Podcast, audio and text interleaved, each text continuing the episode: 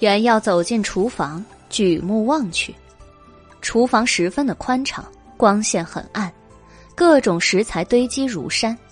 火光熊熊的灶台上，几个大蒸笼正冒着水汽，散发着面点特有的香气。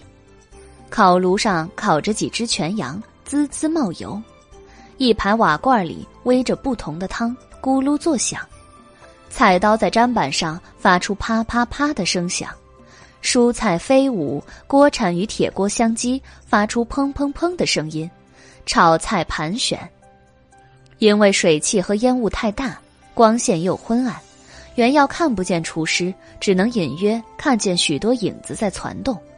他不由感慨：厨师们的眼神想必很好，这样的光线下也能做菜啊。白姬展开象骨扇，对着厨房扇了扇。他们的眼神确实很好，即使在夜里也不需要点灯就能做菜。烟雾和水汽被白鸡扇走了，原耀的笑容僵在了脸上。厨房中密密麻麻的爬满了老鼠，约摸有成千上百只。它们站在地上、灶台上、烤炉边、炒锅边、蒸笼边，正忙碌的烹调菜肴。原耀头皮炸裂开来，脸色煞白。老鼠们听见动静，一齐停下了动作，朝原耀望来。昏暗的光线中，成千上百双眸子冷悠悠的，诡异而吓人。原耀想到刚才吃的东西都是出自老鼠的爪子，他胃中一阵抽搐，狂奔出去呕吐去了。老鼠们垂头丧气。似乎受到了很大的打击，小伙计摇着鼠尾，不高兴的对白姬道：“这位公子做的太过分了，他厌恶我们是老鼠，他伤了大家的自尊心。”白姬道：“宣之一向就直来直去，不会婉转的表示厌恶的心情，大家不要放在心上啊。”小伙计瞪着白姬：“哼，你这是在婉转的表示厌恶的心情吗？” 啊，食物好香啊！白鸡以扇遮面，顾左右而言他。老鼠们拿起手边的蔬菜水果，一起朝白鸡掷去，将它打出了厨房。白鸡和原耀离开了万珍楼，一个满身狼藉，一个面有菜色。唉，以后还是吃猫做的菜好了。其实是小生不对，他们做的菜肴很美味，小生不该因为他们是老鼠就心有成见，不尊重他们的劳动。改天小生去向他们道歉。如果大家都和宣之一样的想法，徐掌柜就不用成天提心吊胆，担心被人们知道他厨房里的秘密了。白姬和原耀一边说话，一边回缥缈阁了。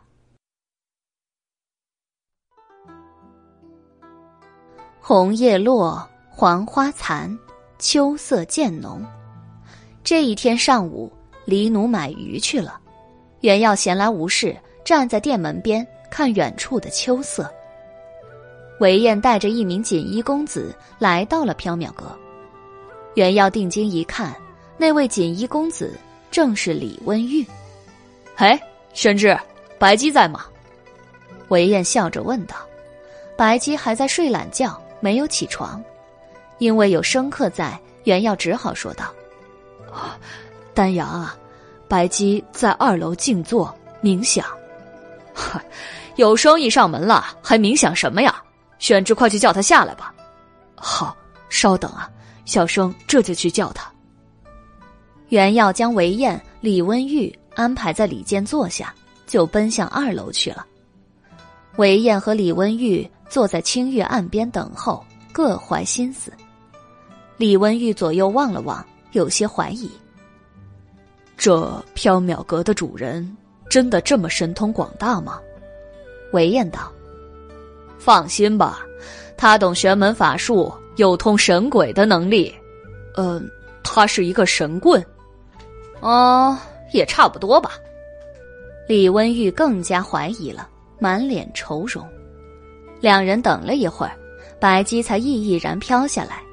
她随意穿了一身白色长裙，挽一袭月下白纱罗。她的长发来不及细梳，漫不经意的用月牙形的牛骨梳挽成髻，有几缕发丝斜斜垂下，掠过她俊美的脸庞。白姬用眼角瞥过韦燕和李温玉，心中已经明白是什么事儿了。她笑着坐下，说道：“刚才在静坐冥想。”潜心向佛，劳为公子和这位公子久等了。明明是在睡觉赖床，这条龙妖说谎连眼睛都不眨一下。袁耀在心中腹诽。李温玉看见白姬，瞬间张大了嘴，双眼死死的盯着他。你，你，我见过你。袁耀和韦燕见状，一齐道。白姬，你不会坑过小郡王的银子吧？白姬，你不会坑过这位兄台的银子吧？白姬笑了，我长得面善，大家都看我眼熟。不过我是真的没见过这位公子，想必公子认错人了。李温玉摇了摇头，他居然忘了礼节，探过身去，一把抓住白姬的衣袖，苦苦的哀求。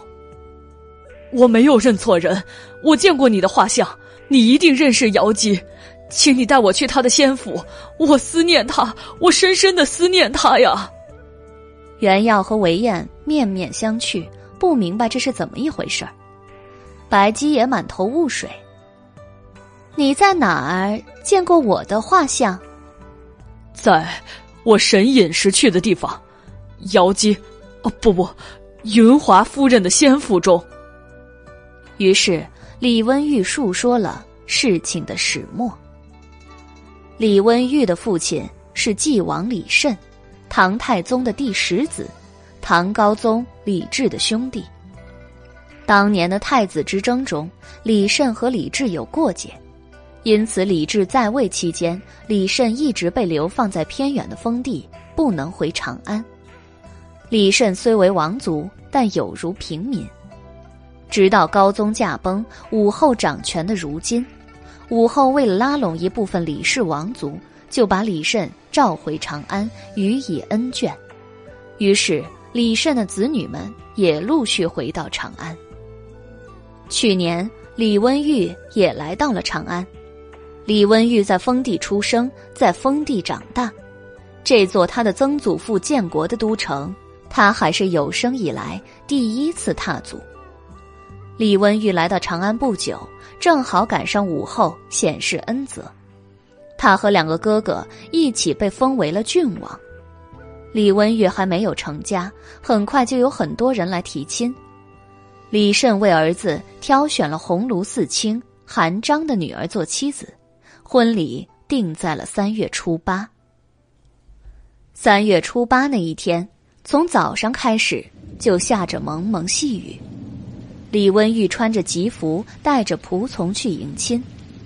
他在韩府接到了新娘子，回来的路上，细雨变成了倾盆大雨，还夹杂着电闪雷鸣。李温玉一行人只好进路边的一座荒寺中避雨。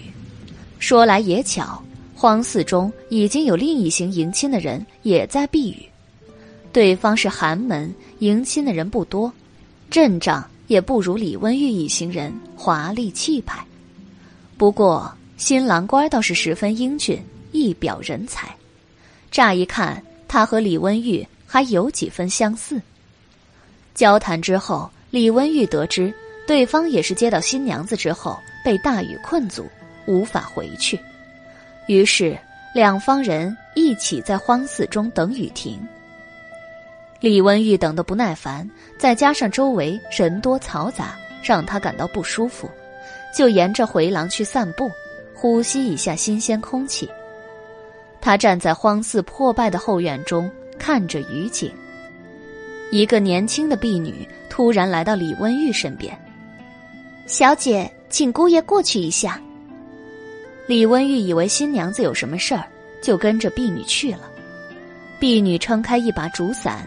带着李温玉走向后院的荒凉处，七绕八拐带他离开了荒寺。一辆华丽的马车停在荒寺后门口，婢女请李温玉上车。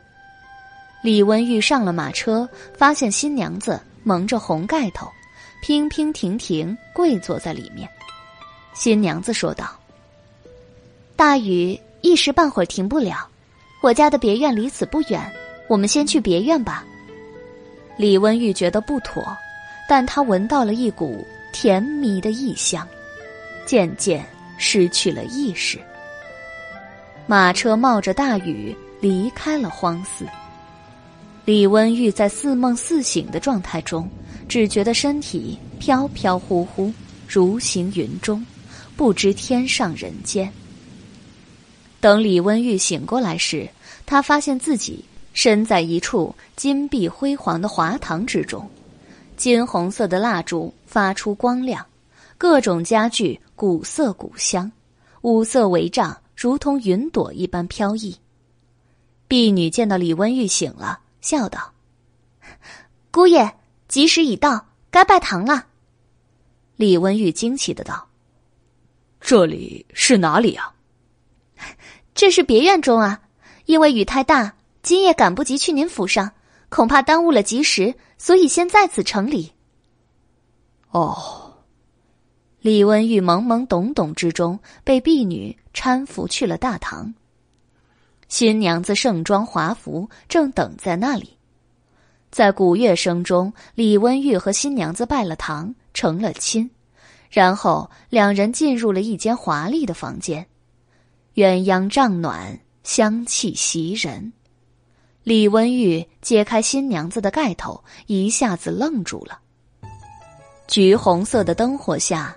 新娘子仙姿玉色，光艳逼人，仿如天上的神仙妃子来到了凡间。李温玉对她一见钟情，十分爱慕。新娘子对李温玉嫣然一笑，百媚丛生。李温玉顿时丢了魂魄。新婚之夜，被翻红浪，说不尽的愉悦快乐。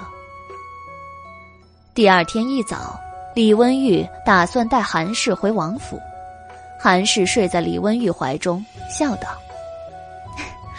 还不到早上呢，等天亮了再说吧。”李温玉探头一看，窗外确实一片昏暗，还没有天亮。于是他又与韩氏颠鸾倒凤，鱼水交欢。李温玉与韩氏待在洞房中。婢女中途六次端来了精致美味的佳肴，他们吃完了，又或下棋，或聊天，或交欢，或睡觉。窗外一直昏昏蒙蒙，没有天亮。李温玉不由觉得有些奇怪，这一夜似乎有点太长了。韩氏美丽多情，谈吐优雅，李温玉十分迷恋她，即使心中奇怪。也不敢说出来。李温玉又是一觉醒来，见窗外还是昏蒙蒙的，有些忍不住了，问道：“为什么天还没有亮啊？”韩氏在李温玉的耳边吹了一口气，笑道：“一直待在洞房里也无趣，妾身带郎君出去转一转吧。”韩氏穿上一袭质地轻如烟的罗裳。梳好了发髻，贴上了眉妆，才带着李温玉出去。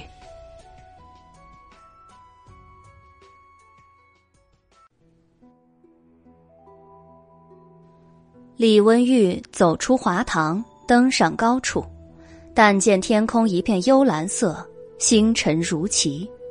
这种光线比黑夜要明亮，但比白天要昏暗。不用掌灯，可以看清远景近景。这座别院仿如神仙福地，视线所及之处，琼楼玉宇，飞星连月；视线看不见的地方，环绕着许多云雾。别院的景色也十分幽奇，东厢开着春天的桃花，西池盛开着夏天的荷花，南园中枫红如火。北亭旁梅花映着冰霜，仿佛一年四季都被关进了别院中。李温玉非常惊奇，不知道这是一处什么所在。韩氏笑道：“不瞒郎君，这处别院有些与众不同的地方，在这里没有白天，只有夜晚。”李文玉问道：“我什么时候才能带娘子回家？”韩氏伸出纤纤玉手，抚摸着李文玉的脸庞，露出娇媚迷人的笑容。“先住几天再说吧。”李温玉十分爱他，不忍心违背他，就答应了。天色永远昏蒙着，星辰永远挂在天上，李温玉无法知道白昼黑夜，更无法知道过了多少天。不过，他与韩氏过得很快乐，很满足。他们一起游园赏景，在亭台楼阁、飞瀑流泉中。每次都能发现新的美景。李温玉吹笛的技艺很高，平时难以找到合奏的人。韩氏对音乐有着很高的造诣，他弹奏的琴音能与李温玉的笛声相合，这让李温玉十分高兴，更加迷恋韩氏。韩氏有一半的时间不在别院中，不知道去了哪里，到处都找不到他。有时候。韩氏会消失很久，从吃饭的次数来算，应该是两三天。李温玉问他去了哪里，他只是笑而不答。韩氏不在的时候，别院中就会变成一座空宅，仆从们都不见了，只有之前见过的婢女小蛮按时来给李温玉送精致可口的食物，伺候他的饮食起居。李温玉待在华室中，看墙上的白衣神女像发呆。他越想越觉得不对劲，遂决定悄悄离开。他走了许久，脚都磨出水泡了，却始终走不出去。他向东走，会回到西边；从南边走，会抵达北边，永远也看不见院墙和大门。李温玉怀疑韩氏是妖怪，渐渐的把怀疑和恐惧表现在脸上。韩氏见了，峨眉微蹙，悲伤的对李温玉说道：“看来，你我缘分已尽了。既然已经被你怀疑和厌弃，我们还是就此分别吧。”李文玉深爱韩氏，不忍心和他分离。不，即使你不是常人，也是我的妻子，我不会厌弃你，只希望你能离开这个奇怪的地方，跟我回家去。韩氏一愣，似乎心有所动，他望着李温玉，眼眸中一片深情，但是他想到了什么，眼神又悲伤暗淡了。其实，妾身欺骗了郎君。李温玉疑惑的望着韩氏美丽的侧脸，韩氏说道：“妾身不是你的妻子韩氏，妾身是王母的第二十三个女儿，小名瑶姬，世人称妾身为云华夫人。因为与你有缘，妾身故而伪装成韩氏，与你结枕席之欢。”李温玉吃惊。他仔细想来，也觉得眼前之人不可能是韩氏。人间没有如此美丽高贵的女子，只有神女才如此完美。云华夫人又道：“你现在所在的地方是天宫，天宫与星辰比邻，故而没有白天。人神殊途，妾身没有办法跟你去人间。你如果想离开。”妾身立刻送你回人间去。”李温玉问道。“我来天宫多长时间了？”以人间的时间算，已经一个多月了。李温玉猜想，他离家这么久，家里人一定很担心他，便想回去。但是他。他又十分舍不得神女，便道：“我回去之后，还能再来见你吗？”云华夫人悲伤的说道：“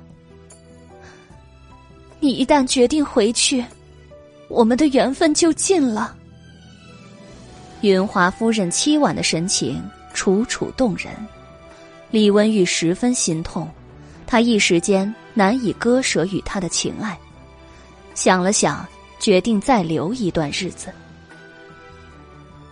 时光流水一般过去，李文玉和云华夫人神仙眷侣，恩爱缠绵，不知今夕何夕，只知道所在的地方是天宫仙府。李温玉也就不再害怕这永夜的光景了，他甚至觉得这永远不变的星空也十分绚烂。云华夫人还是会不定期的离开，她告诉李温玉，他奉玉帝之命去办事了。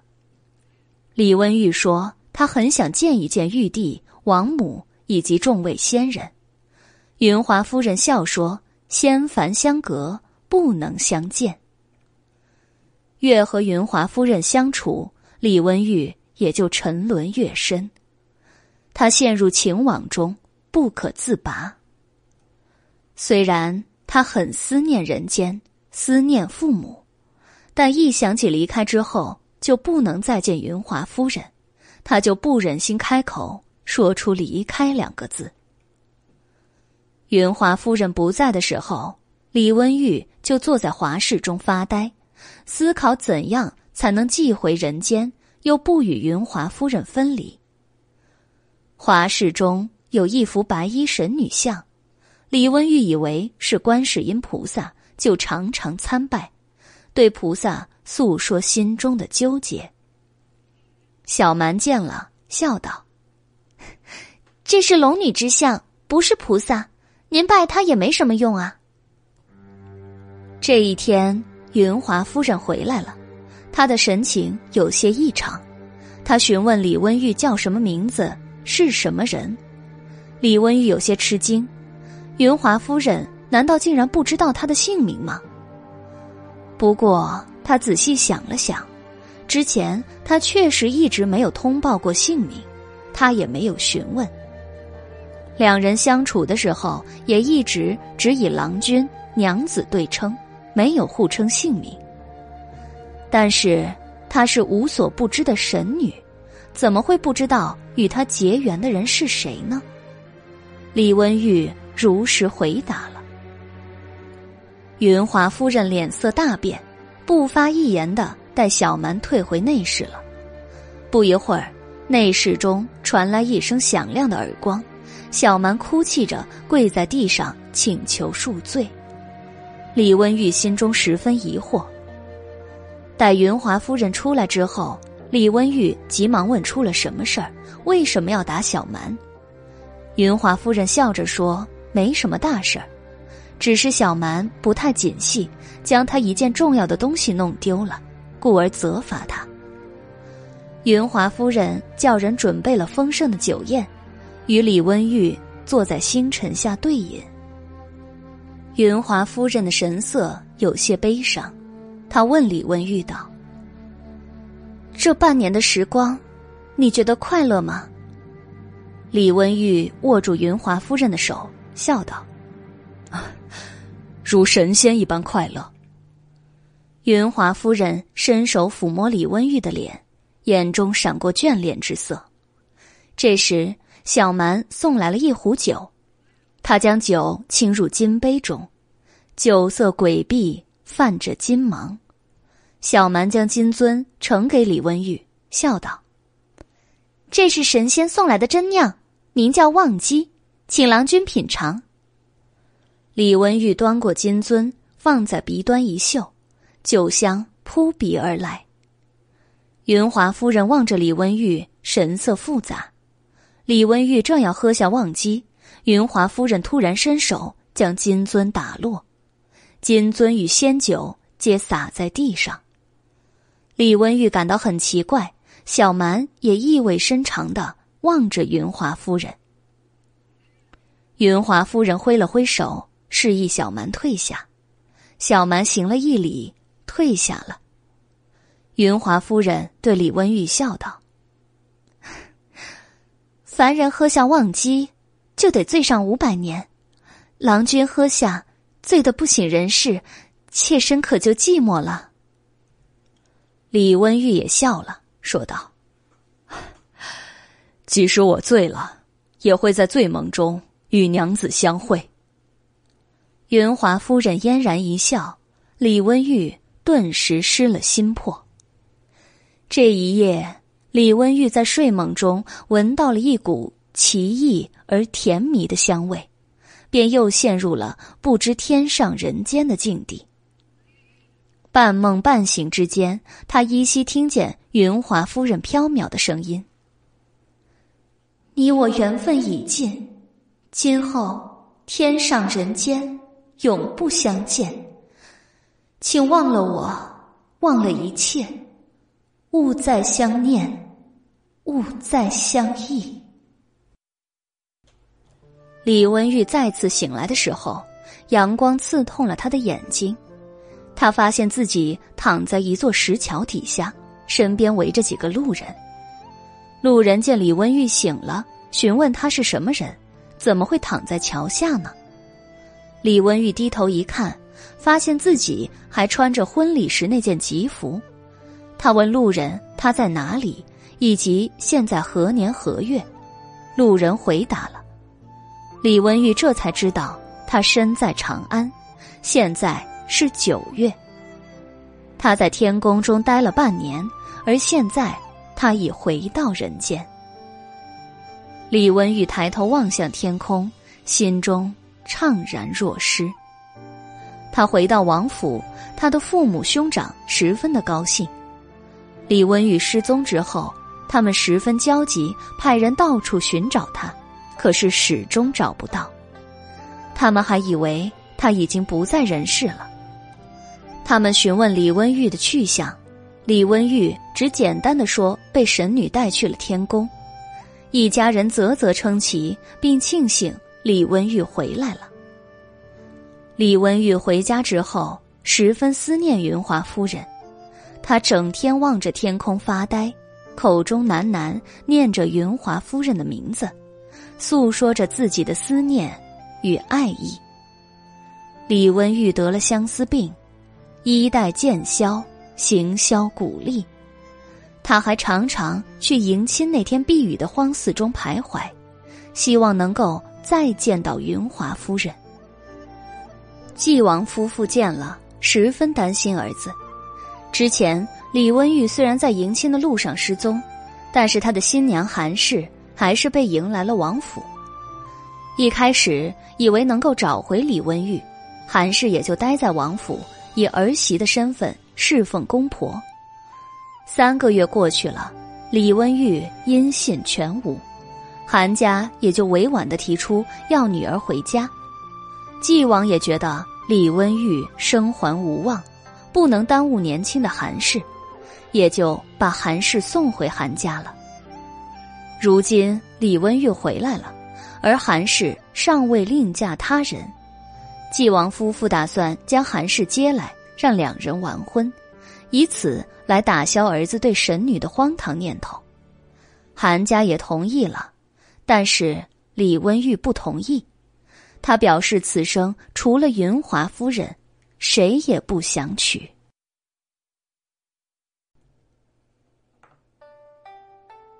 纪王恼怒，斥骂道：“荒唐！那神女岂能同凡人成亲？更何况还不知道对方究竟是神女还是妖怪。”王妃劝道：“王爷，不要动怒啊！玉儿刚回来，还有些糊涂。”等过一阵子，他平复下来，妄念也就淡了。李温玉道：“母亲，孩儿对云华夫人的思念，不会随着时间而淡去，只会随着时间而加深。”纪王又是大怒，王妃又苦苦的劝解。纪王自作主张为李温玉接来了韩氏，李温玉只见了韩氏一面。就离开了家，躲去了堂叔兼好友的宣王李绩的府邸。纪王夫妇也无可奈何，只盼着过一段时间，儿子自己灭了妄念，回心转意。李温玉苦苦思念云华夫人，日渐憔悴，不得解脱。在一次宴会中，李温玉遇见了韦燕，韦燕告诉他，西市有一间缥缈阁，缥缈阁的主人可以实现人的一切愿望。李温玉并不太相信，抱着死马当做活马医的心态来了。谁知一见白姬，白姬竟然和他在天宫中当观音菩萨参拜的龙女画像一模一样。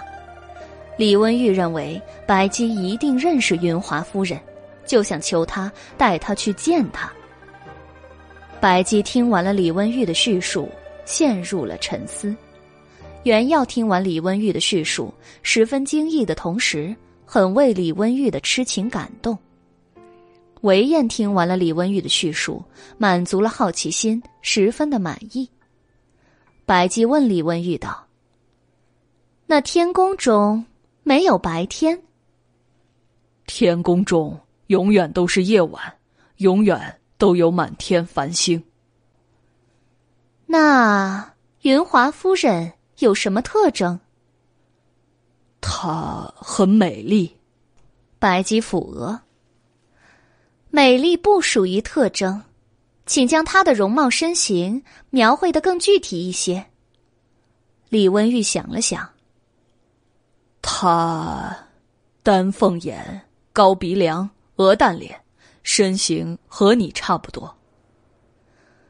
啊，这样大众化特征的美人，长安城中没有一万也有八千呀。不，云华夫人是独一无二的，天下没有比她更美丽的女人。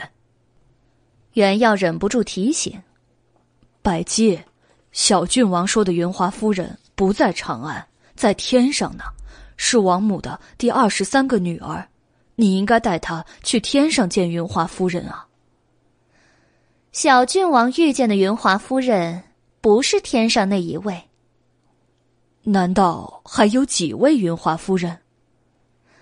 天上只有一位，但人间却有很多位，魏晋时期就先后有三个呢。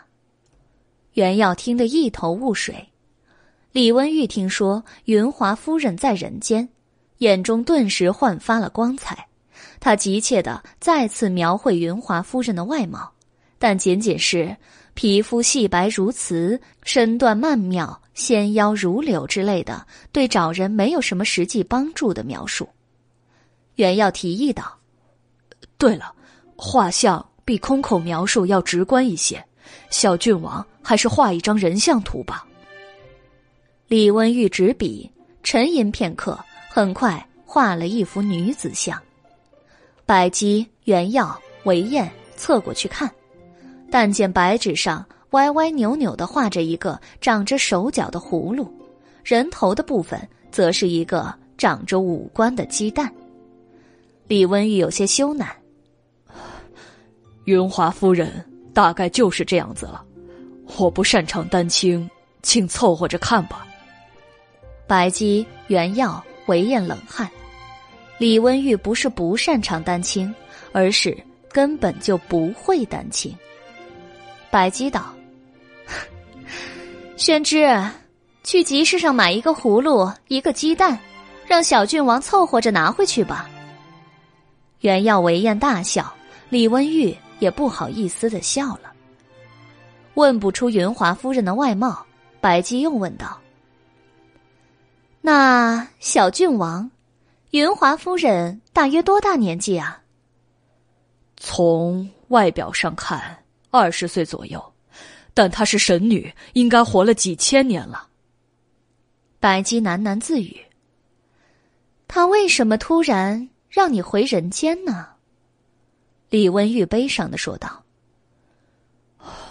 最近我仔细思量，感觉他是因为询问了我的名姓来历之后，才突然让我回到了人间。因为之前一切都是好好的，并没有缘分已尽的征兆啊。直到他询问了我的名姓，就仿佛变了一个人，接着我就被送回了人间。白姬沉吟了一会儿，才道：“我有一些眉目了，但是如果真的是这样，你见到了他，恐怕会是一场灾难。这样，你还想要见他吗？”李温玉一惊：“灾难。”有些愿望实现了，反而更加令人痛苦呢。李文玉想了想，说道：“我现在已经被相思折磨，痛苦不堪。实现了愿望，即使痛苦，也不会比现在更痛苦。请实现我的愿望。”白姬笑了，希望愿望实现之后，你还能这么想。白姬说：“他会去找云华夫人，有了消息再通知李温玉。”李温玉韦燕就告辞离开了。白姬倚在柜台边喝茶，问道：“宣之，人类的爱情究竟是怎样的情感呢？”袁耀一边拿着鸡毛掸子给货架弹灰，一边答道：“小生也不太清楚啊。”白姬捧茶叹道：“啊，宣之真可怜，活了二十年还没有爱情。”袁耀生气了：“你活了一万多年，不是也没有那种东西吗？可是非人是没有爱情的呀。你难道从来就没有倾慕过一个人，想和他在一起？”白姬想了想：“啊。”我有一个倾慕的人，现在正在努力去往他在的地方。谁啊？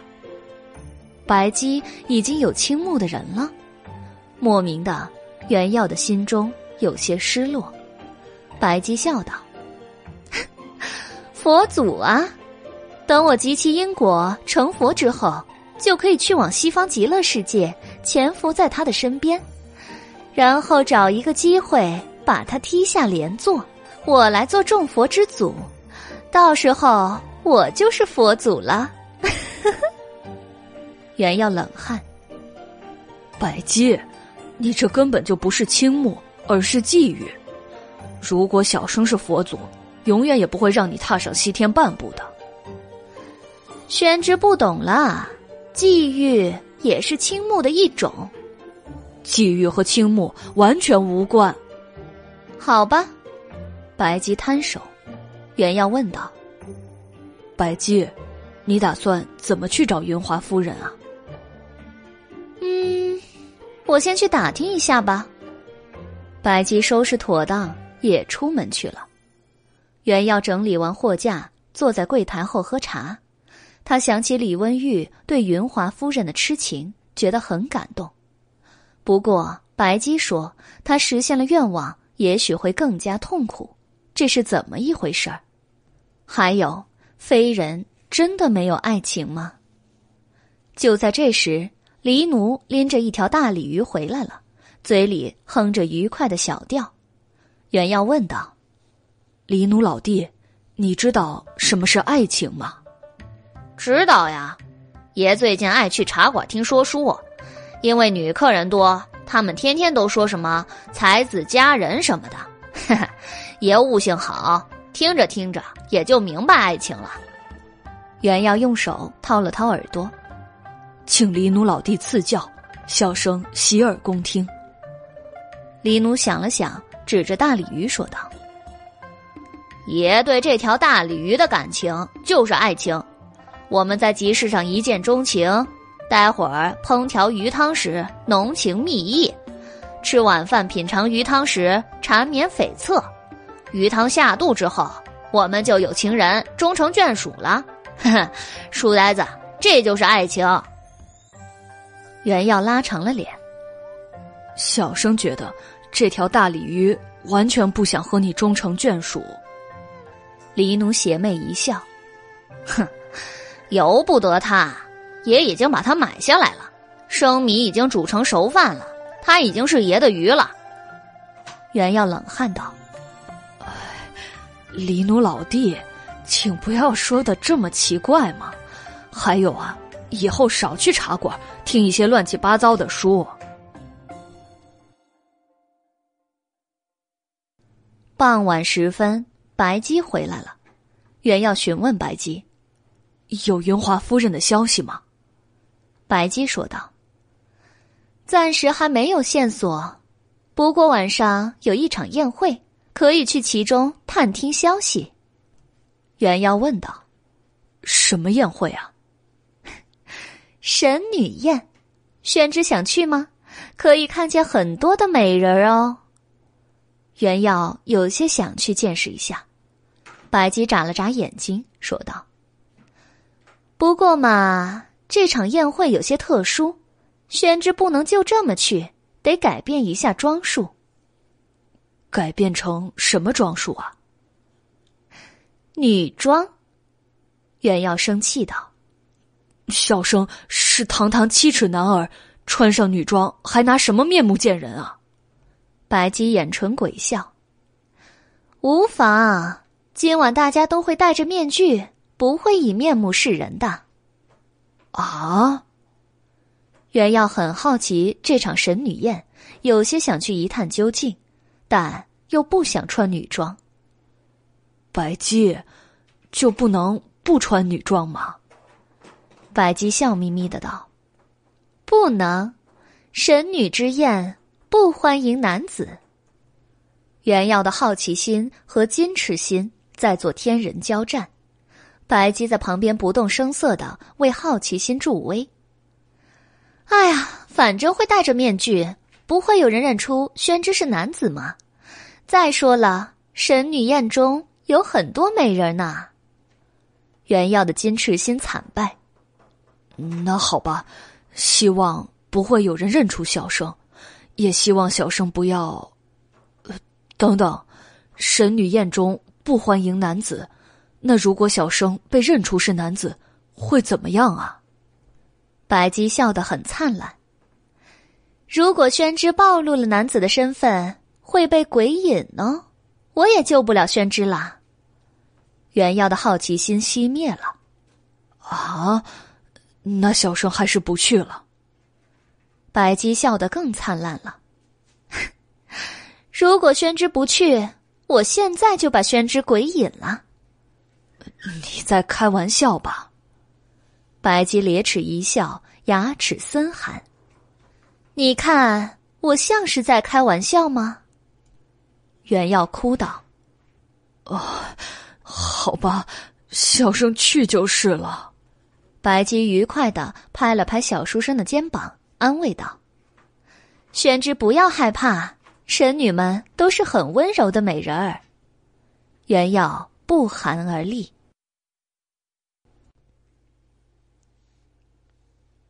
晚饭之后，白姬、袁耀换上了华丽的衣裳，梳上了野艳的妆容。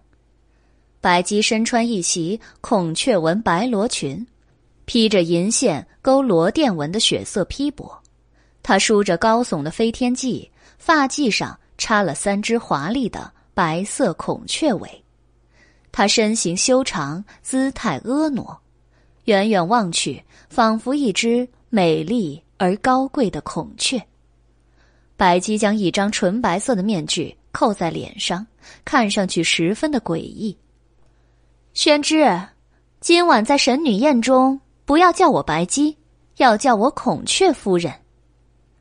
袁耀嘴角抽搐。他怀疑参加宴会的神女们也都是非人。袁耀穿了一身流红色华裙，披着西番莲图案的金丝披帛，头发梳成时下流行的堕马髻，发髻上插了一柄金扇子作为发饰。他一走路，身上环佩叮咚，还险些被裙子绊倒。白姬将一个狐狸面具戴在袁耀脸上，笑道。从现在起，宣之就是金善夫人了。小生不是夫人。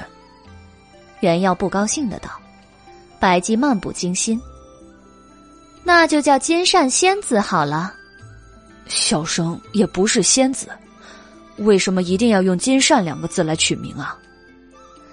因为宣之的头上插了一把金扇子呀，为了省事儿，就这么叫吧。白姬提上一盏莲花灯笼，交代黎奴夜间小心火烛，就和袁耀出门了。袁耀跟在白姬身后，思考了一会儿，才说道：“小生。”不喜欢“金善”两个字，那宣之自己取一个喜欢的名字吧。袁耀想了想道：“嗯，小生戴着狐狸面具，不如就叫狐狸夫人或者狐狸仙子吧。”白姬叹了一口气：“啊，宣之的品味令人堪忧啊！喂，取金善这个名字的人品味更恶俗吧？”白姬、原耀吵吵闹闹的走出小巷，一辆华丽的马车等候在路边，车夫戴着恶鬼面具，但看身形和服饰应该是女子。原耀立刻住口，不再说话，以免让人听出自己的声音。女鬼下车，对白姬行了一礼，示意白姬和原耀上车。白姬上了车，原耀也上去了。马车踏着月色缓缓而行，不知去向。借着莲花灯的光芒望去，车中摆着一个寿纹香炉，旁边有一盒香料。白姬从香料盒中取出一小块香料，放入寿炉中点燃。不一会儿，香雾氤氲，车中充满了甜蜜的异香。原要嗅着这股香味。不由得一阵阵恍惚，他抬头望向白姬，只看见一张雪白而诡异的面具。宣之，先睡一会儿吧。白姬的声音飘渺如风。原耀恍恍惚惚，忽见白色面具的嘴巴豁然裂开，一片黑暗瞬间包围了他。一阵铃铛声传来，惊醒了原耀。他睁眼一看，发现自己正坐在一棵巨大的合欢树下，树叶间一簇簇红丝，宛如火焰。树上挂着一些铃铛，在夜风中发出叮叮咚咚的响声。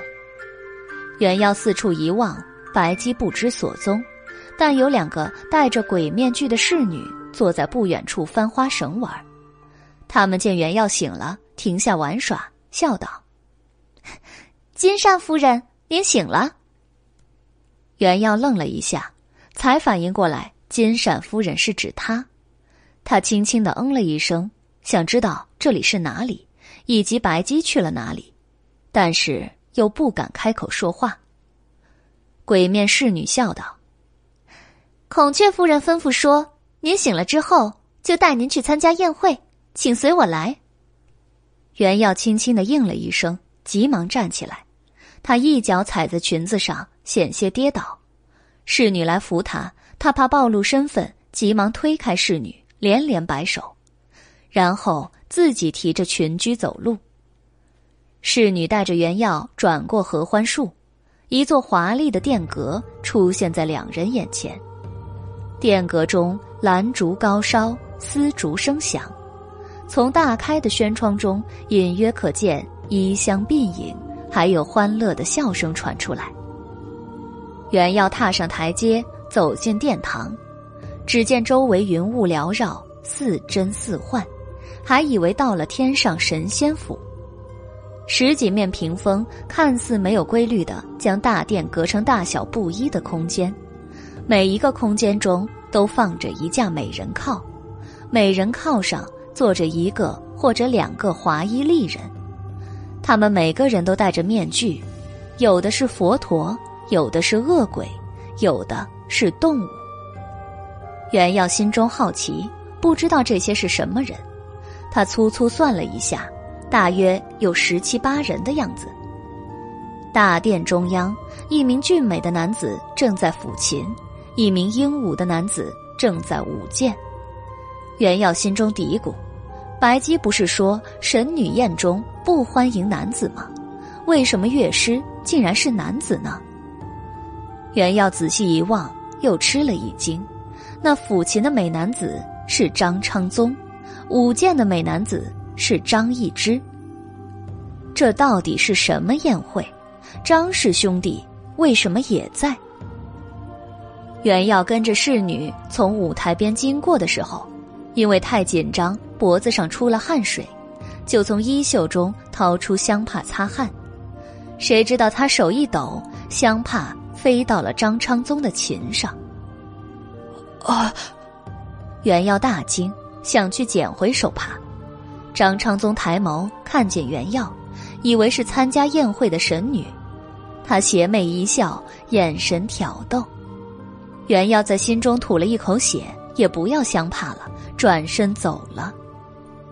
袁耀跟着侍女往上走，来到了白姬坐的地方。白姬坐的地方地势较高，明显是主座，可以俯瞰整个大殿。白姬倚在美人靠上，脸上面具诡异。白姬身边还坐着另一个华衣丽人，她穿着一袭凤穿牡丹纹的蜀锦长裙，梳着半翻髻，戴着青鸟面具。白姬见袁耀来了，道：“啊，金善夫人来了。”袁耀很不高兴，想要反驳，但是因为有外人在，只好沉默忍耐。白姬介绍华衣丽人。这位是上元夫人。袁耀点了点头，以示见礼。上元夫人哈哈笑了，她一点也不见外，拉袁耀坐在自己身边，眼神狡黠。我闻到了一股酸腐的妖气。原耀冷汗如雨，因为上元夫人靠得太近，又紧张的满脸通红，坐立难安。白姬笑道。宣之胆小，您就别捉弄他了，让别的神女发现了，他会有麻烦的。上元夫人笑道：“明明是你在捉弄妖元，让他穿成这样，我还真想看看面具下那张呆脸呢。”袁耀看见上元夫人左手背上有一小片金色的叶子，又想起张氏兄弟也在，顿时明白了什么。他大声的道：“你是太平。”哦，白姬伸手捂住狐狸面具的嘴，将“公主”两个字堵回袁耀嘴中，笑道：“这里只有上元夫人哦。”上元夫人也笑道：“是啊，这里只有上元夫人。”袁耀冷汗，他更加疑惑这神女宴了。上元夫人对白姬道：“我所知道的神女都在这儿了，不知道有没有你要找的人？”白姬问道：“今晚谁叫云华夫人？”上元夫人招来一个鬼面侍女，低声问了一句话，鬼面侍女退下了。上元夫人说道：“其实啊，今夜叫云华夫人的人，不一定是你要找的人。”神女换名字比换衣裳还容易，叫什么名字都是一时兴起，并不会长久的用一个名字的。白姬道：“我也明白，但是之前也问过了，丝毫没有青叶图的下落，反正也没有头绪，不如撞一撞天元吧。”上元夫人道：“青叶图你已经卖出去两百多年了，辗转了许多人。”没有线索又要怎么找？反正一定在长安城中。不一会儿，鬼面侍女回来了，她在上元夫人的耳边低语了几句。上元夫人挥手让侍女退下，她指着南边的一个角落说道：“那，那是云华夫人和太真夫人。”袁耀转头望去，屏风之间隐约映出两个倩影。白姬问道：“那两位的真身是谁？”上元夫人沉吟了一下，才开口：“是我的义母姐姐。”哦，是那两位公主啊！白姬明白了。袁耀听得一头雾水，但又不好开口询问。白姬又道：“我贸然去问，太过唐突。上元夫人与他们比较熟悉，还请您过去替我询问一下。”上元夫人抚额道：“啊，如果真的是他们中的一人和李温玉有染，这件事儿就是李氏的大丑闻了。不仅如此，还是祸事。被母亲知道的话，谁也活不了。”白姬道：“还不一定是他们呢。他们再糊涂、再大胆，也不至于神隐了自己的堂弟啊。”上元夫人忧郁的离开。去找云华夫人和太真夫人。袁耀见四下无人，这才开口询问白姬：“白姬，这些神女都是什么人啊？神隐又是怎么回事儿？”如宣之所见，上元夫人是太平公主，在座的神女嘛，都是长安城中的公主贵妇。她们有的因为一些原因没有婚配，有的死了丈夫。或者与丈夫分居。袁耀吃惊的张大了嘴巴。顺便说一句，西边第三个屏风后戴昆仑奴面具的东华玉女，是宣之的未婚妻飞烟小姐哦。袁耀吼道：“飞烟小姐已经是五夫人了，不是小生的未婚妻啊！”这些独身的公主贵妇们十分寂寞。她们渴望爱情的时候，就会化作神女，与平民男子邂逅相恋。因为身份尊贵，他们不能以真身去爱人，只能假借神隐，将心上人带回自己的府邸，并让他们相信自己是神女。一段恋情终了了，就送恋人回去，一切神不知鬼不觉，只是长安城中会多一些神隐的宴谈。因为神女们都是极有权势的人，王孙贵胄，他们大多认识或者沾亲带故。为了避免丑闻和尴尬，他们只神隐平民男子羁旅浪人，而对王孙贵胄敬而远之。袁耀又吃惊的张大了嘴，觉得这种事情很不可思议。其实啊，神隐在魏晋时期更流行一些。晋惠帝的皇后贾南风最爱玩神女的游戏了。如今风气豪放，大部分贵妇都效仿天后，公然蓄养男宠了。哎呀，世风日下，民风不古，还是神隐更加浪漫和有趣一些。宣之，你觉得呢？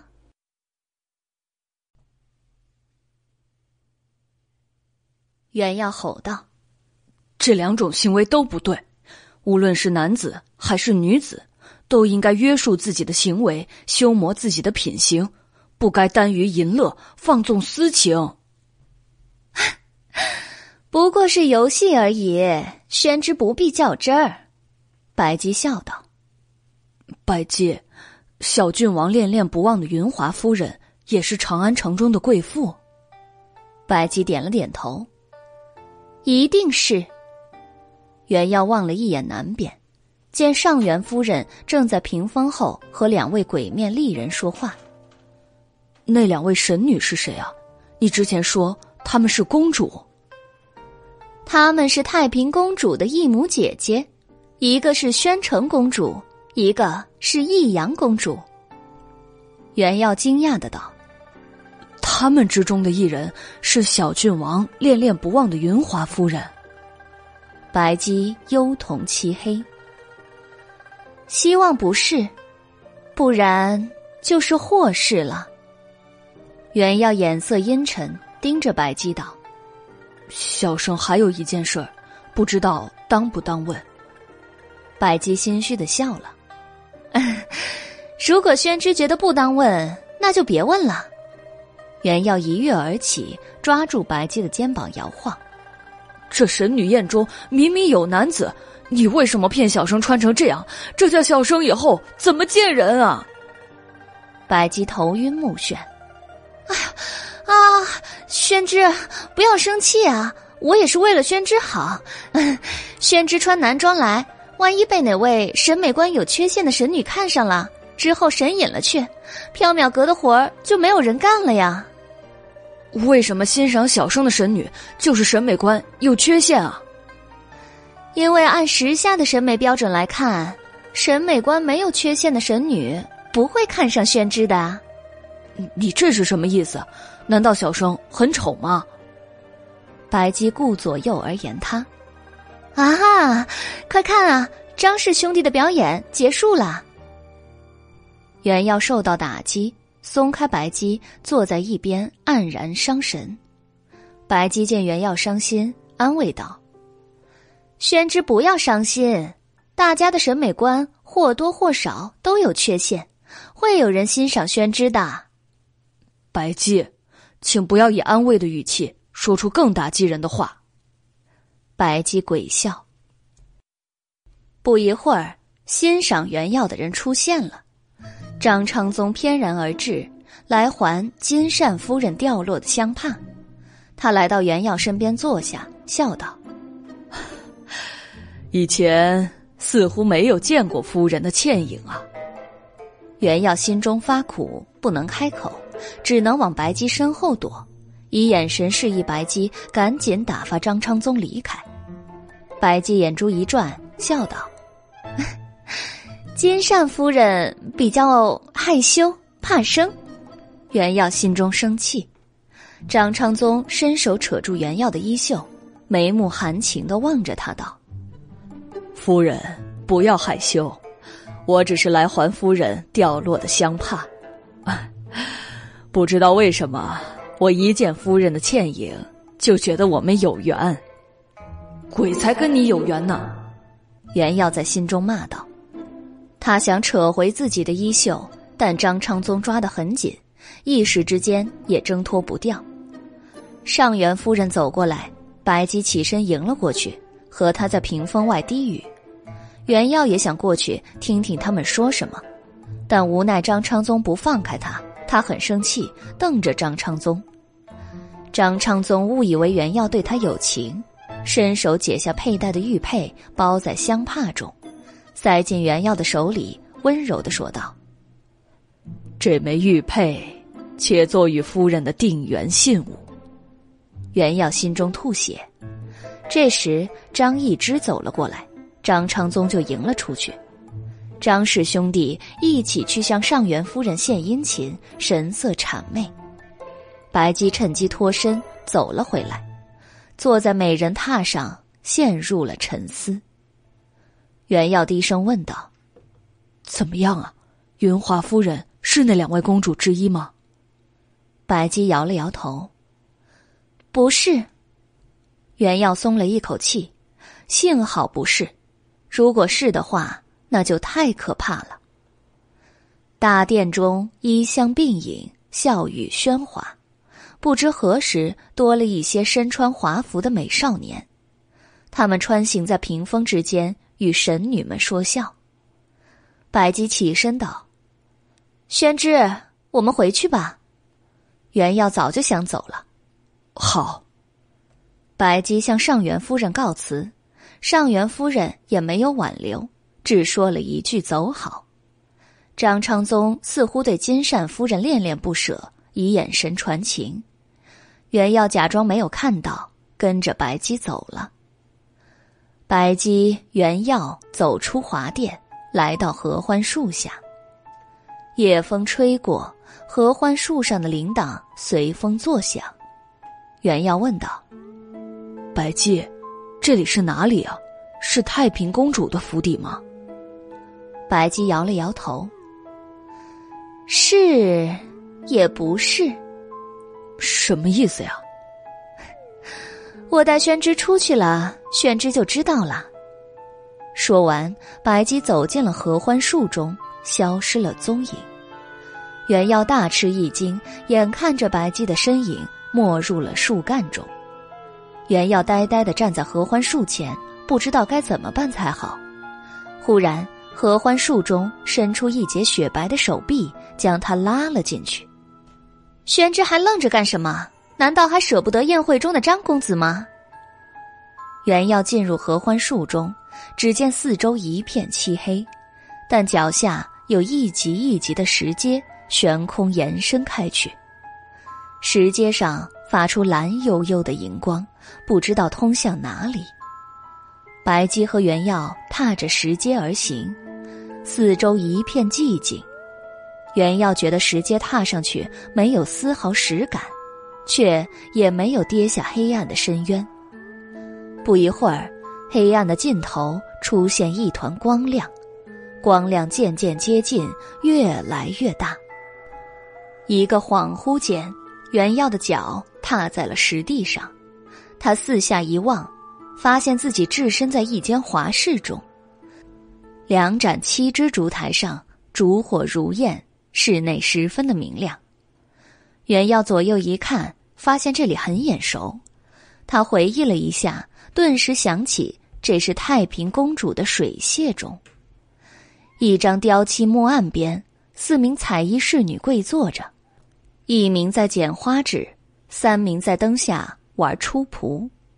他们看见白姬和袁耀，起身行了一礼。白姬道：“我们要回去了。”两名婢女拿起木案上的恶鬼面具戴在脸上，又去取了一盏宫灯。奴婢送两位夫人。袁耀很好奇，怎么突然来到了太平公主的水榭中呢？他不经意间回头，发现墙上挂着一幅古画。古画中，一座华殿掩映在一棵巨大的合欢树后，周围云雾缭绕。那合欢树大殿与原耀刚才置身的地方一模一样，他还有些吃惊。仔细一看，华殿中还有人影，那些蚂蚁一样小的人影竟然还在动。原耀大惊，难道刚才他和白姬在古画上？两名鬼面侍女提着宫灯走在前面，引白姬、原耀从侧门离开太平府。太平府外停着七八辆马车，马车前都坐着一名戴着鬼面的车夫。原耀、白姬登上其中的一辆。白姬说了“西市”两个字，马车就踏着夜色缓缓而行。不多时，马车来到西市附近，白姬和原耀就下了车，步行回缥缈阁。缥缈阁中，黎奴已经睡下了。白姬、原耀没有吵醒黎奴，轻轻的走到后院。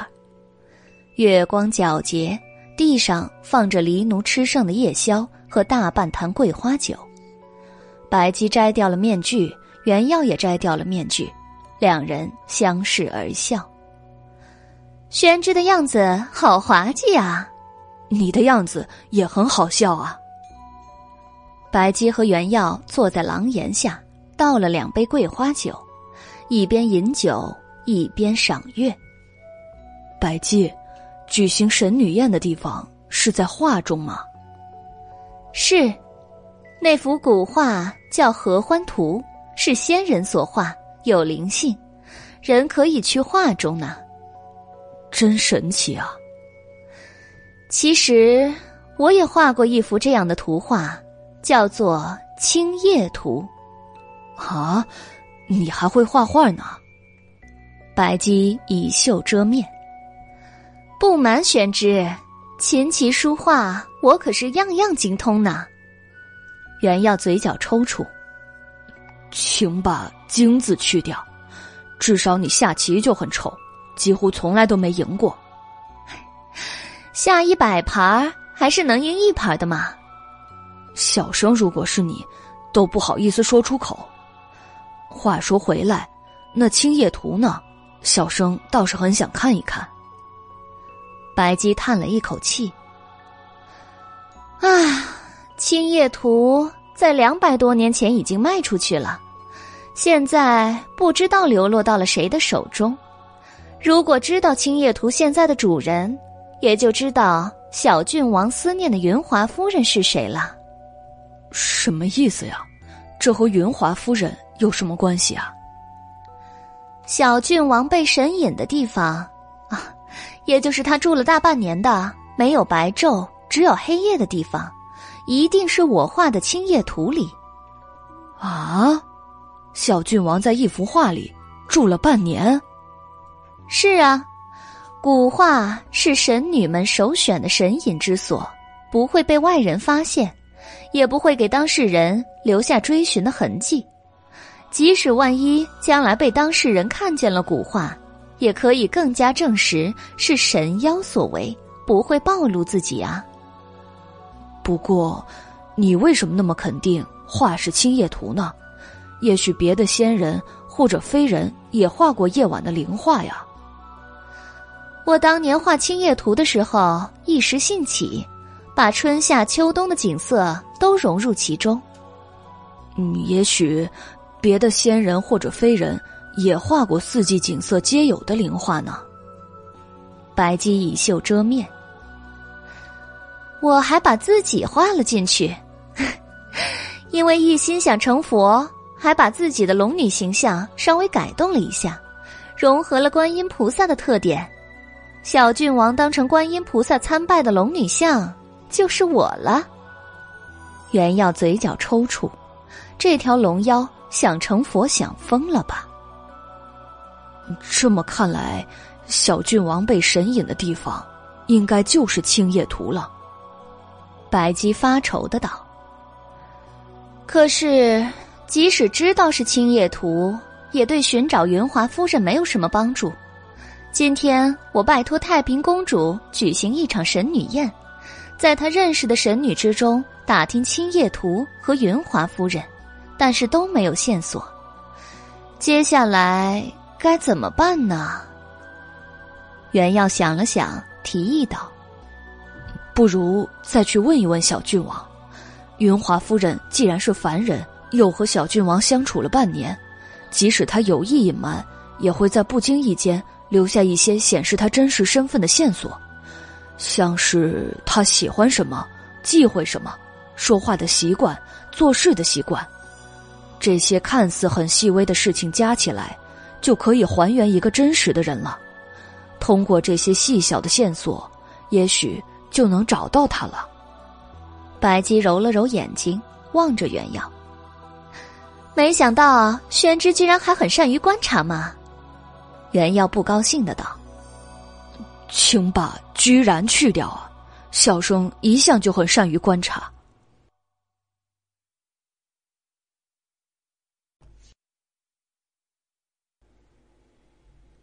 白姬忧心忡忡，就听宣之的吧。明天请小郡王来缥缈阁一起讨论云华夫人。白姬，你好像在担心什么呀？直觉告诉我，小郡王还是不要知道云华夫人是谁为妙。为什么呀？云华夫人突然让小郡王离开，一定有她的原因。这个原因很有可能是因为两个人如果继续在一起，会招来灾祸。云华夫人害怕灾祸而离开小郡王，小郡王反而去找她，这不是自寻灾祸吗？好像是这样啊。可是小郡王对云华夫人一片痴心。神女虽然多情，但也无情，用错了的痴心会毁掉一个人。不，有时候是毁掉很多人。白姬。小生突然想到一件事情，什么事儿啊？在小郡王的叙述中，两人本来浓情蜜意，没有援进的迹象啊。但是云华夫人知道了他的身份之后，立刻就送他回来了。云华夫人会不会认识小郡王啊？或者说，云华夫人的父亲、兄弟或者丈夫和小郡王认识？所以他害怕暴露身份，就赶紧送他离开了。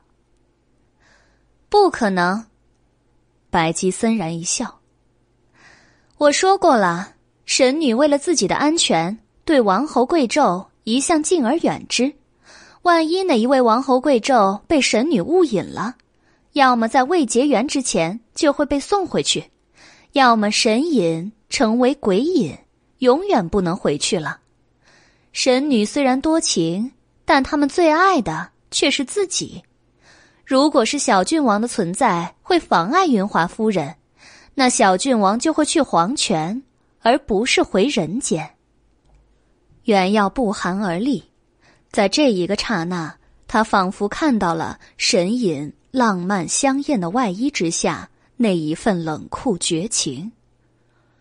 那明天劝一劝小郡王，让他打消寻找云华夫人的妄想，好好过现在的日子吧。小郡王不一定会听劝的，爱会让人昏头，明知是灾祸，还去飞蛾扑火。还是试一试吧。袁耀说道。喝完了半坛桂花酒，白姬上楼睡觉去了。袁耀脱下华裳，洗漱一番，也去睡了。张昌宗硬塞给他的玉佩，他本来打算丢掉，但是想了想，多少也能卖几吊钱，就放到货架上去了。第二天一早，白姬让黎奴去王府给李温玉送信，请他来缥缈阁。黎奴回来说，李温玉今天有事儿不能来，改约了明天。可是。正午之后，李温玉却突然来了。李温玉的脸色很憔悴，看来还陷在相思之中。白姬请李温玉去后院赏秋景，两人在廊檐下坐下之后，袁耀端来了茶点。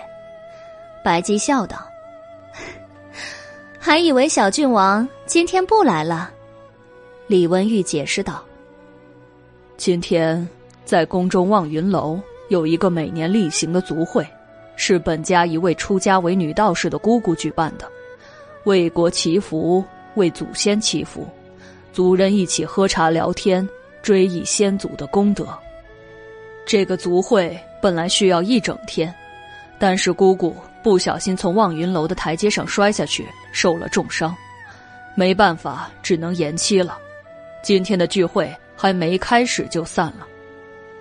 白姬想了想，啊，这位出家为女道士的是顺承公主吧？顺承公主是唐太宗最小的女儿杨淑妃所生。顺成公主刚出生不久，唐太宗就驾崩了，唐高宗李治登基为帝。李治的生母长孙皇后在他八岁那年去世。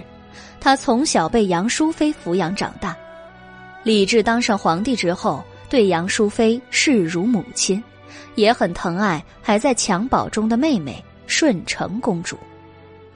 顺成公主长大成年之后，不愿意婚配，自愿出家修道，为国家祈福，为皇室祈安。李治同意了，为他在大明宫外不远处修建了一座紫薇观。一晃二十多年过去了，顺承公主仍然独居在紫薇观中为国家祈福，没有二心。因为顺承公主坚贞自持，品性高洁，为国家奉献了自己的一生，武后也很欣赏和敬重她。不久前还敕封她为护国公主。李温玉点了点头，说道：“是啊。”就是顺承姑姑，当年父亲带全家离开长安的时候，姑姑才四岁，我还从来没见过这位可敬的姑姑。今天本来想去见一见，但却发生了这样的意外。白姬笑道：“从台阶上摔下来，可不怎么好过。希望他早日康复。”是啊，李温玉也道。白姬将话题转回了云华夫人身上，婉转的劝说李温玉放弃寻找云华夫人。云华夫人既然说缘分已尽，勿寻勿念，小郡王何必还要执着的去寻找她呢？不如忘了神隐之事，珍惜现在的生活吧。李温玉道：“您不会明白深爱一个人是怎样的感觉。”您不会知道相思是怎样难熬的滋味，我深陷痛苦之中，唯一的解脱方法就是再见到他。我已经要死了，除了见到云华夫人，无以自救。请您实现我的心愿，无论会有什么灾难降临，我的心意都不会改变。白姬笑了，我原是一番好心，宁愿少收一个因果，也不愿让你陷入不幸。不过，你既然执意要实现这个心愿，我也没有理由拒绝放在眼前的因果。我会实现你的愿望，希望。你不要后悔，李文玉道。我永远不悔。白姬开始询问李文玉，让他回忆云华夫人的声音、神态、举止、习惯。李文玉一边回忆，一边一一说了。青叶途中永远是夜晚，天宫中仙雾飘渺，不免让人产生一些幻觉。李温玉又身处恋爱状态，情人眼里出西施，他口中的云华夫人和长安城中真实的云华夫人，其实是完全不同的人，也不是不可能。总而言之，袁耀觉得这些天马行空的细节对寻找云华夫人并没有什么帮助。不过，云华夫人虽然没有线索。但那个叫小蛮的侍女倒是有一个特征，她的右眉上有一颗小痣。袁耀觉得这条线索也没有什么用，因为长安城中的贵妇没有一万也有八千，总不能一一闯入每一位贵妇的香闺中去看人家侍女右眉上有没有痣啊，以此来确定主人是不是云华夫人。白姬想了想。问道：“你迎亲的那一天，曾在一座荒寺中避雨，还遇见了另一位迎亲的新郎。”李文玉点头。那位新郎叫什么名字？住在哪里？李文玉道：“我不清楚。不过我失踪之后，父兄怀疑同在荒寺中避雨的他是匪徒，所以审讯了他。”还关押了他一段时间，我回去问一问，就知道他是什么人了。好，问清楚了，请来告诉我。恐怕得从他身上下手寻人了。李文玉答应了，他又坐了一会儿，就告辞离开了。白姬独自坐在后院，对着天空的浮云发呆，不知道在想什么。第二天。李温玉派了一个仆人送了一封信来缥缈阁，信中写着那位新郎的信息。那位新郎姓陈，名叫陈征，是一个读书人，住在新昌坊。白姬换了一身男装，准备和袁耀去拜访陈征。白姬和袁耀刚要出门，张昌宗却来了。他穿着华丽的衣服，手拿一柄洒金折扇。涂脂抹粉，风流俊俏。他一见白姬，就拉住她的衣袖，哭诉相思之情。多日不见白姬，让本公子肝肠寸断。本公子没有一刻不在思念您美丽的容颜呢。白姬急着出门，没有时间陪他哭，就笑道：“啊，我也无时无刻不在思念六郎啊。”你与令兄需要的香粉口脂早已准备好了，不过嘛，这次的价格得上涨一百二十两银子。张昌宗嘴角抽搐，日思夜念白姬，让本公子憔悴不堪。上次来已经涨了五十两了，这次怎么又涨了一百二十两啊？白姬一展水墨折扇，朝暮思念六郎。让我不堪断肠。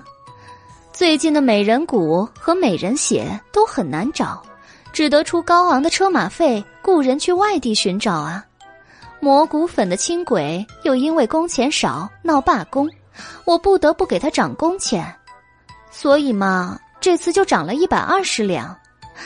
看在六郎对我一片情深的份上，就抹去零头，只涨一百两吧。张昌宗流泪。好吧，下次不要再涨了。最近手头很不宽裕，物价飞涨，让人伤心呐。白姬笑了，下次一定不涨了。我宁愿自己亏钱，也不会让六郎伤心的。你上次就是这么说的。张昌宗幽怨的望着白姬，啊，是吗？黎奴，快去二楼仓库准备给张公子的香粉和口脂。白姬打着哈哈糊弄，原耀冷汗。下次张氏兄弟还是会被这条龙妖宰吧？张氏兄弟明明很聪明机灵。不知道为什么总是任由这条龙妖宰割。张昌宗说道：“兄长说了，你要多少银子并不重要，重要的是你不能把这种香粉和口脂卖给别人，尤其是想在天后身边与我们兄弟争宠的人。”白姬阴森一笑：“ 这个我明白，这种香粉口脂。”是只为令兄和您量身准备，绝不卖给他人。张昌宗满意的笑了。对了，本公子还想买一件东西。什么东西啊？以前你卖给我兄长去掉身上的剑伤、刀疤那种灵药，叫什么名字来着？您说雪灵膏吗？哦，对对对，就是雪灵膏。缥缈阁还有吗？当然有啊，不过 最近雪莲花也很难找。张昌宗打断了白姬：“行了行了，涨价的原因本公子不想听，你随口开一个价吧，反正雪灵膏是兄长出钱。”白姬当真随口开了一个天价，张昌宗也没有异议，原耀不由冷汗。白姬有些好奇的问道：“令兄要雪灵膏干什么？他的皮肤受伤了吗？”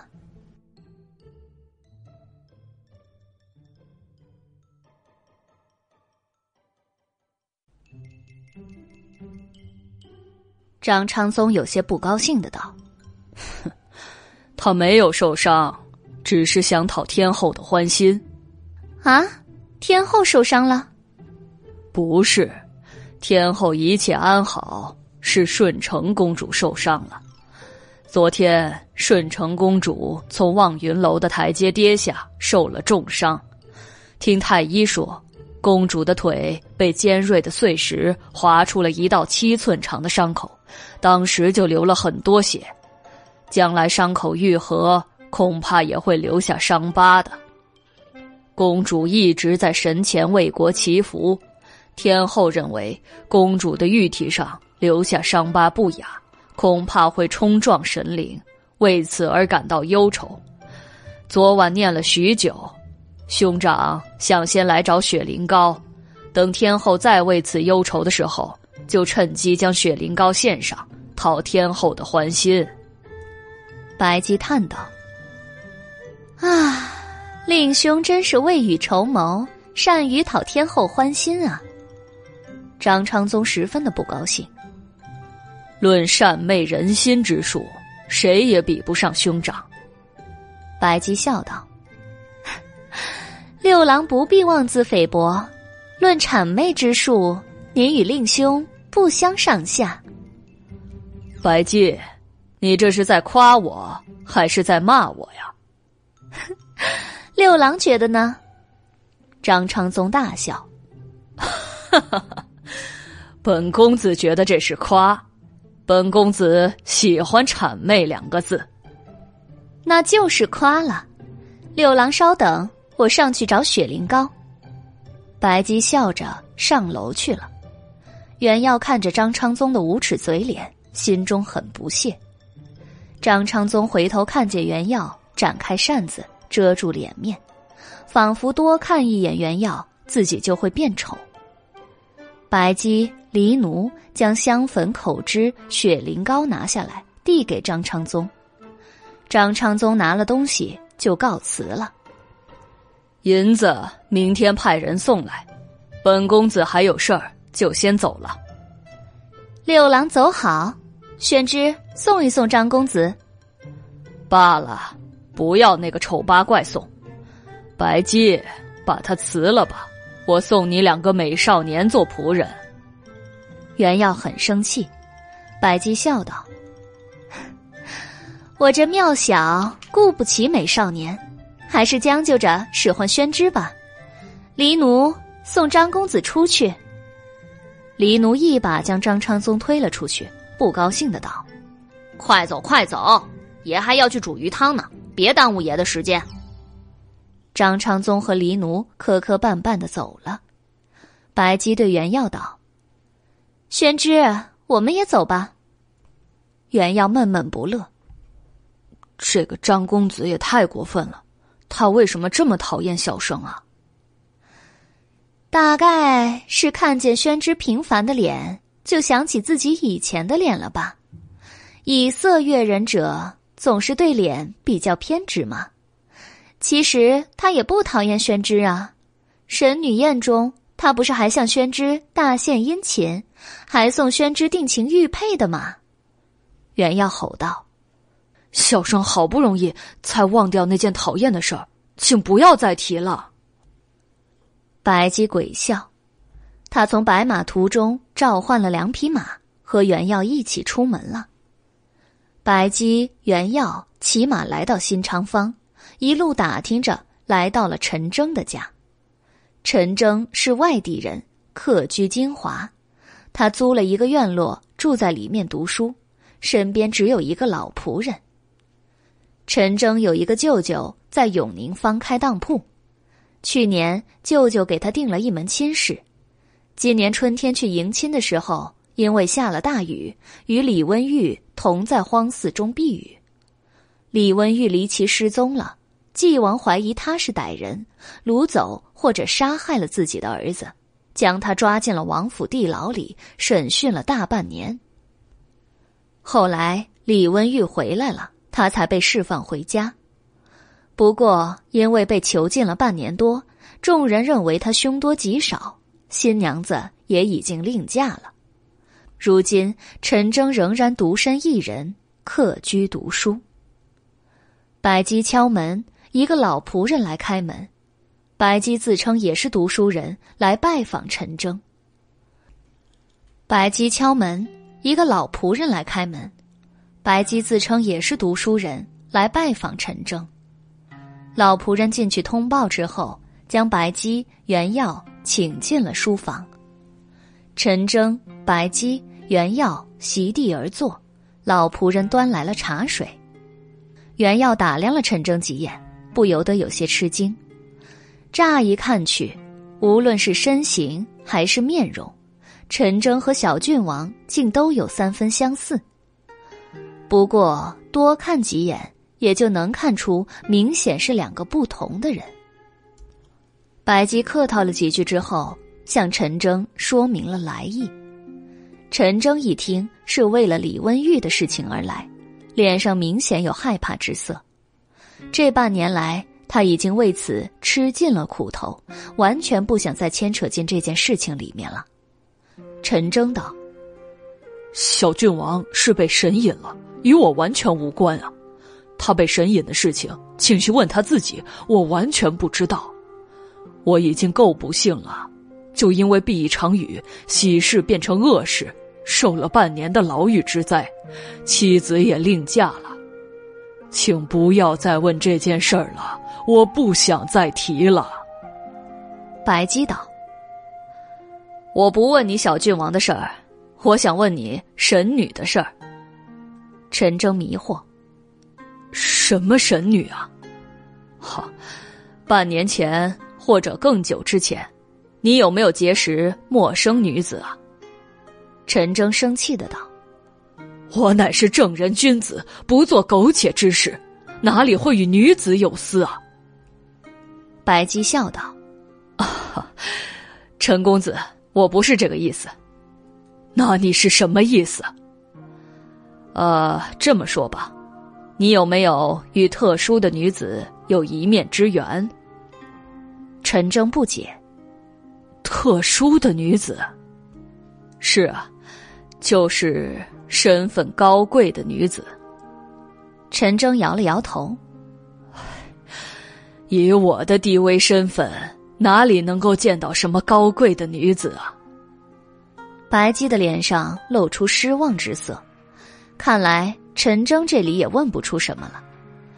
白姬刚准备告辞，陈征突然想起了什么：“哦，我想起了一件事儿，我确实是见过一位身份高贵的女子。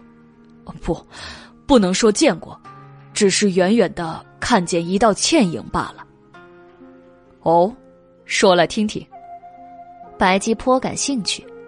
陈真回忆道：“那是今年正月的事儿了。是这样的，我的字写的还略可见人，就通过一位朋友牵线，替紫薇观抄写道家的书文，挣一些旅资。紫薇观里住着一位出家修道的公主。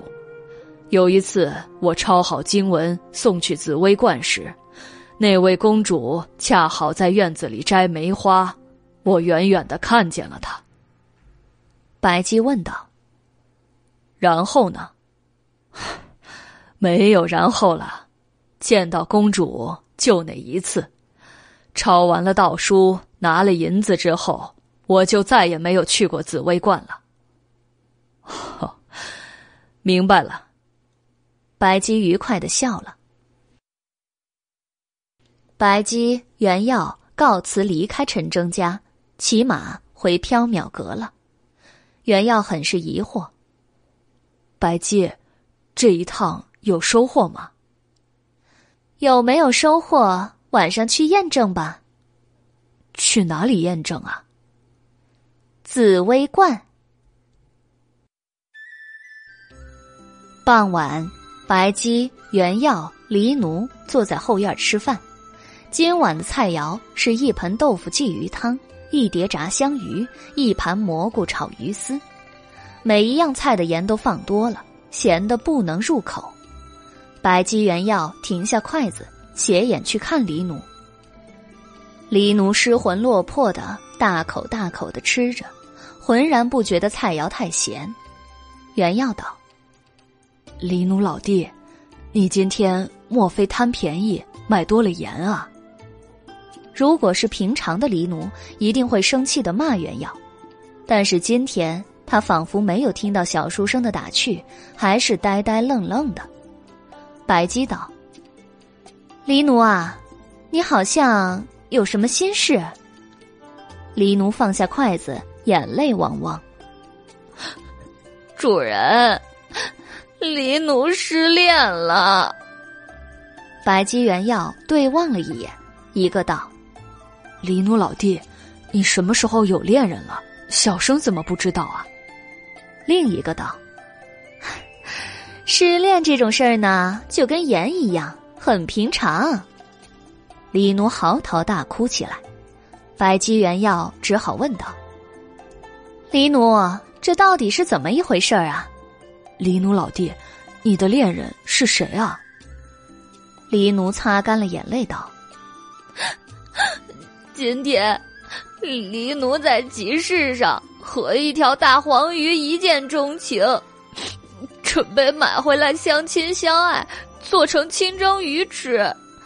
但是，几只气势汹汹的老鼠也来买鱼，他们出的价钱高，拆散了黎奴和大黄鱼，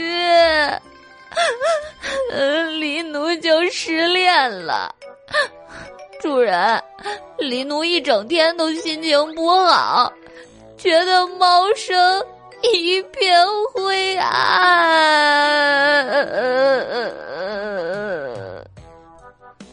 原耀嘴角抽搐。黎奴老弟，请不要说的这么奇怪嘛！你只不过是没有买到一条鱼而已。白姬道：“啊。”好久没有吃黎奴最拿手的清蒸大黄鱼了，黎奴，你记住，男子汉大丈夫，被人夺走了恋人，就要双倍的夺回来，一定要夺回来，双倍夺回来。喂，百姬，你不要教黎奴老弟一些奇怪的事儿。还有啊，恋人怎么双倍夺回来啊？黎奴眼中幽光一闪，停止了哭泣，握住了拳头。听主人一语，黎奴恍然大悟。黎奴明白了，黎奴这就去把恋人夺回来，双倍夺回来。黎奴老弟，你你不要随便乱悟啊！不过是一条大黄鱼而已，明天再去集市上买一条就是了。黎奴倏地化作一只黑猫，一溜烟儿冲出了缥缈阁，夺大黄鱼去了。黎奴加油，我等着吃夜宵哦。白姬挥手：“黎奴老弟，你回来，你快回来！”小书生追出去喊，但是黎奴已经跑得没影儿了。袁耀只好苦着脸回缥缈阁了。月亮出来的时候，白姬和袁耀骑着天马出门了。他们出了景耀门，来到位于长安东北方的紫薇观。道观清幽，苍藤掩门。白姬敲了敲门，不一会儿，一个小道姑打开门，探出头来。你们是什么人？白姬笑道：“我们只是路人。”希望见一见顺承公主。小道姑生气的道：“哪里来的无礼之人？公主岂是你们想见就见的？赶快走开！”小道姑就要关门，白姬一把将原耀推进门内。小道姑一见男子靠过来，吓了一跳，退后几步。原耀很囧，对小道姑道歉了之后，生气的瞪着白姬。白姬趁小道姑后退的机会，已经进了门。在院子中站定，他的白衣上突然发出祥瑞的光芒，黑眸渐渐变成了金色。他对小道姑道：“请去告诉顺承公主，青叶途中的菩萨来拜访了。”袁耀生气的纠正：“不是菩萨，是龙女。”白姬不高兴了：“我迟早会变成菩萨。”玄之这么计较称呼干什么？必须计较。如果因为某个冒充者而让世人对大慈大悲的菩萨留下不好的印象，那就不好了。哼，玄之真迂腐。佛妖有别，不能弄混。玄之太迂腐了。白姬元要吵了起来。小道姑看见白姬白衣发光，金眸灼灼，早已吓得一溜烟跑进去了。不多时，八名披肩执锐的金吾卫飞奔出来，包围了白姬和原耀。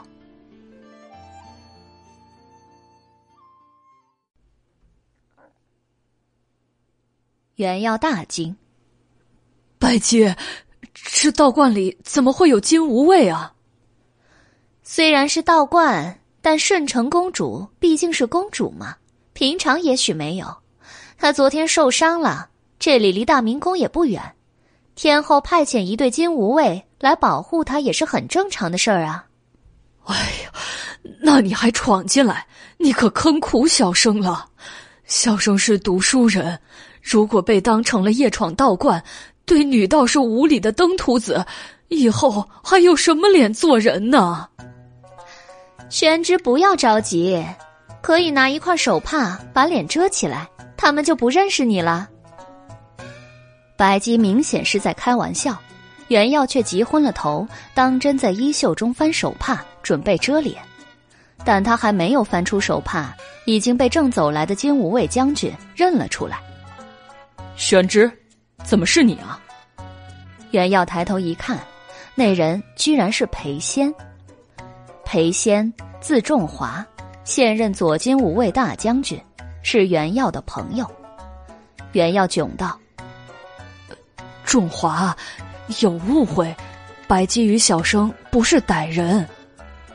裴仙望向白姬，又是一愣：“你，你是慈恩寺里的狐狸姑娘？”白姬笑眯眯的道：“今天我是菩萨，是龙女。”原要纠正，裴仙突然笑了，他深深的望了白姬一眼：“不管你是什么。”公主都请你去梅花小筑，请跟我来。”白姬笑道：“请裴将军带路。”裴仙带着白姬、原耀往里走，走过了三道门，眼前出现了一大片的梅花树林，一直延伸到半坡之上。现在是染霜之秋，梅花树只有树叶，没有梅花。梅花林中，四名金吾卫在站岗守卫。月光之下，远远可以看见山坡上有一处优雅的房舍，房舍掩映在梅花树中，轩窗里透出烛光。裴仙和金无畏走到梅花林之后，就不再往前走了。一位玉簪束发、身段窈窕的女道士提着莲灯从石阶小路走下来，她的身后跟着两个小道姑。女道士停住脚步，打量了白姬、原耀一眼，轻声道：“请随我来，公主在梅花小筑等候。”月光之下，女道士罗带勾画的右边弯眉上有一颗小痣。白姬笑着吟道：“天宫神女眉山隐，人间小蛮提灯来。”女道士笑了笑，没有说话。白姬、原要跟着女道士走到位于山腰的梅花小筑，这是一处十分幽静雅致的轩舍。女道士挑起香妃竹帘，白姬、原耀走了进去。只见室内的陈设布置十分素雅简单，一架八折梅花图屏风隔开了室内和室外。从书架上的书册、琴台上的凤尾琴、光亮的茶具，可以看出这位公主平时的消遣爱好。透过梅花屏风向内室望去，隐隐可见一个婀娜的倩影倚坐在罗汉床上。两名小道姑跪坐在地上伺候。白姬绕过屏风，走向内室。袁耀觉得公主正躺着，他一个大男人进去未免不好，但又很好奇，想知道这位出家修道的顺承公主是一位怎样的人。他见没人拦他，也就舔着脸走了进去。顺承公主穿着一袭素色单衣。浅玉色罩衫，青丝挽作一个高高的云髻，发髻上插了一只镶嵌玛瑙珠的银簪。她洗尽铅华的素颜如莲花一般美丽，但神色却很憔悴。他一见白姬，顿时花容失色。你，你真是画中的龙女。白姬笑道。正是，公主既然认得我，那青叶图也一定在公主手中了。一听见青叶图，顺成公主如遭雷击，她愣愣的坐着，半晌没有言语。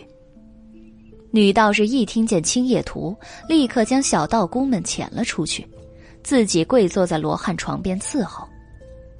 顺承公主见室内没有外人。才对白姬道：“你是谁？你都知道什么？”白姬金眸灼灼。公主七岁的时候，我在太极宫见过您一面，您竟然完全不记得我了吗？真是让人伤心啊！公主当时是小孩子，对路人不会有任何记忆吧？原耀在心中腹诽。顺成公主望着白姬的灼灼金眸，似乎想起了什么，美目惊诧。我记起来了，你是那条白龙，在太极宫祭祖时，在天空盘旋飞舞的白龙，黄金色的眼眸，冰蓝色的火焰，美丽的令人惊叹。文武百官看见了，都说是神灵保佑天子，派遣龙神显灵。赐将福泽。白姬以秀眼唇。啊，那是先帝花了一万两黄金请我去的，说是内忧外患，时局不稳，用神龙来定一定民心。这龙妖在天上晃一下就赚了一万两黄金，他怎么好意思收先帝一万两黄金啊？袁耀瞪着白姬，在心中咆哮。顺承公主想起了往事，神色有些悲伤。那一年，本来内忧外患，时局不稳，因为神龙在祭典上出现。边疆战乱平定了，内乱也消散了。也是因为神龙之事，后来我才萌生了一生修道、为国祈福的志愿。不过，我终究不能完全泯灭凡心，断了情缘。白姬道：“人非草木，孰能无情？”公主也不必太过自责了，不过您得给小郡王一个交代，他还苦苦思念您，希望能再见到您呢。袁耀吃了一惊，原来顺承公主是云华夫人，她竟然神隐了自己的侄子，而李温玉竟然爱上了自己的姑姑。因为这个真相而吃惊的同时，袁耀。又不寒而栗，这段不伦之恋如果传出去，将会是皇室最大的丑闻。李文玉和顺承公主都会因此而遭受灾难。如果有别有用心的人用皇室背德为理由制造叛乱，国家也会因此遭受到可怕的灾难。不不不！我不要再见到他了，我绝不能再见到他。顺承公主摇头，十分的伤心悔恨。这完全是一个错误，一个可怕的错误。我不知道他是我的侄子，等我知道时，已经太晚了。白姬发出了一声微不可闻的叹息。跪坐在一边的女道士见公主伤心，心中也痛如刀绞。他突然匍匐在白姬面前，连连磕头：“龙神大人，您是神奇，无所不能，求求您大发慈悲，救救公主吧！一切都是我的过错，无论有什么罪过和灾难，请降于我的身上，与公主无关啊！”女道士连连磕头，她磕得很用力。额头很快就青紫了。白姬退后，不受他的跪拜。我只是非人，不是神奇，我救不了任何人。不过，你如果告诉我到底是怎么一回事儿，也许我会替你们拿一个主意。顺成公主和女道士青梅相视而望，一个眼神之后，他们就如实。说了事情的经过。顺承公主出家修道时才十五岁，从小陪伴她一起长大的侍女青梅也和她一起修道，并将侍奉她终身。主仆二人安静的住在紫薇观中，为国祈福，供奉先祖。转眼十年过去了，顺承公主并不后悔当初的选择。但是修道的生活太清苦，太寂寞。有时候望着池水中交颈的鸳鸯，屋梁上双飞的乳燕，他也会觉得十分的向往。顺承公主虽然渴望爱情，但是不敢也不能公然与男子相恋，这会让她公主的身份蒙羞，也会让她女道士的处境尴尬。二十五岁那年。他从一名贵妇那里得到了一幅青叶图，贵妇告诉了他神隐的秘密。漫长的岁月无以消磨，顺承公主很快就沉迷在了神隐的游戏之中。她挑选心仪的男子，借助迷神香将其带入青叶图中。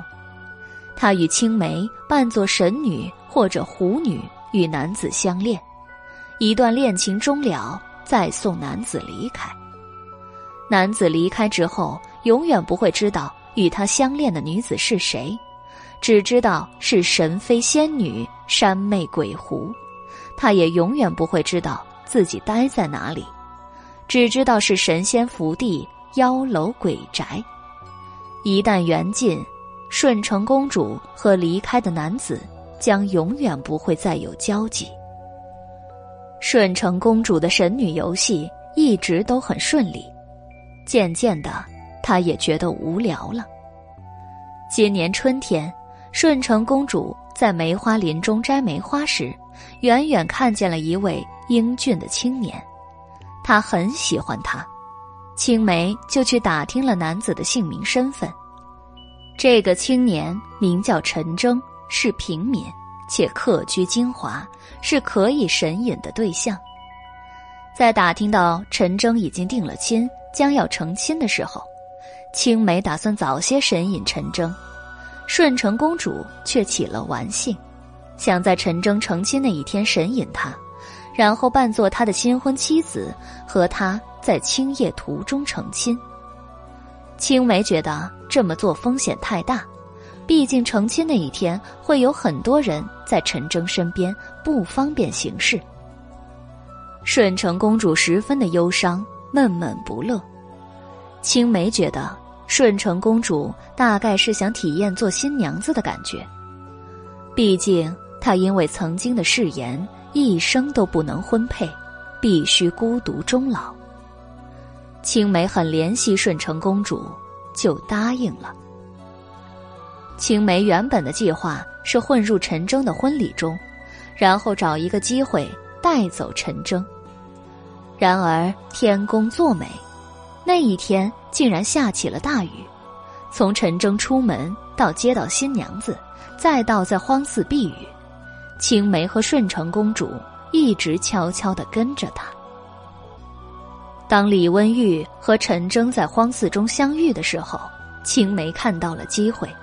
她混入荒寺中，因为两家迎亲的人互不认识，都只把青梅当做对方新娘带来的丫鬟。那一天天色阴沉，大雨如注，荒寺中光线十分的阴暗。李温玉和陈征乍一看去又有几分相似，青梅错把李温玉当成了陈征。穿着新娘的服装坐在马车里的顺承公主，也把李温玉当成陈征，将他带到了青叶途中。之前他本身就只见过陈征几次，不是从车帘的缝隙里，就是距离很远，只知道陈征的大概模样，根本没有仔细看他的脸。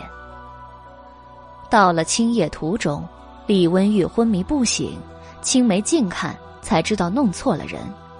他本想说出来，但见到顺承公主抚摸李温玉的脸，十分喜欢她，就说不出口了。顺承公主穿着红嫁衣，脸上挂着幸福的笑容，青梅还是第一次看见公主露出这么开心的笑容。青梅一念闪过，决定不说出来真相。神隐游戏本就是为了公主开心而已。让公主感到幸福，神隐的对象是谁并不重要，反正这人也只是长安城中的一个男子而已。看他的模样，大概也只是一个普通的书生吧。顺承公主和李温玉拜了堂，成了亲，她伪装成李温玉的妻子韩氏，和他过着恩爱甜蜜的生活。顺承公主把李温玉当成陈征，李温玉把顺承公主当成韩氏，双方都没有觉得不对劲，他们好像被冥冥之中的某种天意捉弄了。也许是因为这一次穿了嫁衣的缘故，顺承公主对李温玉产生了爱恋，有时候不由得真把她当做了丈夫，敬她。爱她。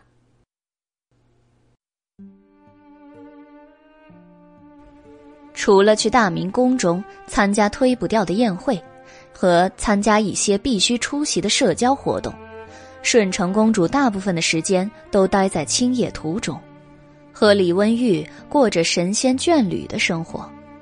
后来，李温玉怀疑他不是韩氏，他只好随口自称云华夫人，以免暴露自己的真实身份。顺承公主以为知道自己不是韩氏之后，李温玉就会离开，他们的缘分也将终了。没想到李温玉并不介意他不是韩氏，而愿意为他留了下来。顺成公主十分高兴，与李温玉的感情也越来越好。美好的时光总是短暂，春去秋来，转眼就是半年。在一次宫廷宴会中，顺成公主见到了神色忧伤的纪王妃，贵妇们在小声的谈论纪王妃失踪了半年的儿子。顺成公主有些好奇，就细问了。听说了李温玉失踪的情形，顺成公主心中一动，她来到纪王妃的身边，假装不经意的和她聊了起来。话题转到失踪的李温玉身上。顺成公主关心的询问：“可有什么找人的线索？”纪王妃说：“没有什么线索，不过丈夫和大儿子抓了一个叫做陈征的书生在审问。”听到陈征的名字，顺承公主如遭雷击，几乎昏倒。她明白，自己恐怕弄错了人。这大半年来和她在一起的人，也许是她的侄子。顺承公主又羞愧。又恐惧，感到十分的不安，只觉得明媚的晴空顿时变成了昏沉的永夜，一如他的心情。抱着也许是搞错了，青叶途中之人不是李温玉的侥幸心情，顺承公主匆匆赶回紫薇观，去画中询问李温玉的姓名和身份，李温玉如实告诉了他。在得知真相的那一瞬间，顺承公主彻底堕入无底深渊之中，爱情被罪恶之火焚烧殆尽，剩下的只有悔恨和恐惧。顺承公主质问青梅，青梅只好坦白了自己确实弄错了人，并一直隐瞒着真相，但她也不知道李温玉的真实身份。顺承公主一怒之下打了青梅一耳光，青梅得知李温玉的身份，也吓得不知所措。主仆二人相对流泪，十分后悔，十分害怕。青梅建议用毒酒杀死李温玉，把神隐变成鬼隐，这件事儿就可以永远变成秘密，不被人知晓了。顺承公主无计可施，同意了。可是，在李温玉喝毒酒的时候，顺承公主又心中不忍。她本已罪孽深重，再毒杀血亲，加重自己的罪孽，死后一定会下十八层地狱的。更何况，在纷乱复杂的心情中，他对李温玉还有一丝尚存的爱恋。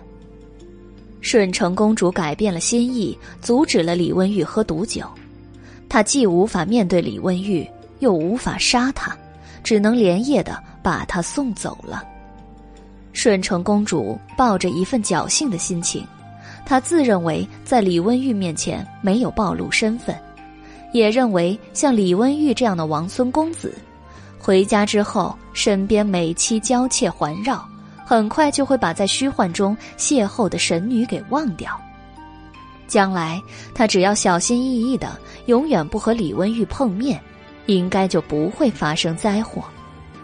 谁知道李温玉却是一个痴情人，回去之后犯了相思病，死脑筋的要找神女。顺成公主打听到李温玉在四处找他，心中惴惴不安，难以安枕。而更让她忧心如焚的是，继王李慎在武后身边更加受宠，他与他的几个儿子开始出入宫廷宴会。和社交宴会，有些宴会顺成公主也必须参加，只怕一个不小心就会遇上李温玉。昨天，望云楼中举行了每年例行的皇室聚会，他在客人的名册中发现了李温玉的名字，心中惊惧，非常的害怕。如果他与李温玉的事情暴露了，不仅会身败名裂，被人唾骂耻笑，更会让皇室蒙羞，让国家遭受灾难。顺承公主故意从望云楼的台阶上跌下，以受伤为借口，让聚会不能如期举行。虽然逃过了这一次，但也难逃下一次。顺承公主战战兢兢，心中忧愤，腿上和身上的伤痛远远不及她的心痛。她的未来将永远提心吊胆的活在黑夜之中，没有光明。像青叶图一样，这都是他自己一手造下的业。听完了顺承公主和青梅的叙述，袁耀觉得荒唐的同时，也感到很悲伤、很无奈。他有一丝同情顺承公主。顺承公主悔恨而痛苦，哀求白姬道：“我发誓修道，却不能甘于清寂。”而去贪享肉体上的欢愉，这是上苍对我的惩罚。我愿意接受任何惩罚，为赎罪孽。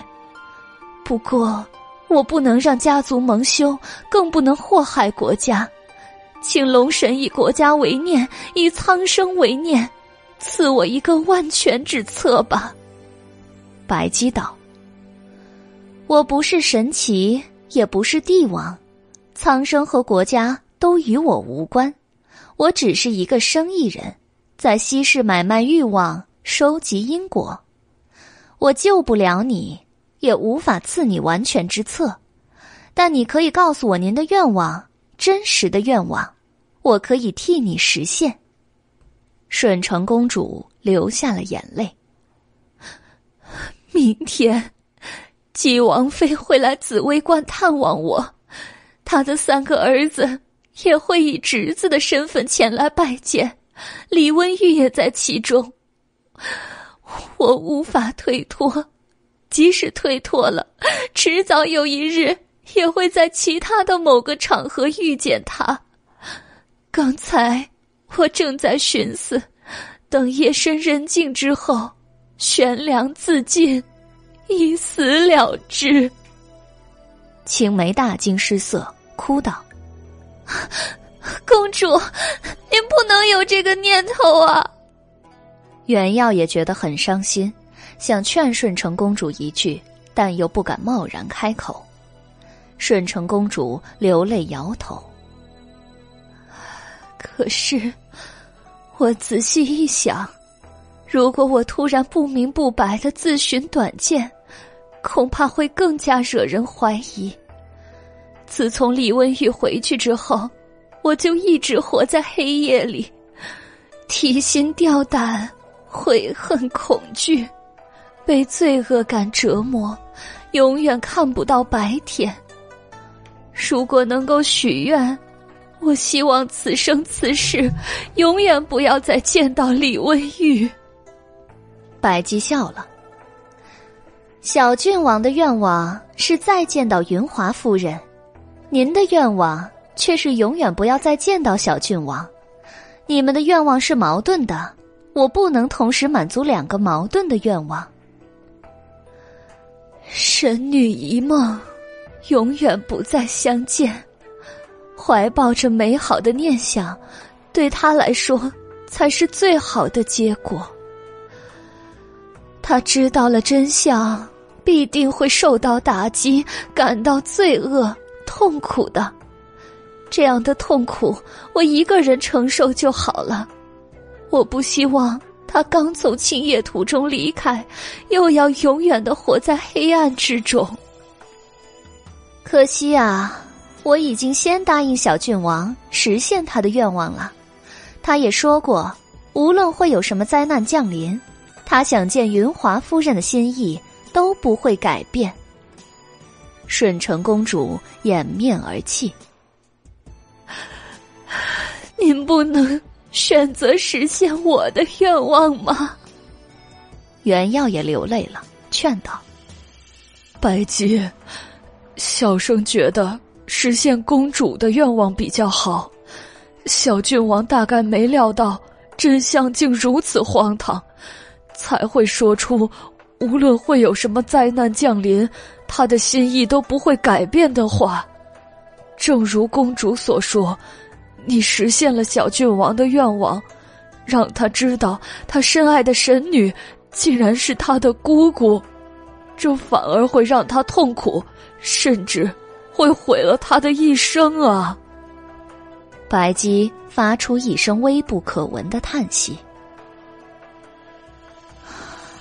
早知如此，何必当初呢？顺承公主掩面痛哭，青梅伏地而泣，原耀也伤心的流下了眼泪。白姬望着眼前这三个流泪的人，冰冷的金眸中竟闪过了一丝慈悲之色。白姬问道：“公主，青叶图在哪里？”顺承公主让青梅取来了青叶图，呈给白姬。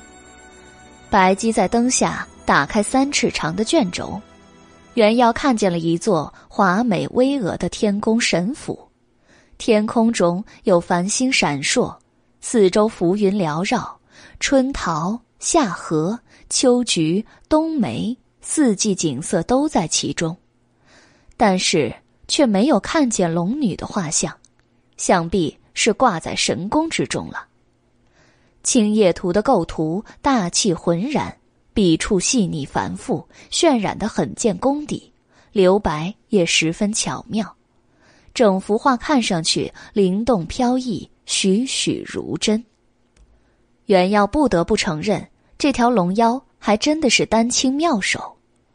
白姬道：“真怀念啊，画这幅画我可花了九十年的时间呢。”袁耀冷汗。九十年，难道你一天只画一笔吗？不，一天画三笔。白姬，小生有四个字送给你。是丹青妙手，还是丹青妙手，还是丹青妙手呢？不，是你太懒了。白姬卷起画轴，撇了撇嘴。我好歹也画完了呀，顺承公主吃惊的道：“原来这幅仙图是龙神所画。我虽然不能实现公主的愿望，但是公主自己可以实现自己的愿望。公主如果把青叶图还给我，我就赠送公主一句良言，度过此劫。不过嘛，公主必须要为渡劫付出沉重的代价。”顺承公主闻言，高兴的道：“出了这件事情，青叶图我本就想烧毁了，是青梅劝住了我。龙神想拿回去，就尽管拿回去。”白姬凑近顺承公主耳边，对她说了几句话。原要竖起了耳朵，但是什么也没听到。顺承公主听了白姬的良言，怔怔的没有说话，脸上看不出是高兴。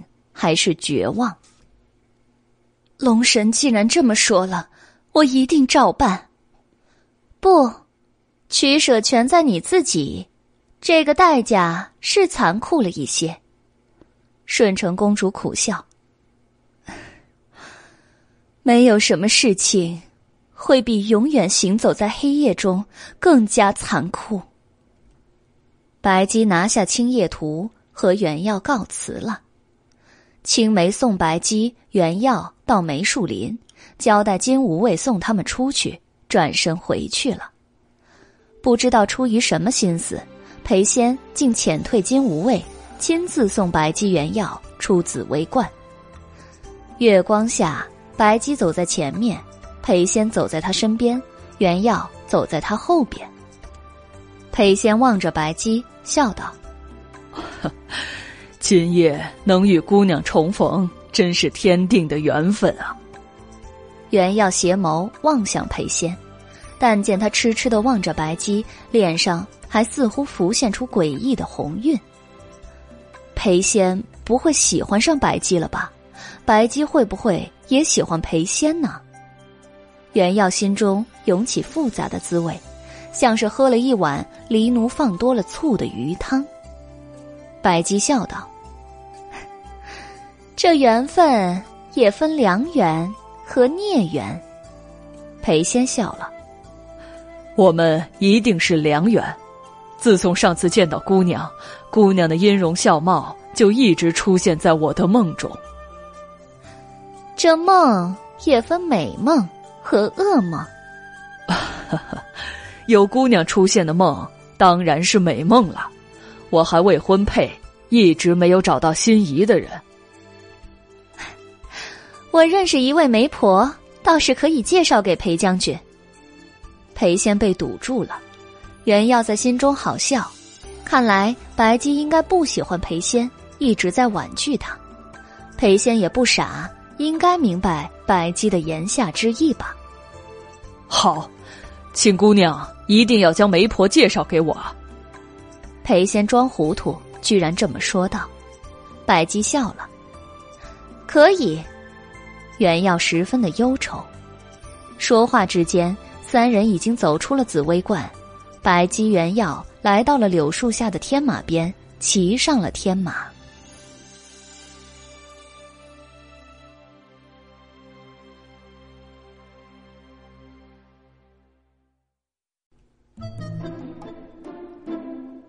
裴仙见白姬要走，急忙伸手拉住马缰，又道：“姑娘最近有空吗？能约一个时间相会啊？不，替我介绍媒婆吗？”白姬有些不悦：“我倒是很闲，但裴将军最近应该会很忙了。我每次遇见裴将军，裴将军都一脸衰相，要倒霉的样子。我们是孽缘。”也是噩梦，裴将军就不要多情了。说完，白姬纵马而去，卷起一地烟尘。裴仙站在原地，摸了摸自己的脸。我真的一脸衰相吗？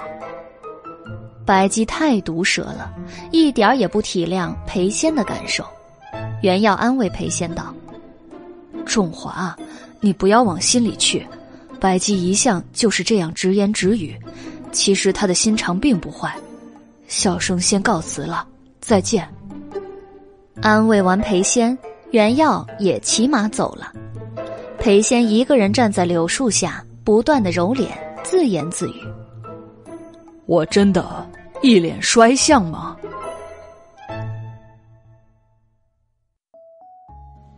天马行空。长安城尽收眼底，白姬、袁耀各怀心事，沉默不语。袁耀问道：“白姬，你到底给了顺承公主什么良言啊？”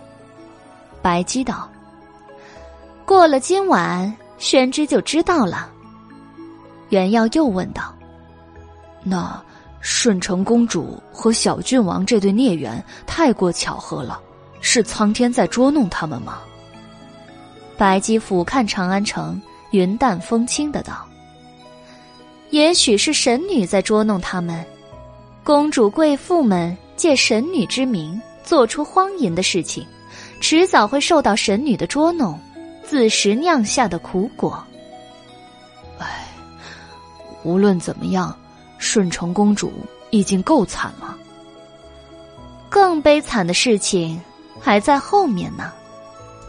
白姬幽冷的道：“袁耀心中一紧，不祥的预感涌上心头。”白姬、原耀回到缥缈阁，黎奴竟然还没回来。原耀有些担心的道：“白姬，黎奴老弟怎么还没回来呀？会不会出了什么事儿啊？”白姬不以为意的道：“大概在外面玩吧，明天就会回来了。”白姬在里间点上灯，将青叶图在地上摊开，他去取来了画笔和颜料。时候不早了，宣之先去睡吧。好，那你也早些休息。好，白姬随口回答。原耀来到大厅，铺好寝具，倒头就睡了。里间的灯火亮了一整夜，白姬画了通宵的画。第二天一早，原耀起床，经过里间时，发现白姬伏在青玉案上睡着了。清晨的阳光下，摊在地上的青叶图上多了一名神女画像。神女梳着云髻，一身霓裳羽衣，容颜十分美丽。神女画的栩栩如生，含笑的双眸仿佛透过了纸张，与注视画图的人对视。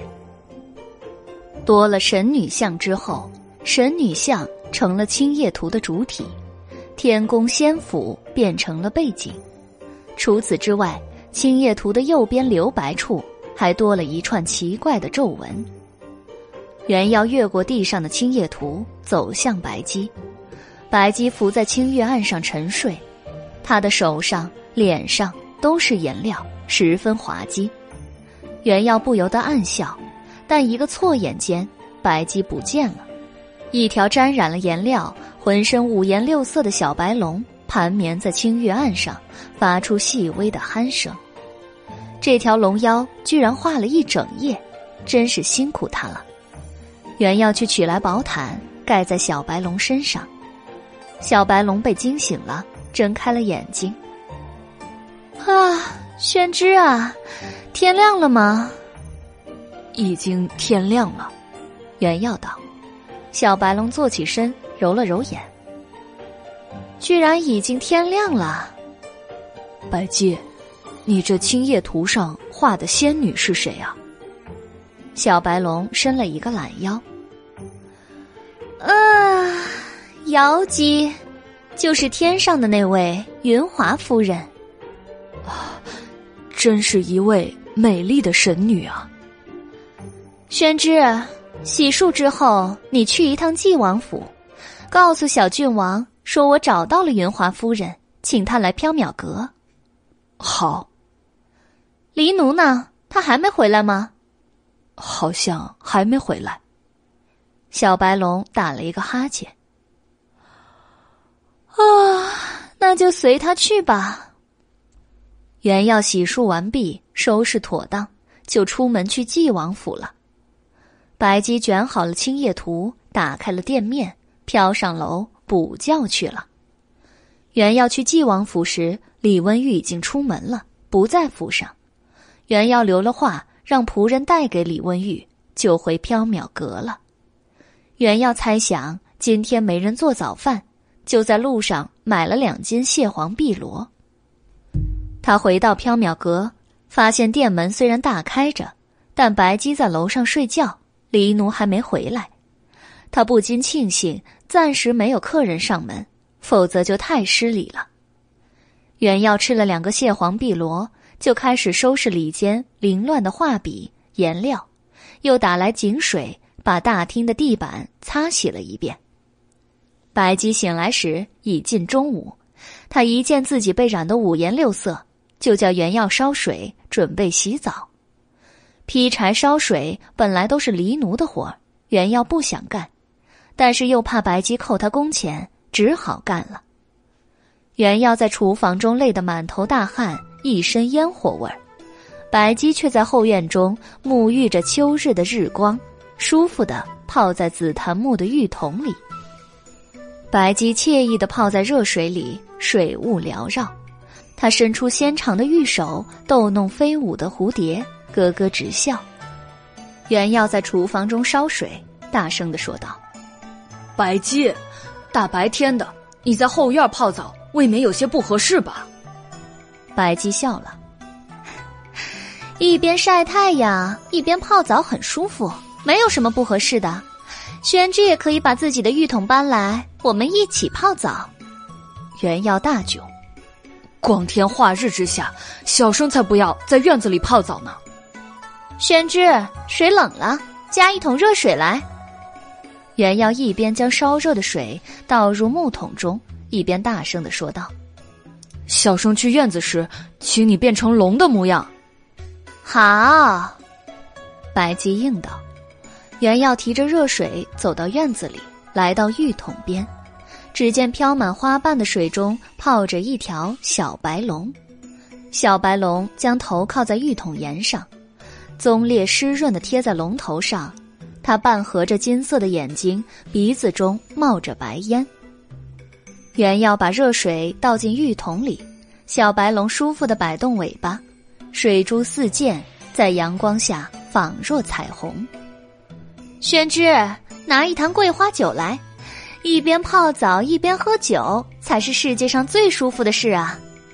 好，原要应道。哎。宣之，再拿两个蟹黄碧螺来。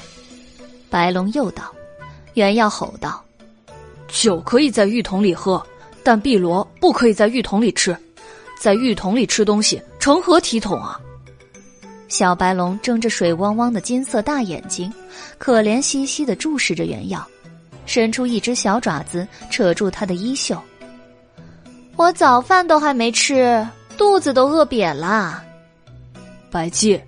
你装出一副可怜的样子也不行，碧螺必须要洗完澡之后再吃。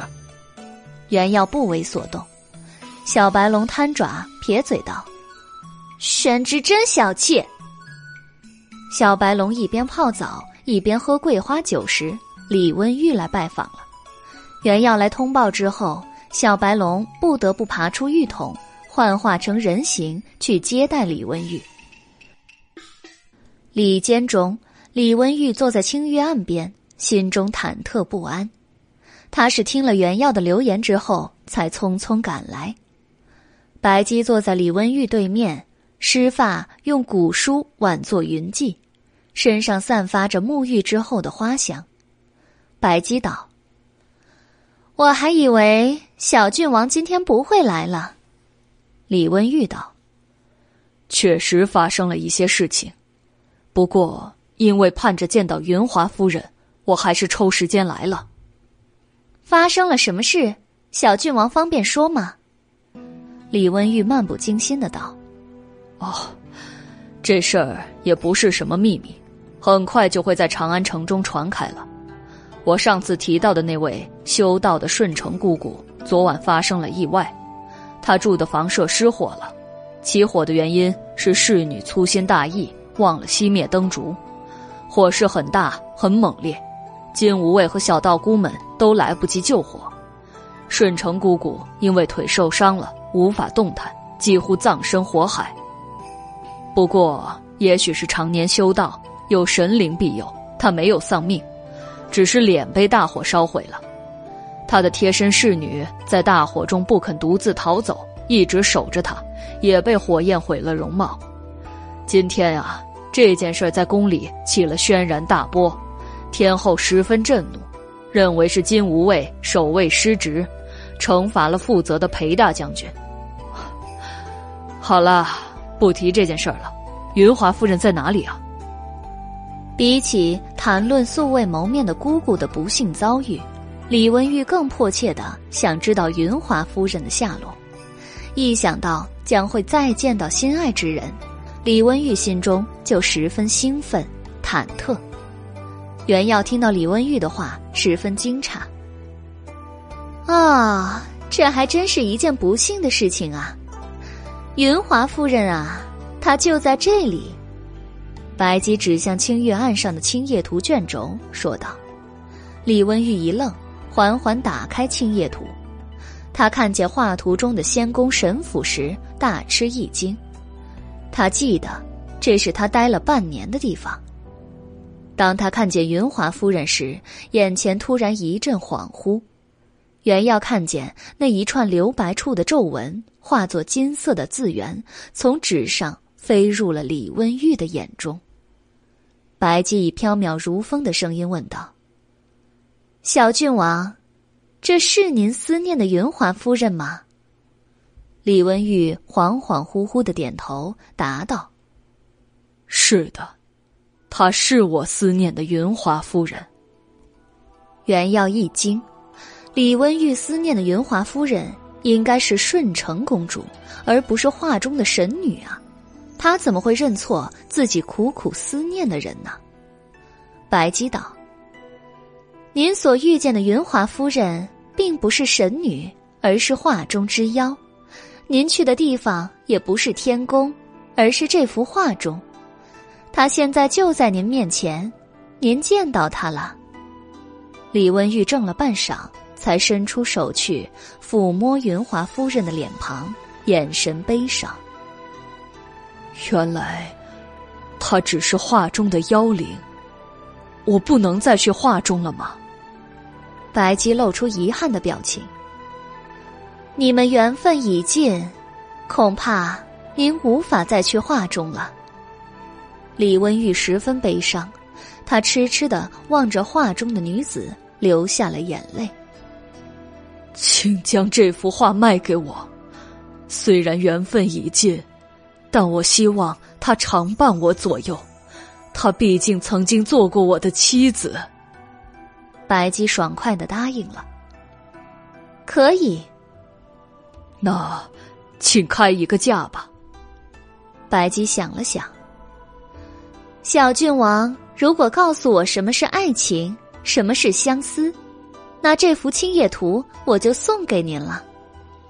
李文玉又愣了一下，他望了一眼神色严肃的白姬。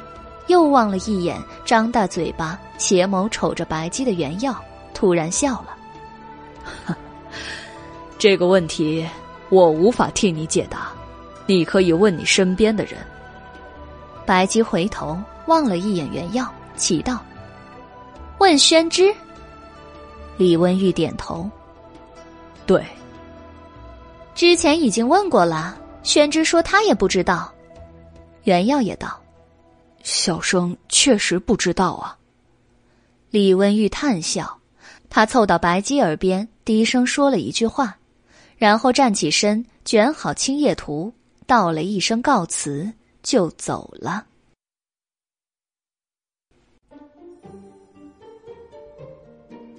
袁耀很好奇李温玉对白姬说了什么，正想问白姬，白姬倏然转过身，一把捧住袁耀的脸。凑近看他的眼睛，白姬的脸近在咫尺，吐气如兰。袁耀大窘，面红耳赤。白白姬，你你你干干什么呀？原来宣之一直在藏私啊！小郡王说，爱情在宣之的眼中，相思在宣之的心里。宣之，你不介意我把你的眼睛和心剜出来？看看爱情和相思吧，白姬认真的说道。原耀头皮发麻，心中发苦。啊！苍天可见，小生没有藏私啊！小生的眼里和心里什么都没有，小郡王坑死小生了。白姬瞪着袁耀，望着他眼眸中映出的人影。胡说！我明明在你的眼中看见了我啊！袁耀瞪着白姬，嚎道：“小生看着你，眼里当然有你了。不要说眼里了，现在小生的心里也都是你啊！”这一句话一出口，白姬和袁耀都愣住了。白姬睁大了眼睛，若有所思；袁耀满脸通红，心一下子跳快了好几拍。一种甜蜜而忐忑的奇妙情愫呼之欲出，他好像有一点明白爱情和相思是什么了，但仔细一想又是茫然。白姬却恍然大悟：“啊，我明白了，宣之的眼中和心里都是我，那这就是说，爱情和相思都是我自己啊！原来。”爱情和相思的意思就是爱自己，思念自己。原耀冷汗，白姬，请不要得出这么诡异的结论。白姬不理会原耀，掐腰大笑。宣之，我终于明白人类的爱情和相思了。原耀吐血，你，你完全没明白。白姬不理会原耀。高兴的去后院继续泡澡了，袁耀也只好去厨房继续烧水。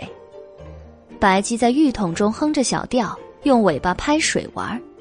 袁耀在厨房中一边干活一边想着李温玉和顺成公主的事儿。白姬，小郡王为什么会把青叶图中的神女看成顺成公主啊？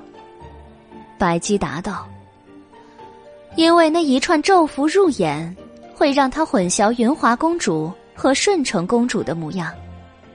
你为什么要这样做？为了顺承公主啊！将来小郡王也许会给别人看青叶图，说起他被神女神隐的故事。”如果见过顺承公主的人对小郡王说：“哎呀，这云华夫人和顺承公主长得一模一样啊！”这样就麻烦了。现在小郡王看青叶图中的云华夫人是顺承公主，大家看云华夫人是真正的云华夫人，这样就不会露馅了。况且小郡王的愿望是见到云华夫人，我让他看见了真正的云华夫人。也不算是违背他的愿望啊。哦，虽然是欺骗了小郡王，但也只能如此了。顺承公主太可怜了，好好的怎么会失火呢？希望她能早日恢复啊。火是顺承公主自己放的，她烧毁自己的脸，就永远不会被小郡王认出来了。这是她自己的选择。他虽然做了错事儿，但赎罪的心很坚定，比我想象中要勇敢有担当。袁耀吃惊，心中百味陈杂，胸口有些闷闷的。傍晚的时分，黎奴竟然还没有回来。白姬、原耀都不会做饭，互相推诿，最后肚子太饿了，只好达成协议。白姬负责做饭，原耀负责煮饭。厨房里挂着一条黎奴精心腌制的大鲤鱼，白姬在院子里生了一堆火，将大鲤鱼烤得香气四溢。袁耀回忆了一下李奴煮饭的经过，依葫芦画瓢了一番，结果米饭煮糊了。白姬看着一大锅黑乎乎的东西，安慰垂头丧气的小书生。宣之煮的挺好的，至少锅没有烧坏嘛。幸好还有几个蟹黄碧螺。白姬原药坐在院子里，一边吃蟹黄碧螺，一边吃烤鱼。原药问道：“黎奴老弟去哪里追大黄鱼了？怎么还不回来啊？”白姬咬了一大口烤鱼，说道：“谁知道呢？大概晚上就回来了吧。”啊，真担心他呀！我连胃口都没了。一个刚吃下三个碧螺、大半条烤鱼的人，请不要说胃口不好。黎奴很机灵，又跑得很快，不会有事的。宣之不必太担心。也对，黎奴老弟在玉鬼公主的爪下都能逃命，应该也不会有事的。谁知黎奴一失踪就是五六天。完全没有消息，袁耀十分的着急。百介，黎奴老弟不会也被哪位神女神隐了吧？啊，要神隐也是被神女的猫给神隐吧？更有可能是被鱼神隐啊！是啊，很有可能。韦燕来缥缈阁买宝物的时候。告诉了白姬李温玉的近况。李温玉得到青叶图之后，相思病好了一些，但心情还是消沉悲伤。有一夜，李温玉梦见了云华夫人。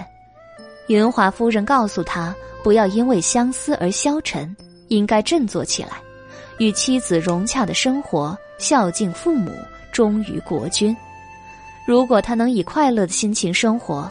将来也许还会有见面的机会，如果他一直苦闷消沉，将来绝无再见的机会。李文玉相信了云华夫人，决定不再意志消沉。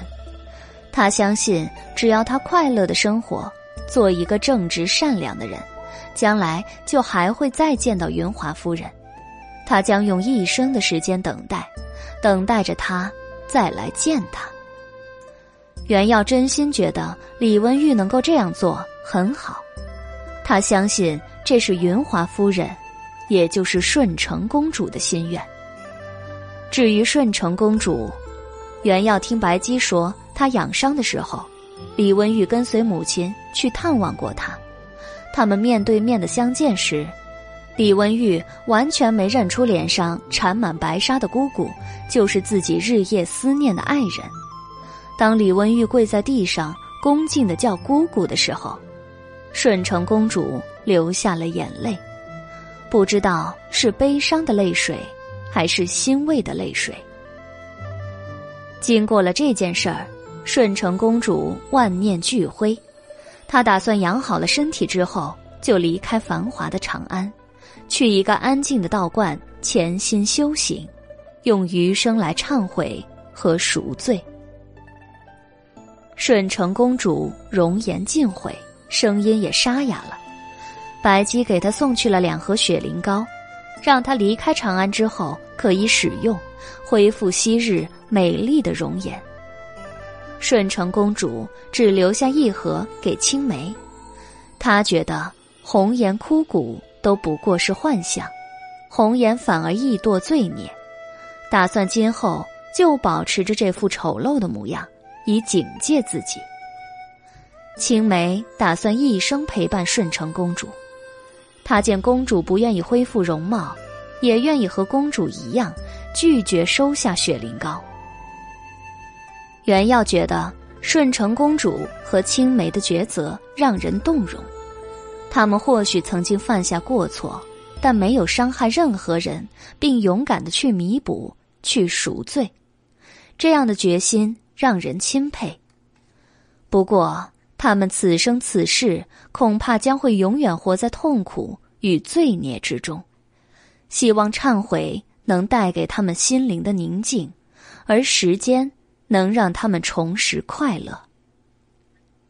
到了第七天，黎奴还是没有消息，袁耀十分着急，问道：“白姬，黎奴老弟不会出了什么事儿吧？”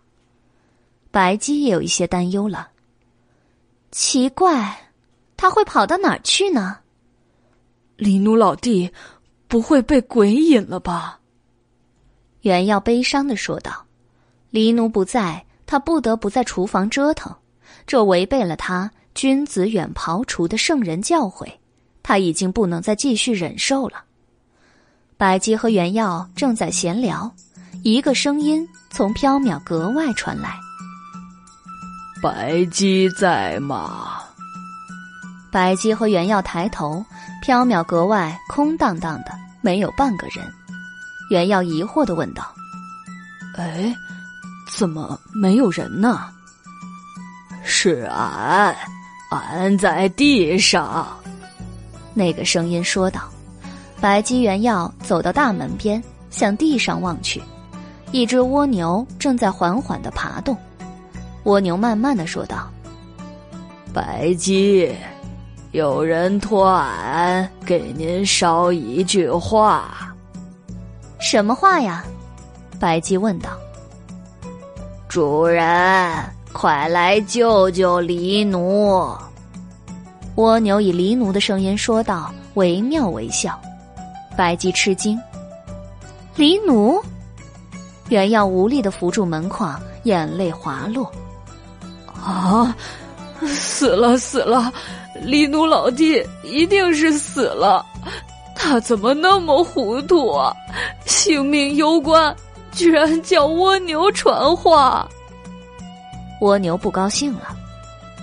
袁公子，你又瞧不起俺了。白姬抚额问蜗牛道：“黎奴是什么时候在哪里让你传的话？”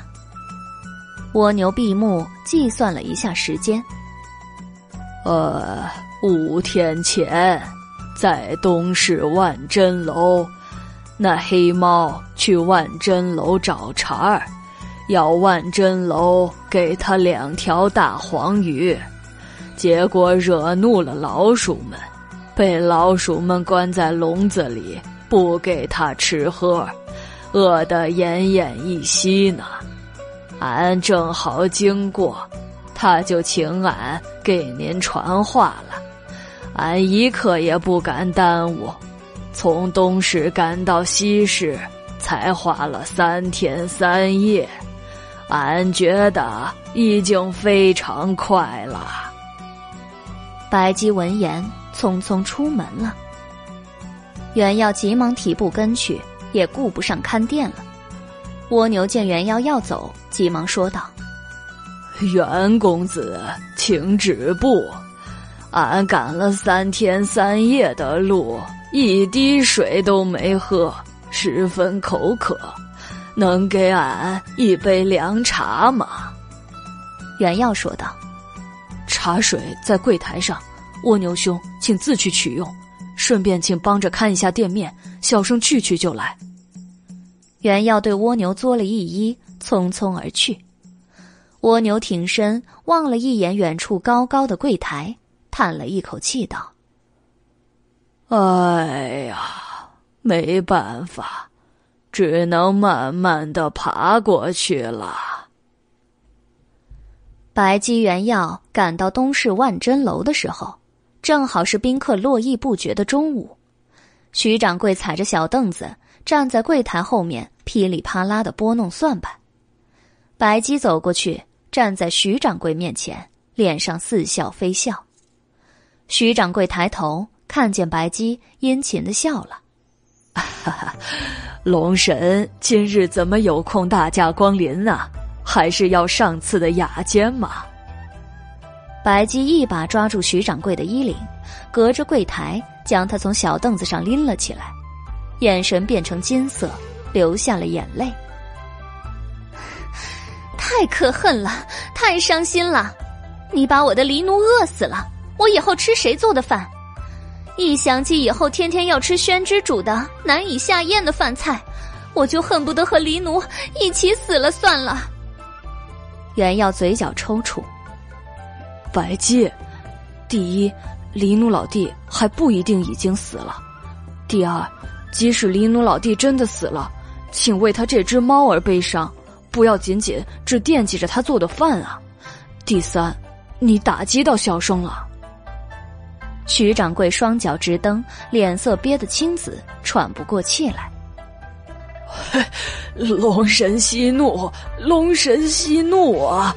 我不知道您在说什么。袁耀拉住白姬：“哎呀，白姬，尽快松手啊！徐掌柜会被你勒死的。”白姬松开了手，徐掌柜站在小凳子上。袁耀问道：“徐掌柜，你是不是关了一只黑猫啊？他是缥缈阁的伙计黎奴。”他还活着吧？徐掌柜喘了口气，连连咳嗽。是啊，黑猫倒是有一只，他气势汹汹的来找茬儿，被我们关进了笼子里。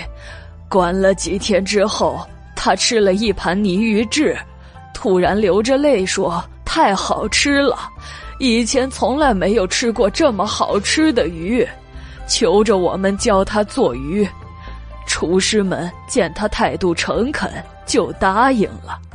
于是他一直留在厨房里打杂学做鱼呢，赶都赶不走。不过他自称叫小黑，因为家中一贫如洗，从乡下来城中讨生活，他也没说自己是缥缈阁的狸奴大仙儿啊。白姬、原耀的脸色渐渐的黑了。白姬说道：“请带我们去见一见这位小黑。”好，请随我来。徐掌柜跳下小凳子，带着白鸡、原耀去到了后厨。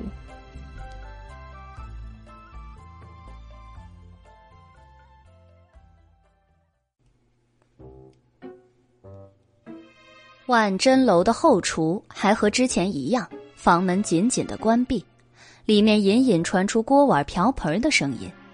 厨房的左右两扇窗户开着，几个店伙计来来往往，从一个窗户递食单进去，从另一个窗户接菜肴出来。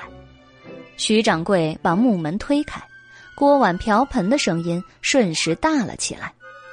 昏暗的光线下，成千上百只老鼠在厨房中忙碌，空气中浮动着诱人的菜香。袁耀定睛望去，只见一只黑猫也混在老鼠堆中，它正在一只老鼠的指点下，将一条大黄鱼放进蒸笼里。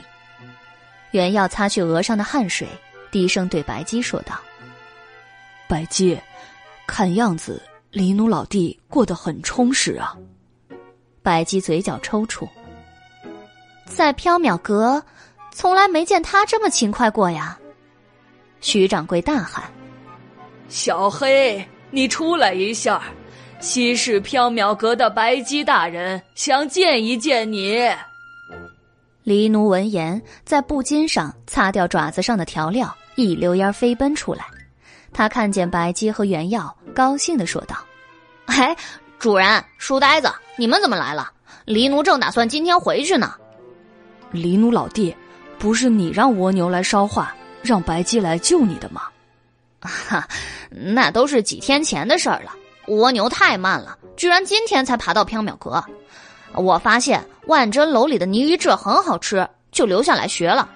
我本来想学会了泥鱼制就回缥缈阁的，但没想到学海无涯。万珍楼里的桂鱼丝、熏寻酱、乳酿鱼等等用鱼做的菜肴都很好吃，我以前都不曾见过，也不曾吃过，于是就一样一样的学，越学越沉迷，几乎忘了时间，更忘了回去了。黎奴老弟，你在万珍楼学做鱼也没什么，但你就不能花半个时辰回缥缈阁去说一句吗？你一失踪就是七八天，没有半句音信。你知道白姬和小生有多担心你吗？哈，黎奴怕回去说了之后，主人就不让离奴来了。黑猫挠了挠头，嘿嘿笑道：“见白姬脸上阴晴不定，黑猫用头去蹭白姬的脚，讨好的说道：‘嗯，主人请不要生气，黎奴回去以后一定天天做好吃的鱼给主人吃。’”白鸡蹲下，抚摸黑猫的头。无论如何，你还活着就已经很好了。我终于不用再吃宣之做的难以下咽的饭菜了。白鸡，你又打击到小生了。黑猫流下了眼泪。主人受苦了，书呆子做的饭菜一定是一股酸腐味儿，黎奴不吃也知道。黎奴老弟。小生做的饭菜就是焦糊了一些，没有酸腐味儿啊。原要辩驳，白姬和黎奴无视小书生，继续对话。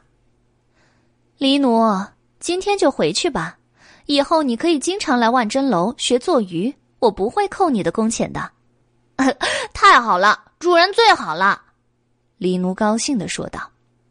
因为既然已经来到了万珍楼，白姬就决定大吃一顿。再回缥缈阁，原要黎奴同意了。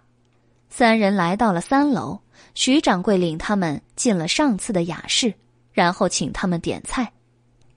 黎奴抢着推荐菜肴，他推荐的全是鱼，白姬原要坚决的否定了。白姬请徐掌柜推荐几样菜，徐掌柜推荐了驼蹄羹、红球脯、五生盘、黄金鸡、雕糊饭。白姬原要同意了，黎奴很伤心。秋风和煦，万里无云。白姬、原耀、黎奴三人坐在窗边，一边吃着美味佳肴，一边闲聊分别的事儿。原耀问道：“哎，李奴老弟，在集市上拆散你和大黄鱼的，就是万珍楼的老鼠吗？”李奴点了点头：“嗯，没错。”你怎么会被老鼠捉住啊？通常不是应该正好反过来吗？哎，书呆子，你有所不知，这徐掌柜和光藏那牛鼻子交情很好。牛鼻子来吃一顿饭，就画一张符给他抵饭钱。老鼠们用咒符制住了爷，把爷关进了笼子里，又在笼子上贴了三道符。爷在笼子里就变成了普通的猫了。爷很羞愤，绝食不吃他们给的东西。饿了两天，后来爷撑不住了，就吃了泥鱼翅。再后来，爷就去厨房打杂，顺便学做鱼了。因为之前太狼狈，爷不好意思说是缥缈阁的狸奴，就瞎编了一个身份呗。哦，原来如此啊！小生还担心黎奴老弟也被神隐了呢。什么神隐啊？袁耀把李温玉和顺成公主的事情说了一遍，心中又是怆然。黎奴对悲恋的故事不感兴趣，倒是对青叶图有记忆。哦，哼，黎奴还记得主人画的青叶图呢。黎奴当时也帮主人画了一些地方啊。袁耀奇道：“啊，黎奴老弟也会画画？”白姬笑了：“是啊。”黎奴用爪印点的梅花很好看呐。黎奴笑了，袁耀冷汗。白姬转头望向窗外，窗外正好是大街，斜对面有一座茶楼旁搭了一个台子，台上装饰的红红绿绿，台下人山人海，十分热闹。白姬手搭凉棚一望，笑道：“嘿，宣之，快看啊！”谁家的小姐在抛绣球招赘夫婿呢？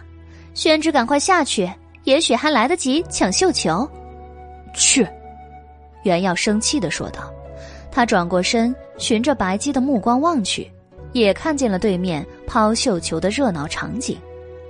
黎奴凑到窗户边看了一眼，放下碗筷要往下冲。爷去抢绣球玩。袁耀一把拉住了黎奴。哎，黎奴老弟。鱼可以乱吃，绣球不可以乱抢啊！抢到了绣球，就得和小姐成亲。哦，爷还不打算成亲，算了，那不去抢了。黎奴坐下，继续吃东西。白姬、原耀、黎奴一边吃东西，一边在窗边看热闹。不多时，一个娇俏的小姐袅袅走了出来，准备扔绣球。突然，在这个时候，人群之外，一名英俊的书生正好赶路经过，他的长衫已经洗得发旧了。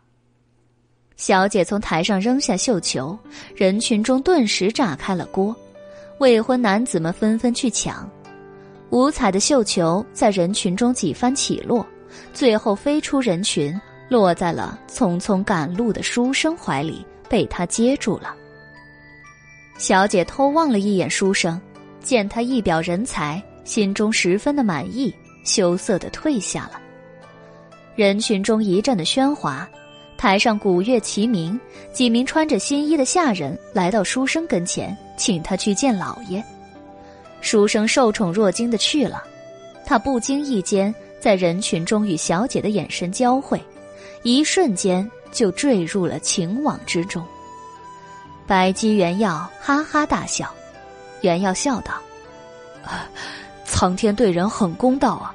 陈兄受了半年的无妄之灾，如今也走运了。”是啊，那书生正是陈征，那个与李温玉、顺承公主一起被命运开了一个玩笑的人。是啊，走在路上就捡了一个妻子，真是很走运啊！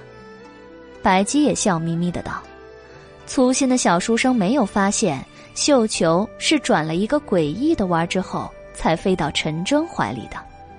白姬也没有告诉他绣球转弯的原因。但黎奴却发现了。哎，主人，你为什么要？”白姬大声的打断黎奴，岔开了他的话：“哎呀，时候不早了，也吃饱了，我们准备回去吧。”结了账之后，白姬、原耀、黎奴准备回缥缈阁。黎奴想去和老鼠们道别，白姬、原耀只好陪他一起去。三人来到了厨房之中。黎奴向老鼠们告别，约定改天再来学习做鱼。老鼠们依依不舍，感叹道：“没想到偌大的长安城中，只有一只猫理解我们的厨艺，不嫌弃我们是老鼠啊！”袁耀想起上次的无理举动，觉得很惭愧，过意不去。他向老鼠们作了一揖，说道：“上次是小生不对，请各位原谅小生的冒失。各位的厨艺很好，小生很喜欢吃各位做的菜肴。只要有一颗认真努力的心，老鼠与人并没有区别的。小生对各位没有嫌弃之心，只有敬佩之意啊。袁耀说完了话，后厨中一下子安静了。袁耀吓了一跳，以为自己说错话了。他望向地上的老鼠们，这才发现他们都在流泪。突然，老鼠们一拥而上，将袁耀扑倒，爬满了他的身体。老鼠们流着激动的泪花，纷纷道：“袁公子说的太好了，我都哭了。太好了，袁公子理解我们，他理解我们啊！混蛋，怎么流泪了？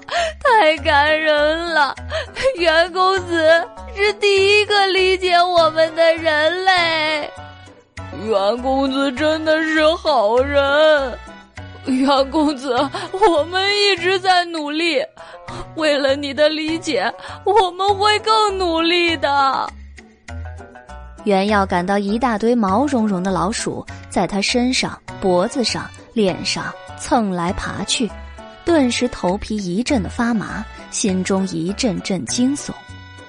袁耀瑟瑟发抖，在恐惧和恶心达到极限的时候，他双手一翻。昏死了过去。白姬以袖掩面，唉，可怜的宣之啊！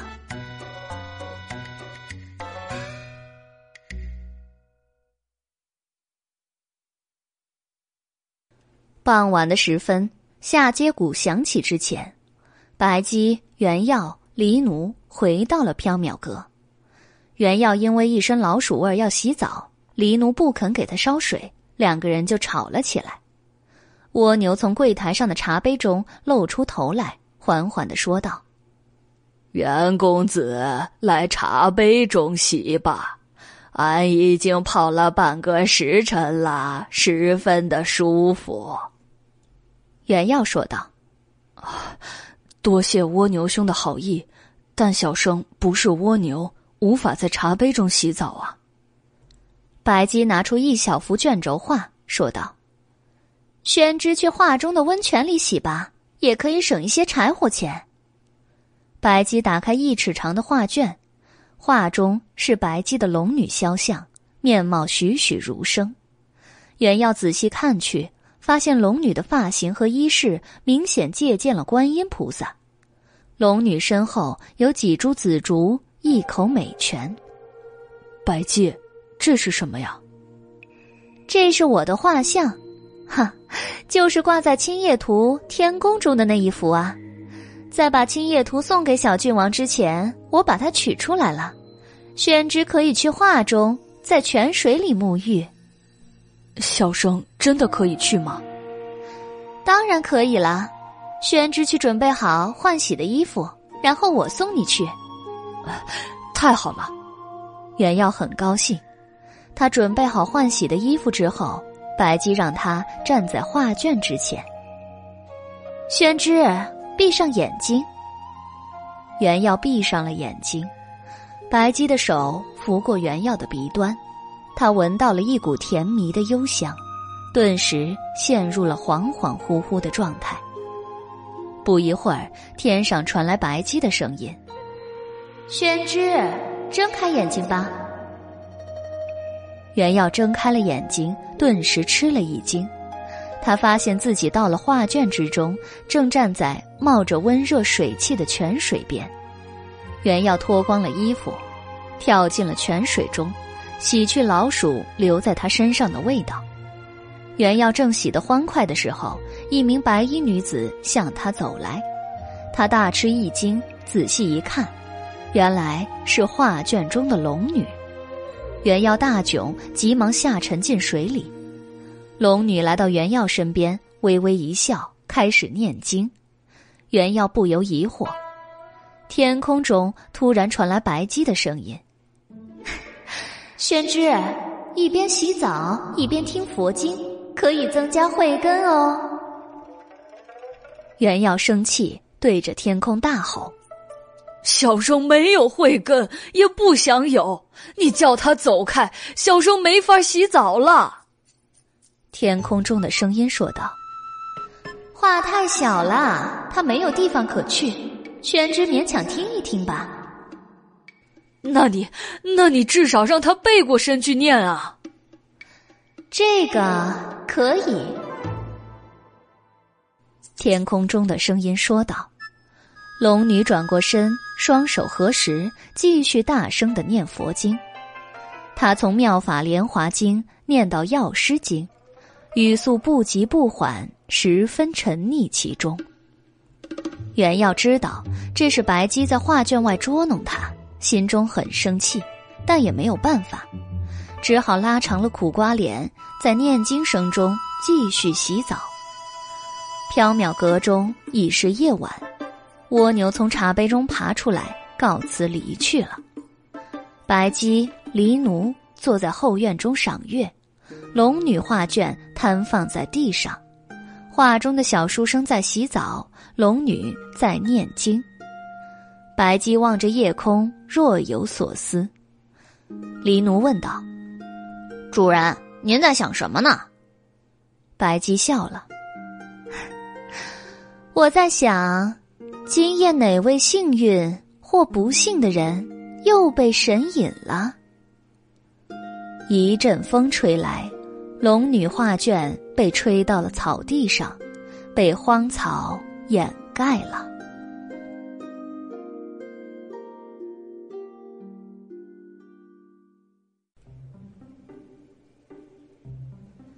长安仲夏，火伞高张。木叶阴阴，走在街上，可以听见街边的大树上传来知了知了的蝉鸣，喧闹而空寂。原要被黎奴使唤，顶着火辣辣的太阳去买西瓜。他经过光德坊与西市之间的大街时，实在热得走不动了。原要站在一棵大槐树下乘凉，汗水湿透了他的衣裳。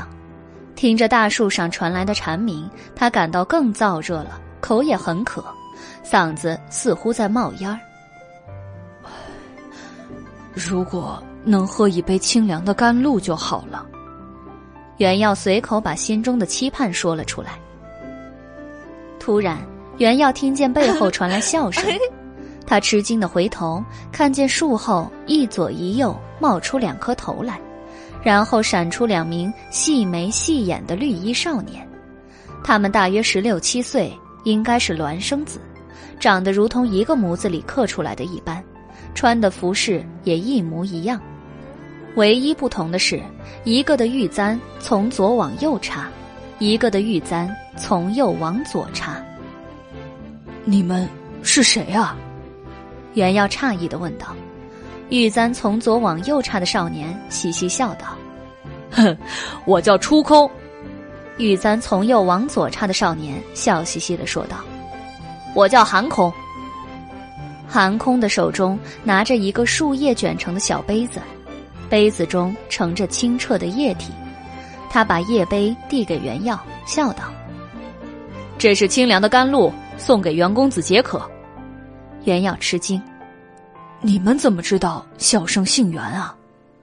出空笑道：“哈，我们经常看见您和白姬经过这棵大槐树下，大家都知道您。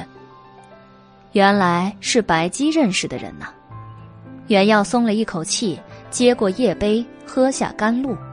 甘露清凉可口，透着一丝浅浅的甜味，非常的解渴。袁耀喝下之后，只觉得心旷神怡，清爽了许多。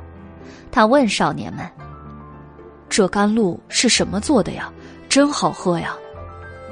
出空、寒空一起笑道：“这是树叶呀，这是树叶啊！”元要道谢之后，离开了大槐树，去集市中买西瓜。他回来时，又从这里经过，看见出空和寒空在树荫中拍手唱歌，十分的快乐。袁耀笑着和他们打了一声招呼，就回去了。晚上，白姬、袁耀、黎奴在后院中乘凉。袁耀说起了白天遇见初空和寒空的事儿，问白姬他们是什么人。白姬笑道：“啊，他们不是人，是非人。”啊！袁耀挠了挠头，好奇的道：“他们是什么非人啊？”白姬笑着念了一首诗：“垂蕊饮清露，流响出疏桐。居高声自远，非是藉秋风。”袁耀恍然大悟：“哦，原来他们是蝉啊！” 宣之答对了。白姬笑道：“从此，袁耀每次经过那棵大槐树的时候，都会看见初空和寒空。他们不是在拍手唱歌，就是并肩坐在树荫下，痴痴的望着天空。他们每次都会和袁耀打招呼，袁耀也会和他们谈笑几句，才去集市。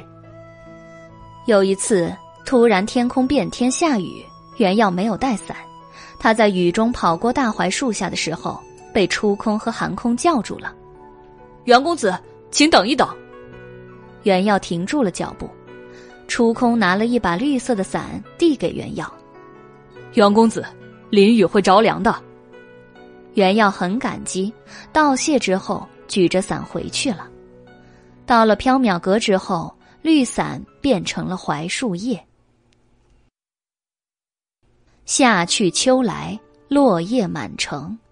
袁耀路过大槐树时，还能看见初空和寒空。不过，他们不像夏天那么快乐了，神色也憔悴了许多。他们很少在拍手唱歌，大多数时候都忧愁的望着苍茫的天空，望着飞舞的落叶。有一天，原要又经过大槐树，他看见初空。寒空坐在树上，悲伤的望着天空，寒空还在流眼泪。袁耀大吃一惊，急忙问他们这是怎么了。出空、寒空跳下大树，拉袁耀坐在地上。他们一个坐在袁耀左边，一个坐在袁耀右边。出空道：“袁公子，您见过雪吗？”“见过。”袁耀回答。寒空道。雪是什么样子的？袁耀想了想，嗯，很白，很细，像柳絮，像花朵。寒空悲伤的说道：“一定很美丽吧？可惜，我们看不见了。蝉是夏虫，活不到寒冬。”袁耀一想，也很悲伤。他安慰寒空道：“这两天就是霜降了，很快就会立冬，离下雪也不远了，说不定你们能看到长安的第一场雪。”初空也道：“寒空，我们已经努力的活到了现在，再熬几十天就可以看见雪了。”寒空悲伤的流泪：“我已经撑不下去了，我的翅膀。”已经在寒风中僵硬了，我的嘴也软化，无法吸取树枝枝叶。再降一场寒霜，我就会因为寒冷而死去。袁耀叹了一口气，觉得有些悲伤，但又无可奈何。唉，夏虫想看冬雪，这种事情有些违背自然。出空道。我们的生命确实将在深秋时结束，可是我们真的很想看一眼冬天的雪。寒空也道：“无论如何，我们想看一眼冬天的雪。”袁耀有些好奇，问道：“你们为什么执着的想看冬雪啊？”初空、寒空对视一眼，说起了往事。大树根下有两只蝉蛹，他们待在黑暗的泥土里，等待蜕变成蝉。四周十分的安静，什么也看不到，但能听见大树旁的书斋里传来一个十分温和好听的声音。一名书生在吟咏自己写的诗：“孤斋听寒声，泥炉煮清明。”梅魂染鬓香，兰萼透骨莹。玉箫音似水，琼花色如冰。瑶台种白碧，天外不夜城。这位书生似乎很喜欢雪，他写了很多与雪有关的诗句。第二年冬天，书生吟道：“一夜东风冷，推窗雪上飘。飞檐凝冰柱。”远山浮琼瑶，红梅胭脂色，霜下犹妖娆。悠悠一墨香，伴君度寒宵。第三年冬天，书生吟道：“草堂调素琴，一弦清一心。挑灯待雪降，吹月饮寒冰。”初空和寒空睡在泥土中，年复一年的听着书生朗读雪的诗作。他们在无边的黑暗里、无边的寂静中，对雪产生了无限的遐想。初空，等我们长大了，就可以见到雪了吧？等我们离开泥土，飞到大树上，就可以看见雪了。我们还有多久长大？不要急啊。很快，我们就会长大了。第四年的冬天，初空和寒空破蛹而出，他们飞出了泥土，来到了大树上。大树边的书斋已经空了，喜欢吟冬雪诗的书生已经游学去了。初空和寒空跟着同伴们飞到长安城，他们停在光德坊的大槐树上，他们一直在唱歌。希望雪花听见他们的歌声之后会降落，他们一直望着天空，希望雪花能够落下。他们活不到冬天，所以希望能够发生奇迹，让他们在夏天和秋天看到雪。可惜，世界上没有奇迹。秋天到来的时候，他们的伙伴渐渐的都死去了。他们努力的支撑着自己的生命，希望能够活到冬天，看见第一场雪。可是，随着霜降的到来，他们已经渐渐觉得体力不支，无法再违背自然的支撑下去了。他们很悲伤，很不甘心，他们渴望看见冬雪是什么样子，是不是和书生吟诵的诗一样美丽呢？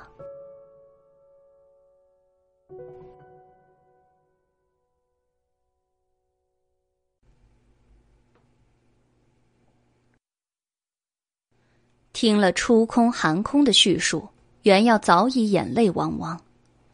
你们跟小生去缥缈阁，让白姬想一个办法，他一定有办法让你们看见冬雪的。初空寒空悲伤的说道：“如果是夏天，倒还可以，但现在我们已经没有力气走到缥缈阁了。一离开这棵大槐树，我们就会死去。”那那小生去把白姬叫来，你们等着。原耀离开了大槐树，跑回缥缈阁，他流着眼泪对白姬述说了出空寒空的愿望，请白姬满足他们看冬雪的心愿。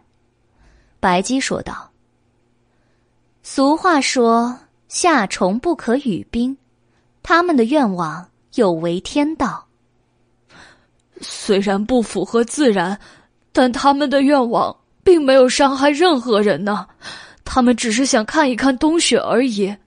白姬，你就替他们想一想办法吧。白姬沉吟了一会儿，说道：“现在已经是霜降时节，离第一场冬雪也不远了。好吧，我就稍微延长一下他们的寿命，替他们实现愿望。太好了。”袁耀高兴的道：“白姬拿了一个竹篮，装上朱砂与毛笔，和袁耀去见初空、寒空。袁耀、白姬来到大槐树下，初空、寒空并肩坐在大树上，他们清瘦的如同两道剪影，青色的丹山随风飞舞。楚空笑道：“是白姬，白姬来了。”寒空笑道：“太好了，白姬她真的来了。”白姬笑了：“我可以实现你们的愿望，但是违背天道，你们必须付出代价。”什么代价？初空和寒空问。只有一物换一物，才能维持自然的平衡。我可以让你们的生命延长到第一场冬雪降落的时候，但是你们必须用身体的一部分交换这段延长的寿命。你们愿意吗？初空、寒空互相对望，一起点了点头。我们愿意。初空道：“反正也离不开这棵大槐树了，我就用腿来交换吧。”寒空说道：“反正看冬雪只需要眼睛，我用声音来交换。”白姬点头，他从竹篮中取出毛笔和朱砂，用毛笔蘸上朱砂，他伸出左手对树上的两个绿衣少年说道：“来吧。”初空、寒空跳下大树，化作两只夏蝉，它们扇动着半透明的羽翼，飞到了白姬的掌心上。白姬提起朱砂笔，依次在两只蝉的翅膀上画下了一个小小的咒符。咒符画好之后，朱砂突然燃烧起来，两只蝉分别被一团火焰包围。不过，火焰并没有伤害它们。而是将咒印烙进了他们的生命里。火焰熄灭之后，初空和寒空恢复了生命力，他们不再感到寒风刺骨，也不再觉得生命将尽。然而，作为换取一段生命的代价，初空失去了脚，无法再行走；寒空失去了声音，无法再歌唱。但是，他们还是很高兴。他们愿意为了看见冬雪而付出代价。白姬将初空、寒空小心翼翼的放在树上，说道：“当长安下了第一场雪的时候，你们就将死去。”初空唱起了歌，寒空挥了挥翅膀，表示明白了。白姬、原耀一起离开了。霜降之后就是立冬。天气越来越冷了。这一年的冬天，长安城中某一棵大槐树上依稀有蝉鸣。袁耀还是经常经过大槐树，初空依旧在树上唱歌，他和寒空一起在等待。他们不仅在迎接第一场冬雪，也在迎接自己的死亡。立冬之后，转眼又是小雪，长安城中更冷了。但还是没有下雪的迹象。有一天，袁耀去西市买点心，经过大槐树的时候，他看见三个孩子在树下玩耍，他们捉住了两只蝉，正在撕扯它们的翅膀。好奇怪啊，冬天怎么会有蝉呢？一个小男孩说道。“哎，看呐，它们的翅膀上有红字。”一个小女孩说道。“嘿，撕掉它们的翅膀。”看上面写了什么呀？一个胖男孩说道。袁耀大惊，急忙去驱赶天真而残忍的孩童。快把蝉放了！你们太调皮了。三个孩子见袁耀风风火火的来撵，随手把蝉一扔，跑走了。袁耀在地上寻找两只蝉，发现一只失去了翅膀，奄奄一息的躺在地上，另一只。已经被慌乱逃走的孩童踩死了，死状十分悲惨。袁耀心中悲伤，他小心翼翼的把受伤的蝉拾起来，捧在手上。受伤的蝉问道：“袁公子，寒空呢？”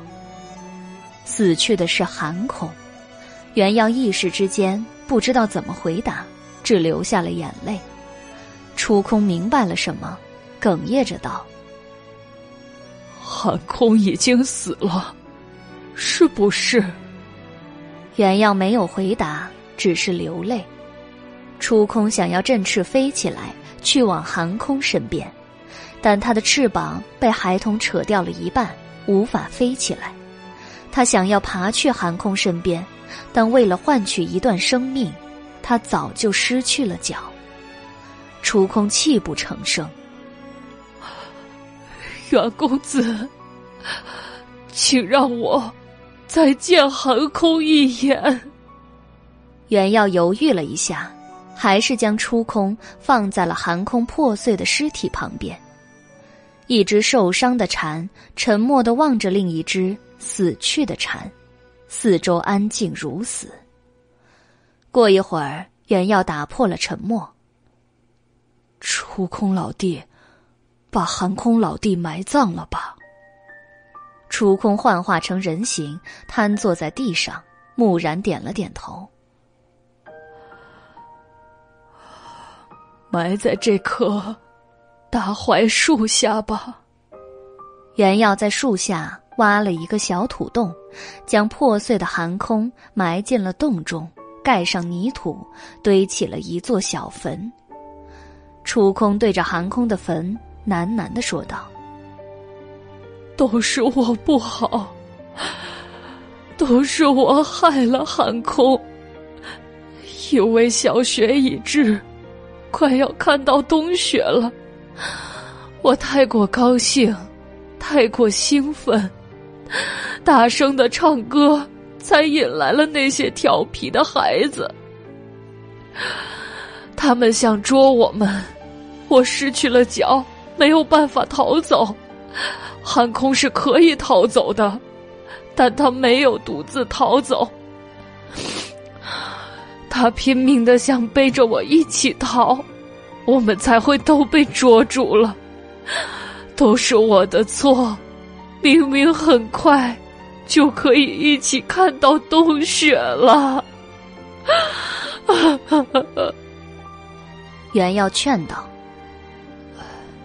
事已至此，自责也无用啊。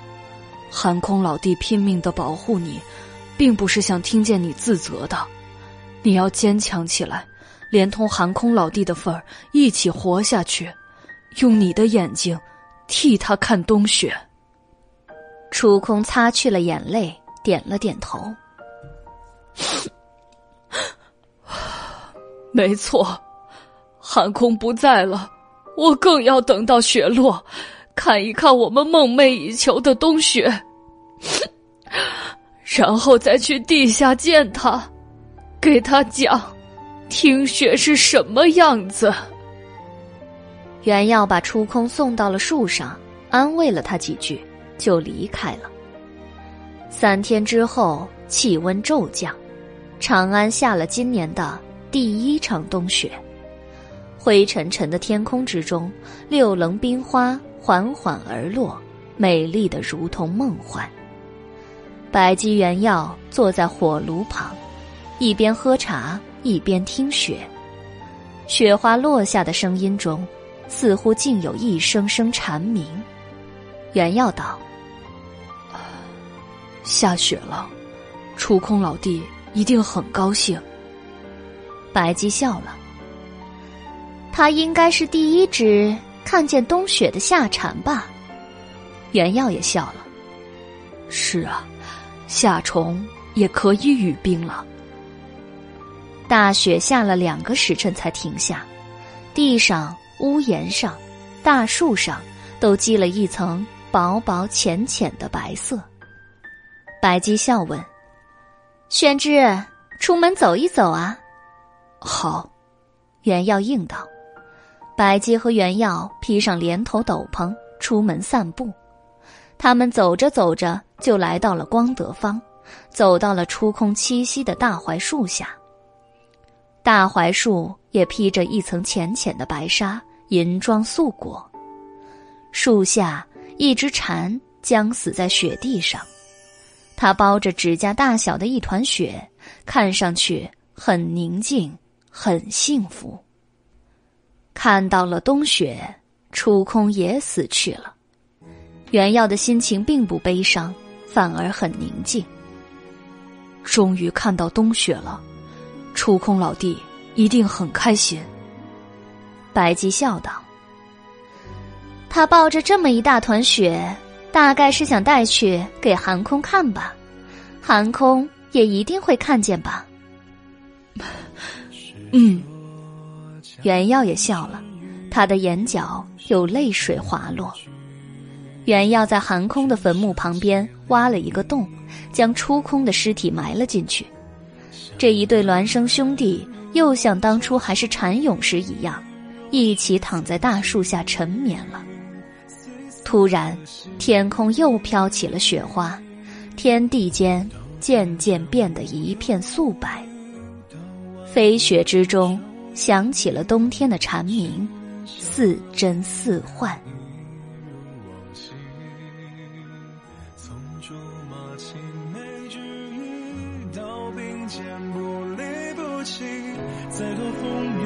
何所畏惧？愿此间山有木兮卿有意，昨夜星辰恰似你。身无双翼，却心有一点灵犀。愿世间春秋与天地，眼中唯有一个你。苦乐悲喜，得失终尽知。长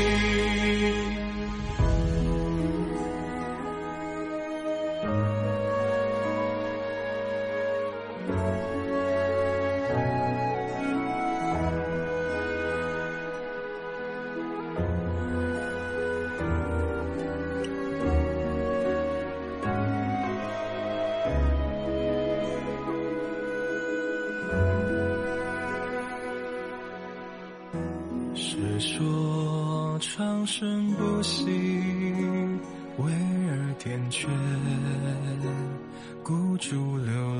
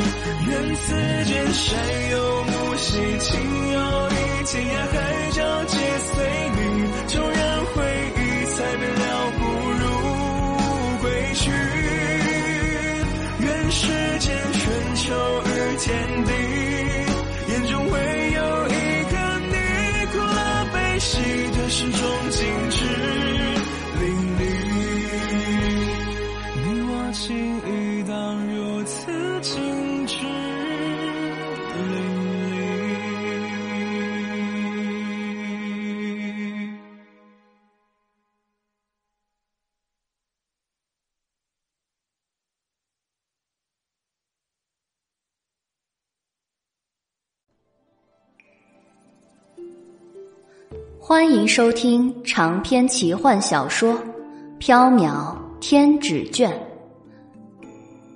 第一折《白玉京》。春风吹面，杏花落满头。原耀提着一个精致的鸟笼，走在初春的长安城中。最近，长安城中掀起了一股赏鸟的风潮。他要去平康坊为一位当红的歌妓送他买下的会唱歌的红点科。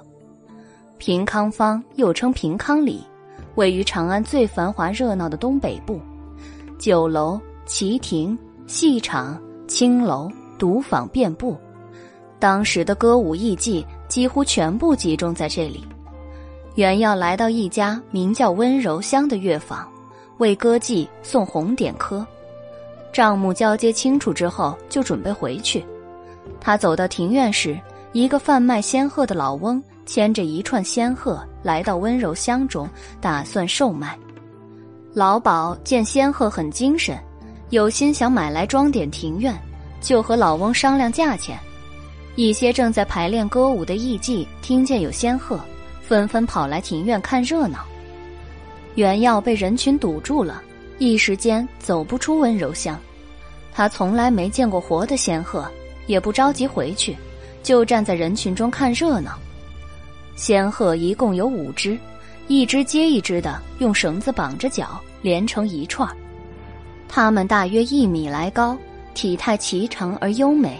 气质高洁如仙，仙鹤的喉、颊、颈都是暗褐色，身披白如霜雪的丰盈羽毛，长而弯曲的黑色飞羽呈弓状，覆盖在白色的翅羽上。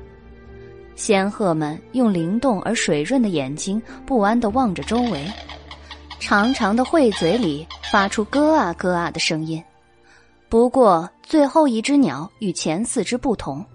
它的体型比仙鹤大一些，体态肥笨滑稽，棕色的羽毛乱糟糟的。它长着一颗圆乎乎的小脑袋，脖子长而无毛，脚掌上有二指。老鸨嫌老翁要价太高，摇着花团扇说：“四只仙鹤你要五十两银子，未免也太贵了。前天呀，对街的长相思买了一对天竺的孔雀。”才花了十两银子呢。老翁笑道：“花里胡哨的孔雀哪里比得上高洁的仙鹤呀？达官贵人们爱的就是一个高雅的品味。您买了仙鹤，保证生意兴隆。老朽这也不是四只仙鹤，是五只，这个价钱已经很便宜了。”老鸨瞄了一眼仙鹤，残眉微蹙，说道：“哼，哪里有五只仙鹤呀？明明是四只。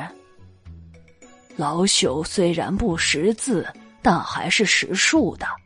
这一条绳子上明明串着五只鸟嘛。”老鸨撇嘴道：“一条绳子上串着五只鸟是没错，但最后那一只又丑又笨的怪鸟。”我可不承认它是仙鹤。老翁回头看了看第五只鸟，迷惑的说：“它不是仙鹤吗？”老鸨以为老翁用怪鸟冒充仙鹤诈钱，讽刺的说：“哼，他如果是仙鹤，那您老就是神仙了。”众人哄堂大笑，人群中。一个西域的厨子笑道：“老头子，那是鸵鸟，把鸵鸟冒充仙鹤来卖，你是想钱想疯了，还是把我们全都当瞎子呀？”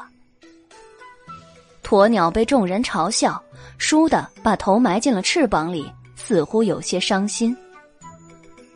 老翁再向鸵鸟望去，不由得一愣，仿佛幻梦骤醒，他嚎道。啊！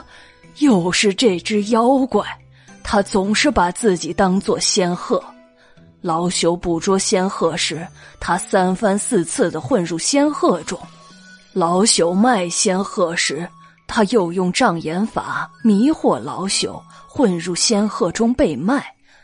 每次都被人识破，害老朽丢脸，妨碍老朽的生意。老翁生气之下。拿手里的藤条抽打鸵鸟，鸵鸟急忙躲避，但老翁气势汹汹，紧追不饶。鸵鸟行动笨拙，躲避不及，挨了好几下，藤条狠狠的抽打在鸵鸟身上，它无力的扇动翅膀，发出了几声哀鸣。众人看见老翁抽打鸵鸟，觉得很滑稽，都哈哈大笑。袁耀看不下去了。他跑过去，拦在老翁和鸵鸟之间，说道：“请老伯不要再打他了。”老翁怒道：“他是老朽的鸟，老朽爱怎么打就怎么打。老朽先打死他，再把他卖去酒楼里做菜肴。鸵鸟眼泪汪汪，十分的恐惧，他又将头埋进了翅膀里，一副听天由命的样子。原耀于心不忍，对老翁说：“老伯，您出一个价钱，小生把它买下了。”老翁见原耀这么说，眼珠子一转，狮子大开口。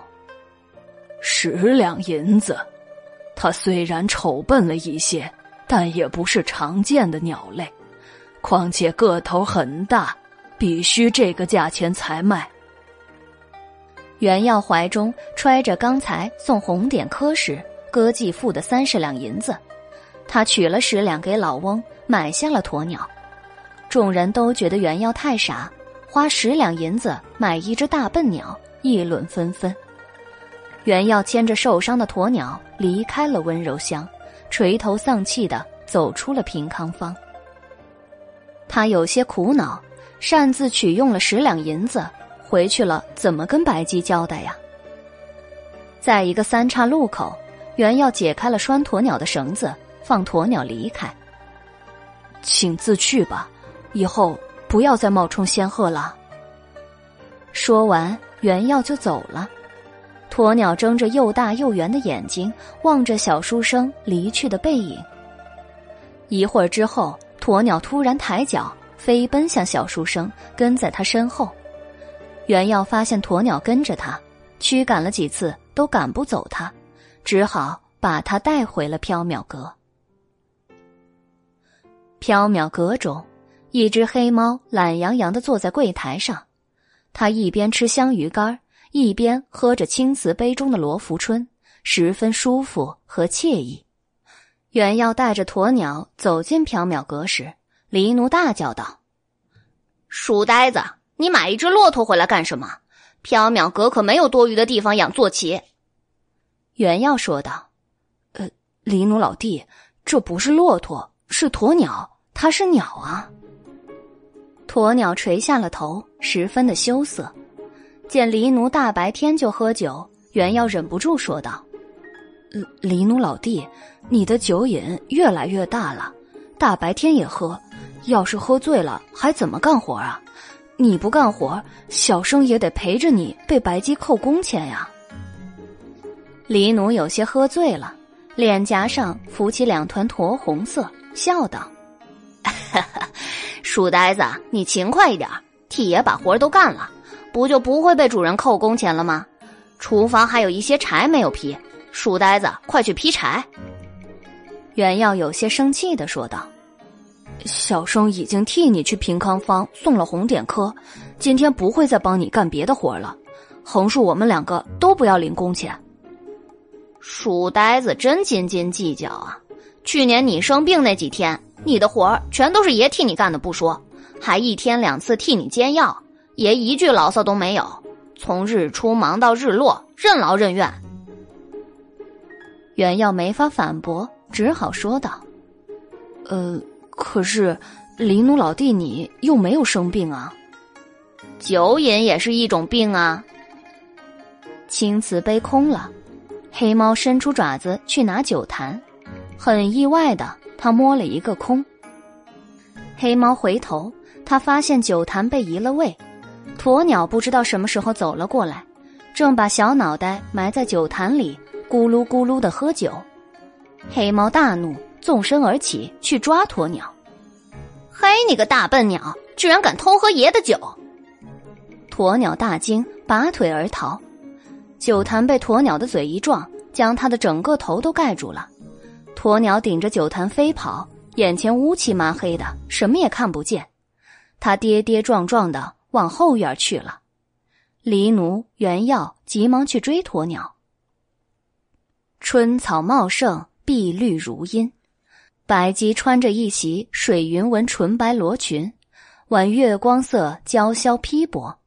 她梳着半翻髻，发髻上插着一只镶嵌青色水玉的金步摇。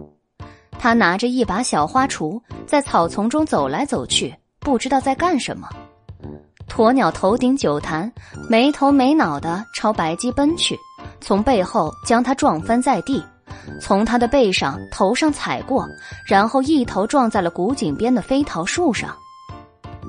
砰的一声，酒坛碎裂，鸵鸟也轰然倒地，他两脚朝天的倒在地上，不省人事。袁耀、黎奴站在廊檐下，看着这一切猝不及防的发生，一个吃惊的捂住了嘴，一个伸爪捂住了眼。白鸡趴在草地上，半晌没有动弹。袁耀、黎奴对望一眼，急忙跑去一动也不动的白鸡身边。袁耀把白鸡扶起来，才发现他脸色煞白，浑身冰冷。黎奴伸爪探了探白鸡的鼻子，不由得张大了嘴巴说：“啊，好像没有呼吸了。”袁耀闻言。急忙伸手去探白鸡的鼻息，果然没有呼吸了，可能是被鸵鸟踩死了。袁耀的眼泪哗啦一声流下，他很伤心的说道：“白鸡，你活了一万年都没死，今天怎么被一只鸵鸟踩死了？”黎奴也很伤心，他泪眼婆娑的走向古井边，准备投井殉主。主人去了，黎奴也不想活了。袁耀急忙去拦住黑猫，说道：“黎奴老弟，请不要乱来，至少先把白鸡的丧事办了，再说别的。”黑猫流泪道：“ 也好，把主人的后事交给书呆子料理，爷爷不放心。”原耀擦泪道。那小生先去买一口棺材回来吧。不用买棺材了，主人是天龙，应当海葬。我们把主人的尸体抬去东海，放进海里吧。袁耀发愁道：“东海与长安之间千里迢迢，怎么抬得去啊？只怕还没走到东海，白鸡的尸体就已经先腐坏了。”黎奴想了想，说道：“不如先把主人的尸体烧成灰，然后把骨灰带去。”好主意。黎奴原要一边哭泣，一边去厨房搬柴火，堆在白鸡身边，准备把它烧成灰。原要去查看昏死在桃树下的鸵鸟，发现它只是昏厥，微微的放心了。黎奴说道：“把那只大笨鸟也烧了吧，它只是昏过去了，还没有死呢。”哼，他踩死了主人，应当给主人陪葬。可是他又不是故意的，说到底都是黎奴老弟你喝酒惹的祸呀。所以黎奴决定陪主人一起死。原要流泪。一想到再也见不到白姬了，他就觉得非常伤心，仿佛心都碎了。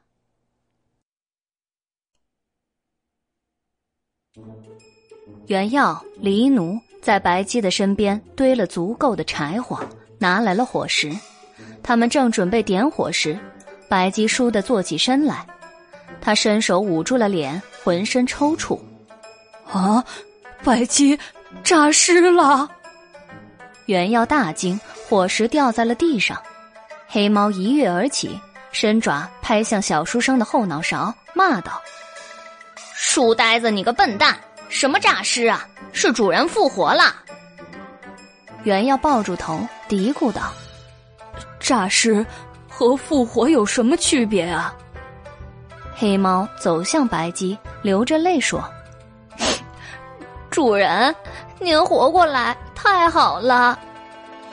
袁耀见白鸡捂住脸发抖，有些担心。白鸡，你的头没事吧？要不要小生去请一个大夫来啊？白姬放下手，用凌厉如电的双目扫向黑猫和小书生。黑猫和小书生不约而同的打了一个寒战，觉得白姬不大对劲。主人，您没事吧？白姬。白姬倏地伸出双手，左手抓住小书生的衣领，右手掐住黑猫的脖子，将它们拎了起来，口中发出男子的声音：“猫妖，书生，那条狡诈的龙妖在哪里？快叫他出来！本国师有性命攸关的急事啊！”仔细一听，白姬口中发出的声音是光藏的。光藏是大唐的国师，住在大明宫中的大角观里。他是李淳风的弟子，精通玄门奥义，深得武后器重，也被长安城中的千妖百鬼所敬畏。不过，光藏太过醉心于长生之术，爱炼丹胜过捉鬼伏妖，因为吃了许多不明的丹药，他的头发和眉毛都掉光了。还常常被白姬以假的长生药骗走银子。白姬上次捉弄了光藏之后，怕他来寻仇，在缥缈阁布下结界，让他永远也找不到缥缈阁。今天不知道为什么，白姬竟然变成了光藏，或者说被光藏附身了。那条龙妖在哪里？他在哪儿？白姬以光藏的声音吼道。呃呃，这个这个，原耀和黎奴不知道该说什么。白姬一边使劲的摇晃原耀和黎奴，一边以粗犷的声音喊道：“快叫那龙妖出来！这飞魂之术太消耗体力，本国是撑不了多久了。”主主人，他他出门了。黑猫晕头转向的回答。白姬吼道。他去哪里了？呃，大概是一个叫西天的地方。原耀晕头转向的回答。白姬松开手，黎奴、原耀双双摔在地上。白姬喃喃的说道：“那龙妖居然去西天了。等他回来，你们告诉他，本国师被困在了白玉京，受尽了折磨。”看在相识一场的份上，请他去白玉京救救本国师。你们一定要告诉他，本国师认识的人中，只有他能救本国师了。白姬光洁的脸庞上流下了悲伤的泪水。袁耀和黎奴觉得这应该是光藏在哭泣。没有征兆的，白姬突然两眼翻白，抽搐了几下，无力的倒在了草地上。过了好一会儿，袁耀和黎奴才敢凑过去查看。白姬脸色煞白，浑身冰冷，仍然没有呼吸。袁耀和黎奴又哭泣着将白鸡放在柴火中，准备把它烧成灰。袁耀一边哭一边问道：“黎奴老弟，刚才是怎么一回事儿啊？”黎奴一边哭一边摇头。不知道啊，那白玉京是哪里啊？在天上。如果小生没听错的话，光藏国师似乎被困在了白玉京，正在求救啊。主人都死了，谁还管牛鼻子呀？让他给主人陪葬吧。元耀正要点火，白姬又倏地坐起身来。他的眼睛直直的望向虚空，元耀大惊：“光藏国师又来了！”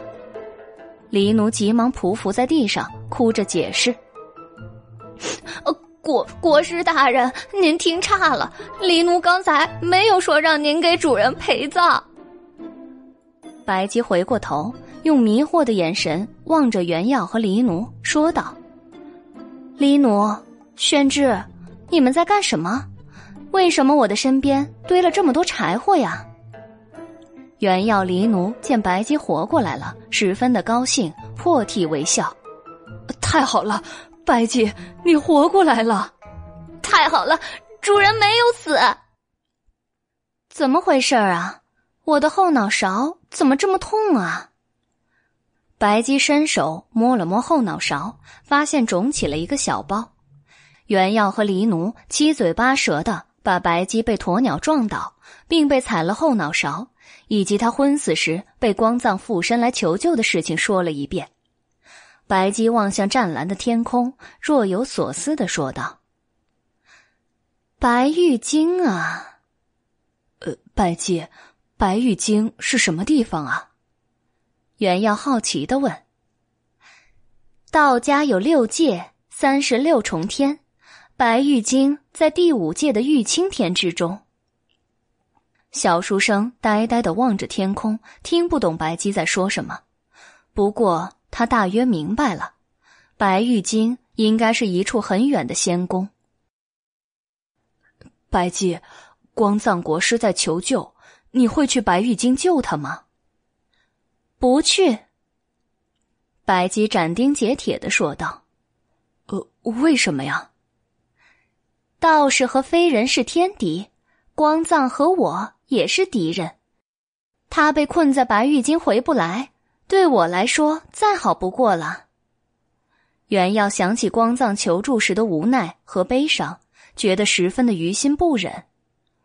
可光藏国师来请求你帮助他，说明他信任你，没有把你当敌人啊。可是我把他当做敌人啊。袁耀被噎住了，看来光藏国师得自求多福了。白姬站起身来，他突然想起了什么，看了看空空的双手，又摸了摸衣袖，然后弯腰在草地中找东西。糟了，红缨蜘蛛不见了！黎奴、宣之，快帮我找一找！袁耀迷惑的道：“呃，什么红缨蜘蛛啊？”白姬趴在地上，在草丛中仔细的翻找。红缨蜘蛛是一种仙界植物的果实，模样嘛像一颗珊瑚珠，约摸小拇指大小。袁耀和黎奴开始跪在草地上翻找，三人伏在地上，在木柴和草丛中翻找了许久，也没有找到红缨蜘蛛。袁耀忍不住问道：“白姬，这红缨蜘蛛是什么东西啊？”白姬说道。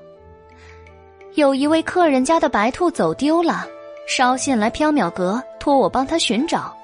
那兔子嘛，最喜欢吃红缨蜘蛛。我嫌四处奔波寻找太麻烦了，打算在缥缈阁种上红缨蜘蛛，然后守株待兔啊。这条龙妖真是太懒了，袁耀在心中说道。唉，红缨蜘蛛是仙界的植物。在人间的土地上不一定能够长出。我刚才用花锄在草地上画了一个符阵，以保证红缨蜘蛛能够顺利的生长。白姬向符阵望去，因为他还没画完符阵就被鸵鸟踩晕。原要离奴又来来去去的搬运柴火，符阵已经模糊的看不清了。白姬叹了一口气说道：“唉。”符阵也打乱了，宣志，你继续寻找红缨蜘蛛。黎奴，你把这一地的柴火收拾一下。哦，好，是主人。小书生继续趴在草丛中寻找红缨蜘蛛，黎奴一趟又一趟的把木柴搬回了厨房。白姬走到飞桃树下，围着昏死的鸵鸟转了一圈，红唇挑起了一抹鬼笑。黎奴问道：“主人要把这只冲撞年的大笨鸟烤熟了吃吗？”袁耀赶紧说：“呃，白姬，他不是故意的，请不要吃它呀。”白姬笑道：“我一向宽容大度，怎么会和一只鸵鸟记仇呢？它既然是宣之埋下的鸟，等它醒了就养在缥缈阁里吧。”袁耀很高兴。啊，那太好了！小生还担心你嫌他丑笨，会责怪小生花十两银子买下他。啊，宣之不提，我还忘了，那十两银子我会从宣之的工钱里扣掉的。白姬笑眯眯的说：“袁耀想咬断自己的舌头。”袁耀找遍了院子，也没有找到红缨蜘蛛。白姬说他办事不力，又扣了他十天的工钱，袁耀心中悲苦，但又没有办法反驳，只能拉长了苦瓜脸，继续寻找红缨蜘蛛。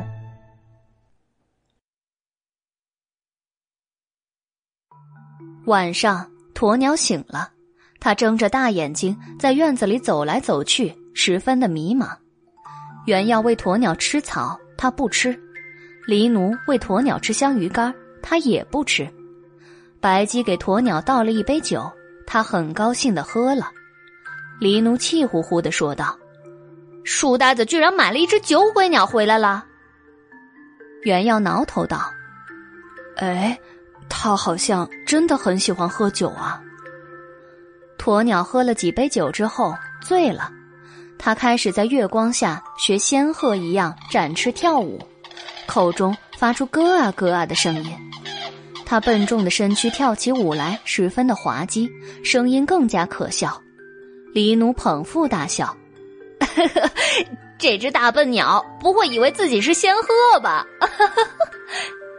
原耀有些窘迫，朝鸵鸟喊道：“哎，不要再把自己当做仙鹤了，会被嘲笑的。”白鸡看见鸵鸟学仙鹤跳舞，居然没有笑，他取了一只笛子，横在唇边，吹起了一首空灵而婉转的曲子，为鸵鸟助兴。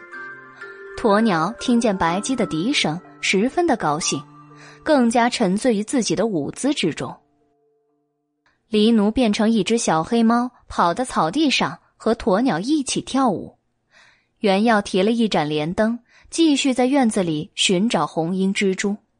白鸡答应他，如果他找到红缨蜘蛛，就不扣他的工钱了。一些夜游的妖怪听见白鸡的笛声。纷纷来到缥缈阁的后院，加入了跳舞的行列。不一会儿，草地上千妖乱舞，百鬼纵歌。一只皮鼓化成的器物妖把鼓槌递给原耀，让他敲自己。原耀不敢拒绝，只好接过鼓槌，合着白鸡的笛声敲皮鼓。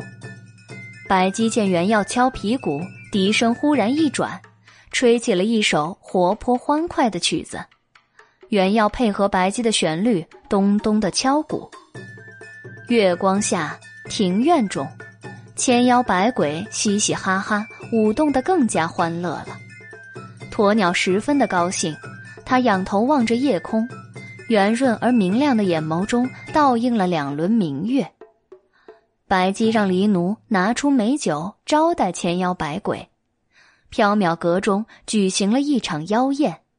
妖怪们玩得很尽兴，圆月西沉时才逐渐散去。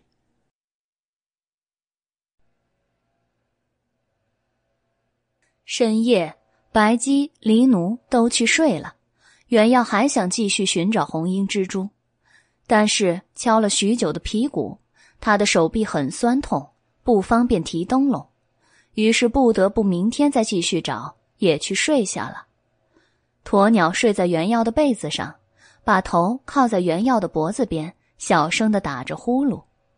原耀撵了鸵鸟几次，让他去后院睡，但他总会在小书生睡着时再跑来，睡在他的被子上，小书生也就随他去了。第二天，原耀在晨光中醒来，鸵鸟还在呼呼大睡，原耀打着哈欠，穿上了外衣。去后院的古井边梳洗。他刚走到回廊，就吓了一跳，睁大了眼睛。青草之中，一夜之间长满了某种藤蔓植物，青翠而柔嫩的叶子下结了一串又一串的红缨蜘蛛，红珠碧叶覆盖了大半个后院，色泽鲜艳的红珠子上还带着清晨的露水，看上去美丽而诱人。原耀张大了嘴，心中思忖：这下子找到了满院子的红缨蜘蛛，不知道白鸡会不会给他涨工钱呢？李奴起床之后，也看见了满院子的红缨蜘蛛，十分惊讶。他摘了一串红缨蜘蛛，放进嘴里尝了尝，转惊讶为高兴，说：“哎，吃着和樱桃差不多呀！今晚爷来做一盘樱桃鱼。”原耀冷汗，呃，黎奴老弟，这不是樱桃啊，而且还不知道这东西有没有毒，能不能吃啊？兔子都能吃，怎么会有毒呢？书呆子，放心吃吧。原耀还是不敢吃。日上三竿时，白鸡起床了。他看见满院子的红缨蜘蛛，有些惊讶。哎，居然长出来了！看来昨天的红缨蜘蛛是掉进土里了。还好符阵没有完全失效。袁耀苦着脸说：“这红缨蜘蛛是不是长得太茂盛了？小生早上看见时，它们才长了半个院子，现在已经扩散到整个院子了。”白鸡采了一串红缨蜘蛛，摘了一颗放进嘴里，笑道：“生命力旺盛是一件好事儿，我倒没有料到它的长势这么好。这下子不仅可以引来白兔，我们也可以尽情的吃了。”黎奴说：“主人，黎奴打算采一些红缨蜘蛛做红缨之鱼。红缨蜘蛛的口感有些酸涩。”再采一些做蜜饯吧，用马老太君送的镜花蜜腌制，一定很美味。黑猫挠头，可是黎奴不会做蜜饯呀。胡十三郎很会做蜜饯，他去年送来的青梅和幸福都很好吃，去请十三郎来做吧。黎奴讨厌那只臭红狐狸，黎奴去请他，他一定会摆臭架子，嘲笑黎奴。黎奴会很没面子的。黎奴很不高兴，他和胡十三郎一向不和，是死对头，每次一见面，他们就会打起来。白姬掩唇笑道：“红缨蜘蛛腌制成蜜饯之后，再做鱼块，想必一定很美味的。”黎奴闻言，口水哗啦，妥协了。主人的蜜饯比狸奴的面子更重要。如果那只臭狐狸对爷狂妄无礼，等蜜饯做好了，爷再收拾他。白鸡拍了拍黑猫的头，笑道：“十三郎来了就是客人，不许故意欺负他。”主人，他还没来，你就胳膊肘往外拐，黎奴太伤心了。原耀忍不住说。是黎奴老弟，你太霸道了。十三郎还没来，你就想着收拾他了。你闭嘴！黑猫骂道。原耀不敢反驳。黎奴出门去翠华山找胡十三郎了。最近平康坊有无头鬼作祟，白姬穿上男装，扮成龙公子，带着几张符咒坑银子去了。小书生留在缥缈阁看店。缥缈阁的生意十分冷清，原要坐在大厅中，一边喝茶一边读《论语》。鸵鸟在后院玩累了，跑来找小书生讨酒喝。小书生怕他醉了发酒疯，只给他喝茶。鸵鸟很不高兴，用嘴啄小书生。小书生没有办法，只好给他倒了一杯罗浮春。鸵鸟心满意足的喝了酒，又跑去后院学仙鹤跳舞。原要不经意间抬头，发现一道金色的人影在缥缈阁外走来走去。缥缈阁虽然位于西市，但并不是真正存在于西市中。天上狼环地，人间缥缈香。缥缈阁并不存在于真实的世界中，但有缘之人可以从真实的世界走进缥缈阁，无缘之人则看不见缥缈阁。从真实的世界来看，缥缈阁外应该是一条幽僻的死巷，不是大街，不会有行人。那么，门外的金色人影是谁呢？如果是有缘之人，他为何不走进缥缈阁？如果是无缘之人，他为何在死巷外徘徊？袁耀心中好奇，他放下书本，走到大门边。他向外看去，看见了一名金衣青年。金衣青年约摸二十出头，看上去不像是大唐人。他的面容刚毅俊朗，身材魁梧精壮，穿着一身窄袖胡服，一头蓬松如炸开的卷发，左耳上穿着一大一小两个圆形金环。在阳光下看去，金衣青年的眼眸呈淡金色。和妖化的白鸡的眸色一样，他的脸色十分憔悴，神情也很焦虑，似乎有烦忧的心事。金衣青年在缥缈阁外走过来走过去，仿佛看不见缥缈阁的大门，也看不见站在门边观察他的原耀。凭着直觉，袁耀觉得金衣青年应该是非人。他在他的身上没有感受到恶意，又见他神色焦虑，于是就开口说道：“这位兄台看样子好像有忧心之事啊。”袁耀一开口，仿佛某种屏障在一瞬间轰然坍塌。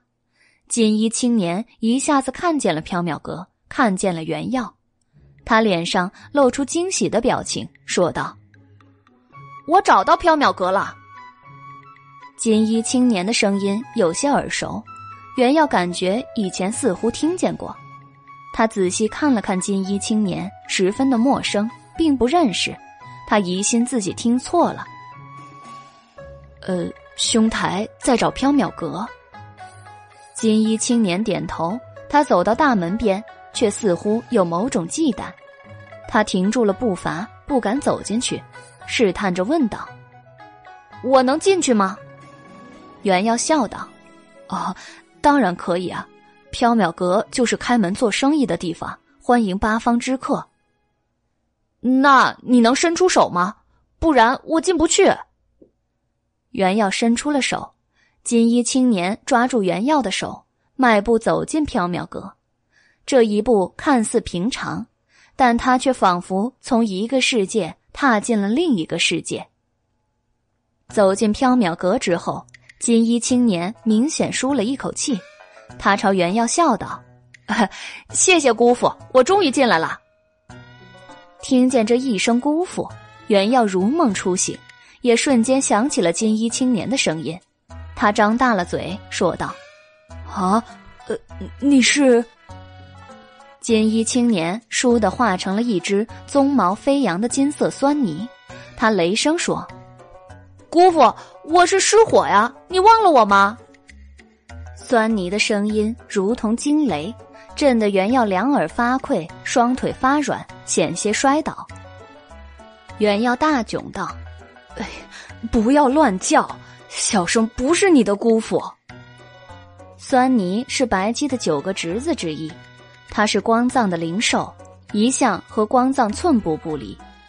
白姬在缥缈阁外布下结界。阻止光藏进入，酸泥也被法术阻隔，看不见缥缈阁，进不来缥缈阁。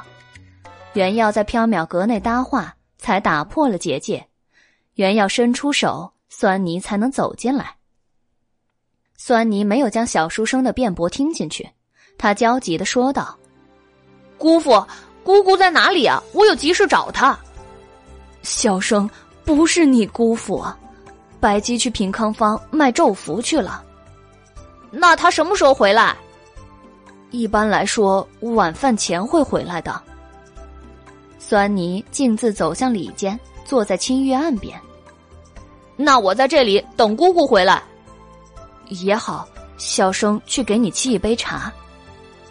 酸泥将头搁在青玉案上，眼睛滴溜溜的注视着原药，说道：“我不喝茶。”如果可以的话，请姑父给我燃一炉香。酸泥喜好静坐，喜欢香炉中溢出的烟雾。只要眼前有一炉香，他可以静坐一整天。小生不是你的姑父，原耀吼道。他取了一把紫檀香，放入一尊镂空的三足博山炉中，点燃之后，盖上山峰状的炉盖。将香炉放在了青玉案上，酸泥陶醉的望着从香炉中喷出的一缕缕白烟，神色安静而满足，似乎连焦虑也暂时忘记了。原要来到后院，发现红缨蜘蛛长势惊人，短短一个时辰之内，它们不仅铺满了整个院落，还蔓延到回廊之中了。鸵鸟躺在院子里。全身埋在苍绿色的藤蔓中，只留下一颗圆乎乎的头颅在外面。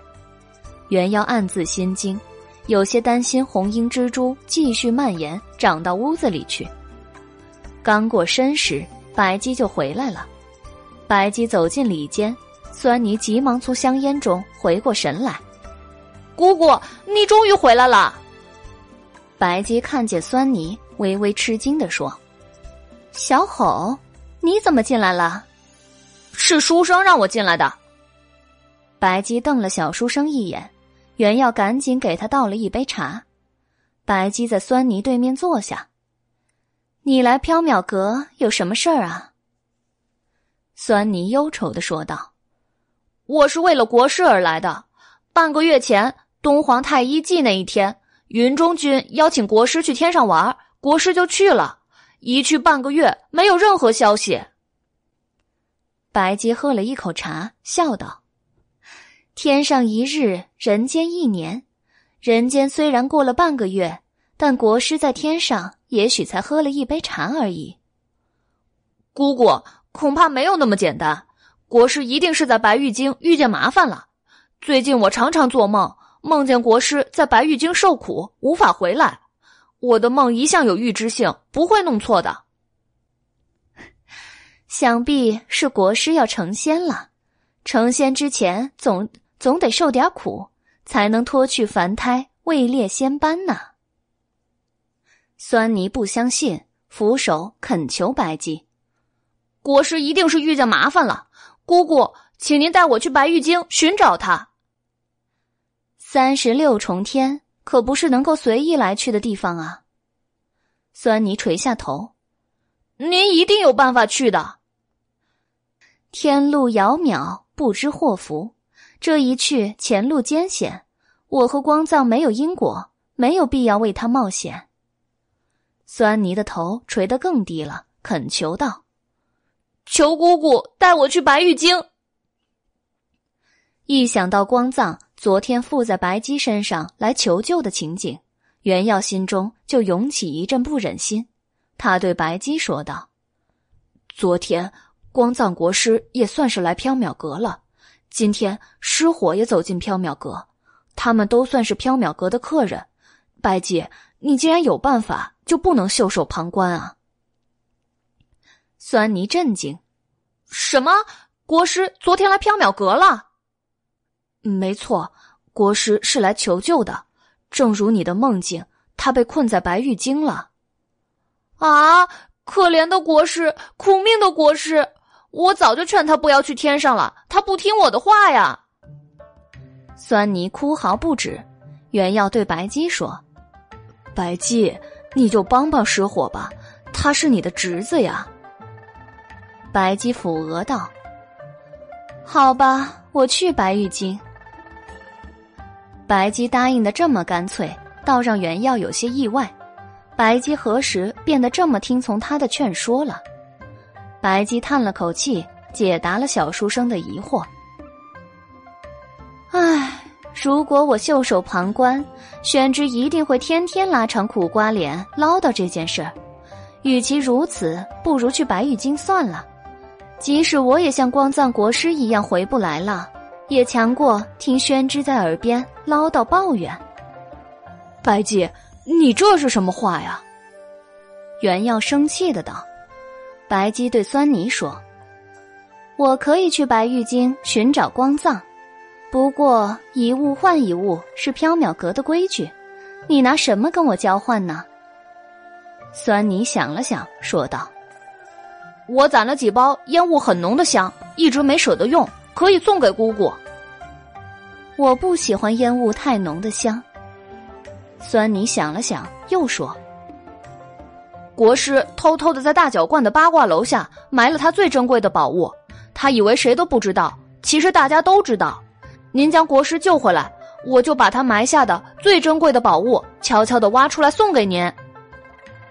贪财的白龙双目一亮，一言为定，一言为定。酸泥说着，他想挖国师的宝物是为了救国师，国师也不会有什么怨言吧。白姬对酸泥说道：“那小吼。”你先回大脚观等我的消息。好，一切就拜托姑姑了。酸泥行了一礼，诚恳的说道。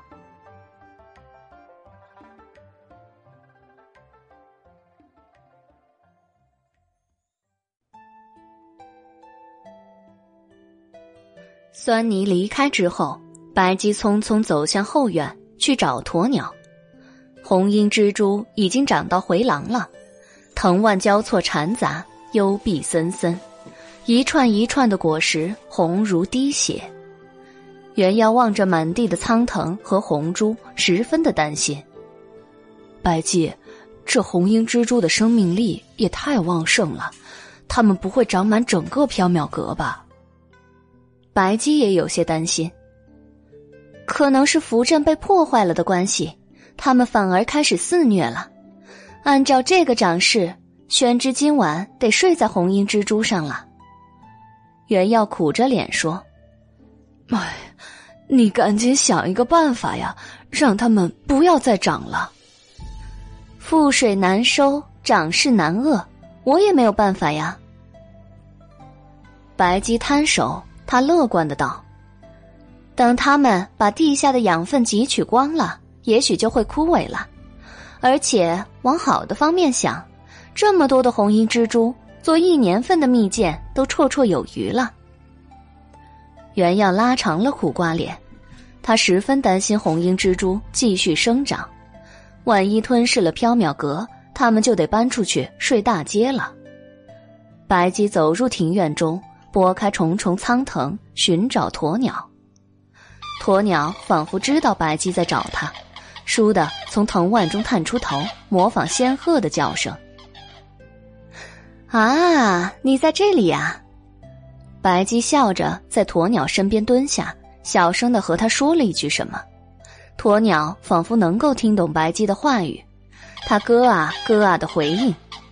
白姬和鸵鸟一人一句的对话，原要隔得太远，白姬的声音又小，他听不清他在说什么。原要很好奇白姬和鸵鸟说了些什么，但也不敢多问。最后，白姬站起身。望向苍茫的天空，鸵鸟也抬头望向天空，它圆润而清澈的眸子中倒映了整片天空。月末傍晚时，黎奴从翠华山回来了，带着一身的伤痕。原要用脚趾头也猜得出来，他又和十三郎起了冲突，打架了。但是当白姬问黎奴怎么受伤了的时候，黎奴却说。路上不小心摔了一跤，那只臭狐狸说他明天来。白姬也没追根问底，只说道：“里间的货架上有菩提露，治疗伤筋动骨效果很好。黎奴，明天晚上我要出远门，你也跟我一起去。我不放心把你和十三郎一起留在缥缈阁。每一次。”黑猫和红狐狸撞在一起都会发生激斗，缥缈阁也会被毁灭一次。再好不过了，黎奴也不想整天看着九尾狐那张臭脸。黎奴也不问白姬要去哪里，就答应了。原耀在里间给黑猫涂抹菩提露时劝道：“黎奴老弟，同是九尾，相煎何太急啊！”你应该和十三郎好好相处。黑猫白了小书生一眼，哼，除非日月星辰都在脚下，瀑布倒着流，水在火中烧，爷才有可能和那只臭狐狸好好相处。原耀嘀咕道：“可是这些都是不可能的事情啊，所以也不可能和臭狐狸好好相处。”黑猫生气地说：“原药被噎住了。”白姬用白纸剪了八串铃铛，他用朱砂笔在每一串铃铛上都写下了“兔铃”两个字。他将八串纸铃铛烧了，纸灰被风吹散之后，灰烬中露出了八串精巧的铜铃。白姬吩咐原药将铜铃分别挂在缥缈阁的八个方位，原药一一挂好了铃铛。他觉得有些奇怪，春风吹过时，铜铃在风中摇曳，但却没有声响。原耀问白姬道：“哎，白姬，这些铃铛怎么都不响啊？”白姬悠闲的喝茶，因为兔子没来呀。明晚我们去白玉京之后，必须请十三郎帮着捉兔子呢。我们小生也要去白玉京吗？当然了，难得去天上一次，宣之不想去开一开眼界吗？白玉京是一个非常神奇美丽的地方呢。白姬笑眯眯地说：“原耀有些心动。白玉京，听名字都很美。”白姬又笑眯眯的道：“如果时间充足的话，我们还可以去月宫一游，见一见嫦娥仙子。嫦娥仙子是一位绝色的大美人呢，连月光下盛开的血色木樨花也比不上她的美丽。”袁耀更加心动了。从小他就听说月宫里住着美丽的嫦娥仙子，一直的十分神往。袁耀答应了，呃，好，小生去。见袁耀一脸神往，白姬促狭的笑了。现在嘛，月宫中正缺一位捣药郎，宣之如果能够吃苦，倒是可以去顶替一下，这样就可以天天看见嫦娥仙子了。小生不会捣药，也认不全药材啊。呃，不对，小生没有想天天看见嫦娥仙子，小生对仙子绝无不敬的念想呀。看见面红耳赤、努力争辩的小书生，白姬哈哈大笑，心满意足的飘走了。捉弄小书生是这条龙妖的三大乐趣之一，他的其余两大乐趣，一是宰客。二是奴役小书生。黎奴今晚做了红缨之鱼，味道很诡异。白姬原药只吃了一口，就都不肯再吃第二口了。黎奴只好自己吃掉了大半盆红缨之鱼。鸵鸟的晚饭是一大盘红缨蜘蛛，还有三坛葡萄酒。白姬对鸵鸟很慷慨，竟然把自己珍藏的。准备夏天喝的西域葡萄酒也拿出来给他喝。原耀不明白白姬为什么对鸵鸟这么慷慨，心中很是迷惑。月亮升起，清辉满地。今晚的圆月还差一角缺口，明晚才是满月。红缨蜘蛛已经蔓延到大厅了，原耀十分的惊恐，白姬也没有办法，只劝原耀忍耐一下。原耀没办法睡在大厅了，白姬让他和黎奴一起睡里间，黎奴不愿意，但又不能违逆白姬，只好勉强同意了。原耀、黎奴铺好各自的寝具，并排躺在里间中。吹熄灯火之后，黎奴很快就睡着了，发出了细微的鼾声。原耀无法入睡，在安静的黑暗中。他似乎能够听见红缨蜘蛛的藤蔓在疯狂生长的声音，不过渐渐的，原耀也困了，坠入了梦乡。第二天，原耀醒来时，天色已经大亮了，琥珀色的阳光透过苍翠的藤蔓和木叶的缝隙洒落，变成了一种略暗的金绿色。原耀的头脑还不清醒。对扑面而来的大片金绿色还无法适应，他怔怔地望着爬满绿色藤蔓的窗户和房梁，头脑中一片空白。黎奴睁着眼睛平躺在原耀身边，他早已经醒了，但不知道为什么没有起床。黎奴瞥了一眼原耀，说道：“书呆子，你醒了。”原耀如梦初醒，哦。醒了，那继续躺着吧。为什么要继续躺着呀？唉，因为我们都被藤蔓绑在地上了。原耀低头，这才发现自己和黎奴都被蔓延到里间的红缨蜘蛛缠得结结实实。他试着挣扎了一下，完全没有办法挣开束缚。只好也和黎奴一起睁着眼睛躺着。日上三竿时，白姬披散着头发，打着哈欠走下爬满藤蔓的楼梯。他的头发上还挂着几串红缨蜘蛛。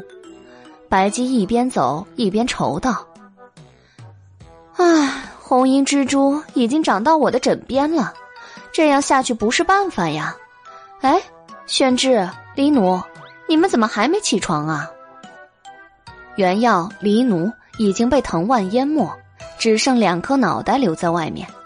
原药苦着脸道：“白姬，一觉醒来，藤蔓就把小生给缠住了，没办法起床啊。”黎奴也说道：“主人，黎奴快被勒死了。”白姬从缠着藤蔓的货架上取下胡刀，割断原药和黎奴身上的藤蔓。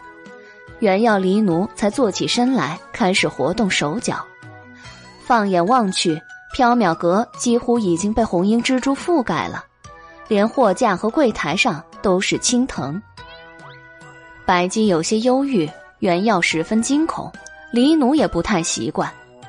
原药劝白姬把红缨蜘蛛拔了，白姬说道：“先忍耐一下吧，等找到兔子再拔。况且……”也不知道能不能拔掉呢。中午的时候，胡十三郎来拜访了。虽然身上有几处抓伤，但是小红狐狸还是很有精神。他端正的坐在白姬面前，礼貌的说道：“因为昨天突然受伤，某来迟了一天，真是十分的抱歉。”说着，小狐狸剜了黑猫一眼。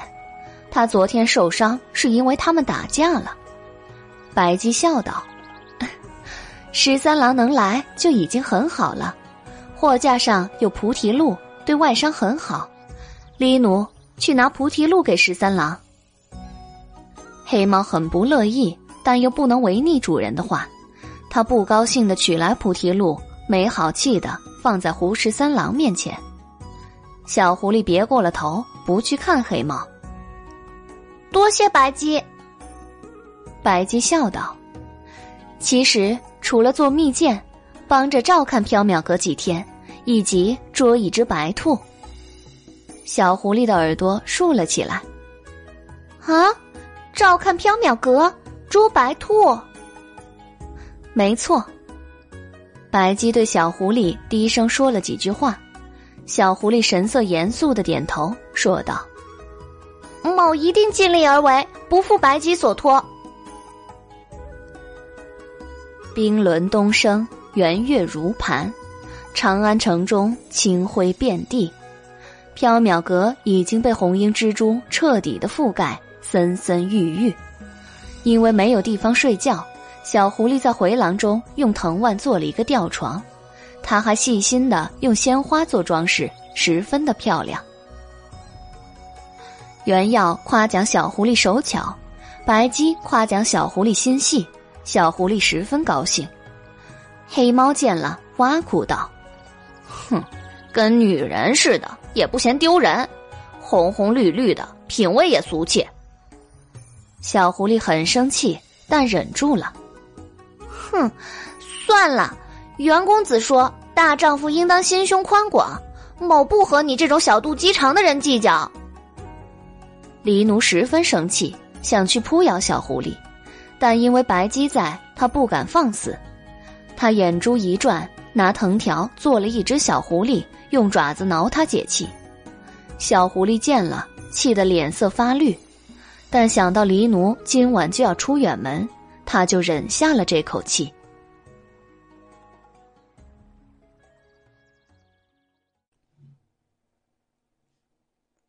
小狐狸见了，气得脸色发绿，但想到黎奴今晚就要出远门，他忍下了这口气。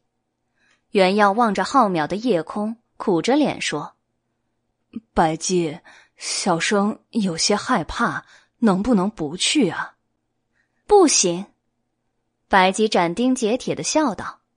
鸵鸟坐在原耀旁边，它咯啊的叫了一声，用小脑袋蹭原耀的脸。似乎在安慰他，不要担心。原耀对鸵鸟说：“你又不去天上，你不会明白小生的忧愤。”鸵鸟又咯啊一声，似乎在反驳。白姬笑道：“谁说他不去啊？他也会和我们一起去天上。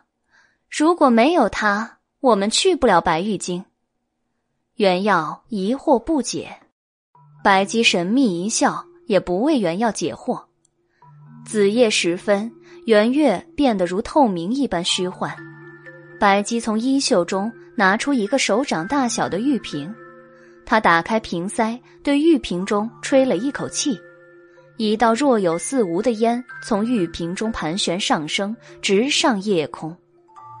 元妖望着夜空，什么也看不清。不过，似乎只是似乎，圆月变得更加虚渺了。一缕半透明的五色云雾缓缓下降，落在缥缈阁的后院中。鸵鸟踱步到月光下，仰头将五色云雾吞入了口中。当五色云雾都被吸入鸵鸟的腹中时，鸵鸟开始如仙鹤一般翩翩起舞。白姬将玉瓶收入衣袖中，笑眯眯的望着鸵鸟。原要囧道：“白姬。”他居然还把自己当仙鹤呀！白姬笑道：“他本来就是仙鹤呀，不仅是仙鹤，他曾经还是天上的鹤仙呢。”随着白姬的话音落下，一道五彩光芒闪过，肥笨的鸵鸟不见了。在鸵鸟翩翩起舞的地方，站着一只体型优美、羽毛洁白的仙鹤。仙鹤的头顶有一点王冠般的赤色，它睁着灵动而水润的眼睛，注视着白姬和原耀，口吐人言：“吾能恢复鹤仙之身，再上青天，实在是很高兴。”白姬笑道：“ 这只是您的一次小劫数，已经度过了，就安然无事了。时间不早了。”请鹤仙如约带我们去白玉京。仙鹤说道：“等吾召唤同伴，人间太险恶了，吾要将人间所有的鹤都带上三十六重天。”白姬刚要阻止，仙鹤已经飞走了。原耀吃惊的道：“啊，白姬，这是怎么回事啊？”白姬说道。这只鸵鸟是天上的鹤仙，它因为喝醉酒犯了天规，被仙人惩罚变成鸵鸟来人间受劫。只有吃到月宫中的五彩云，他才能恢复鹤仙之身。我和他定下了约定，我让他吃到五彩云，他带我们去白玉京。啊，原来他真的是仙鹤呀！原要舌脚不下。他想起众人嘲笑鸵鸟、老翁抽打鸵鸟的情形，心中有些酸涩。没有人相信他是仙鹤，也没有人宽容的对待他。他在人间一定吃了很多苦，也一定对人间很失望吧？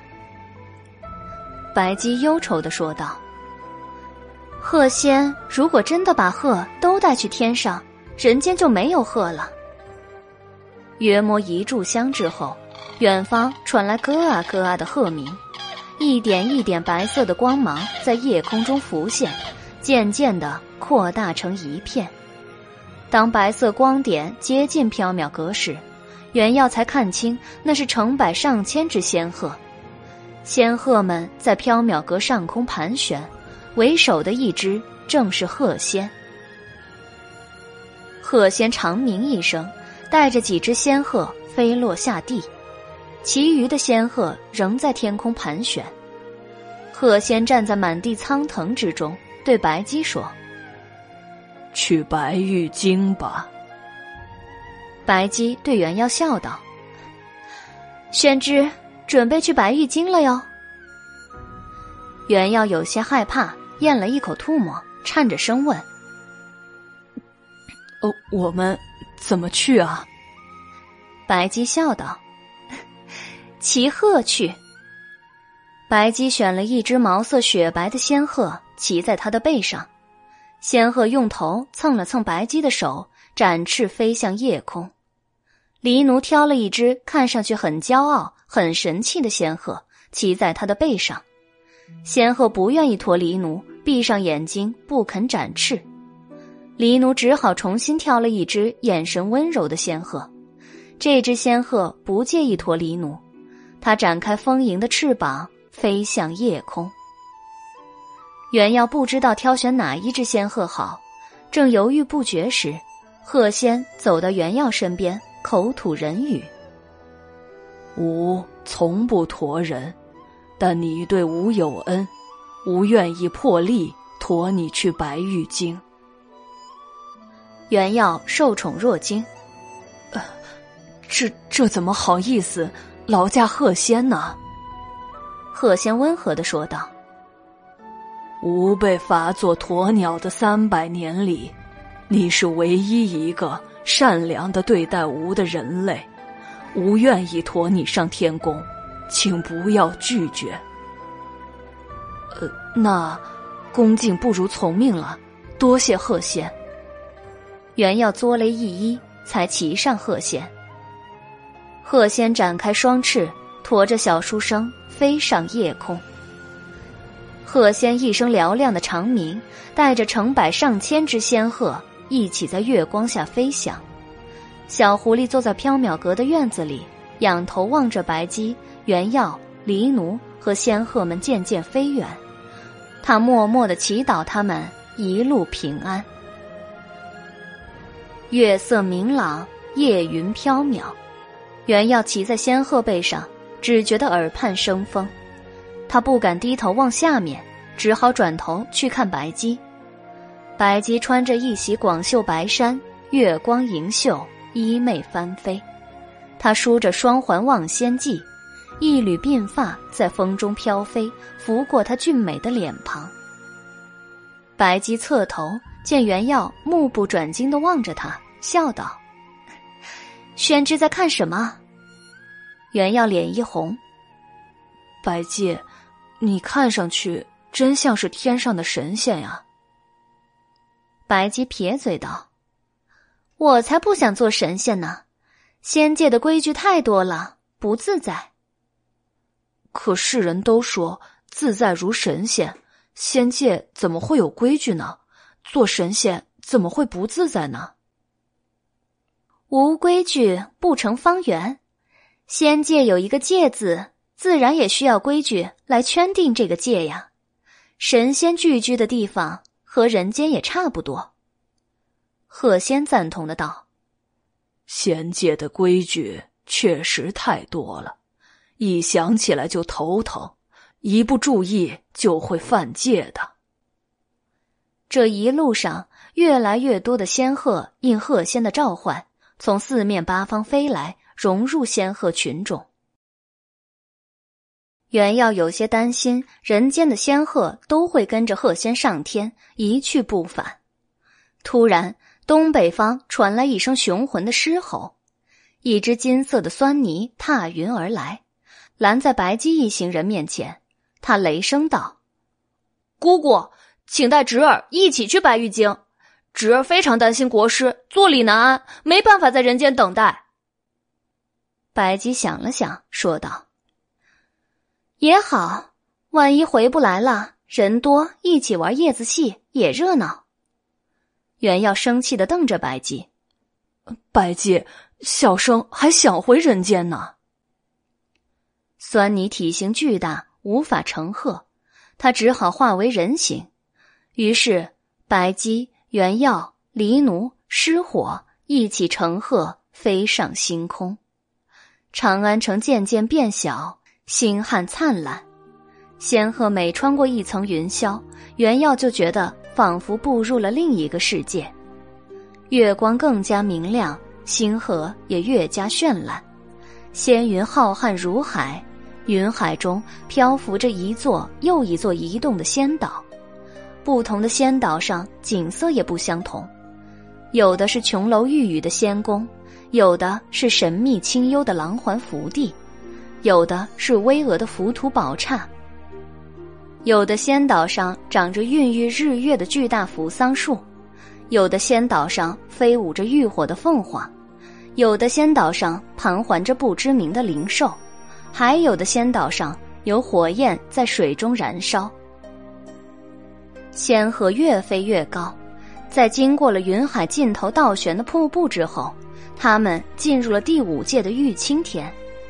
在玉清天中，日月同时挂在天上，星辰都在脚下，云海瀑布倒悬着，云海逆着瀑布倒流上天。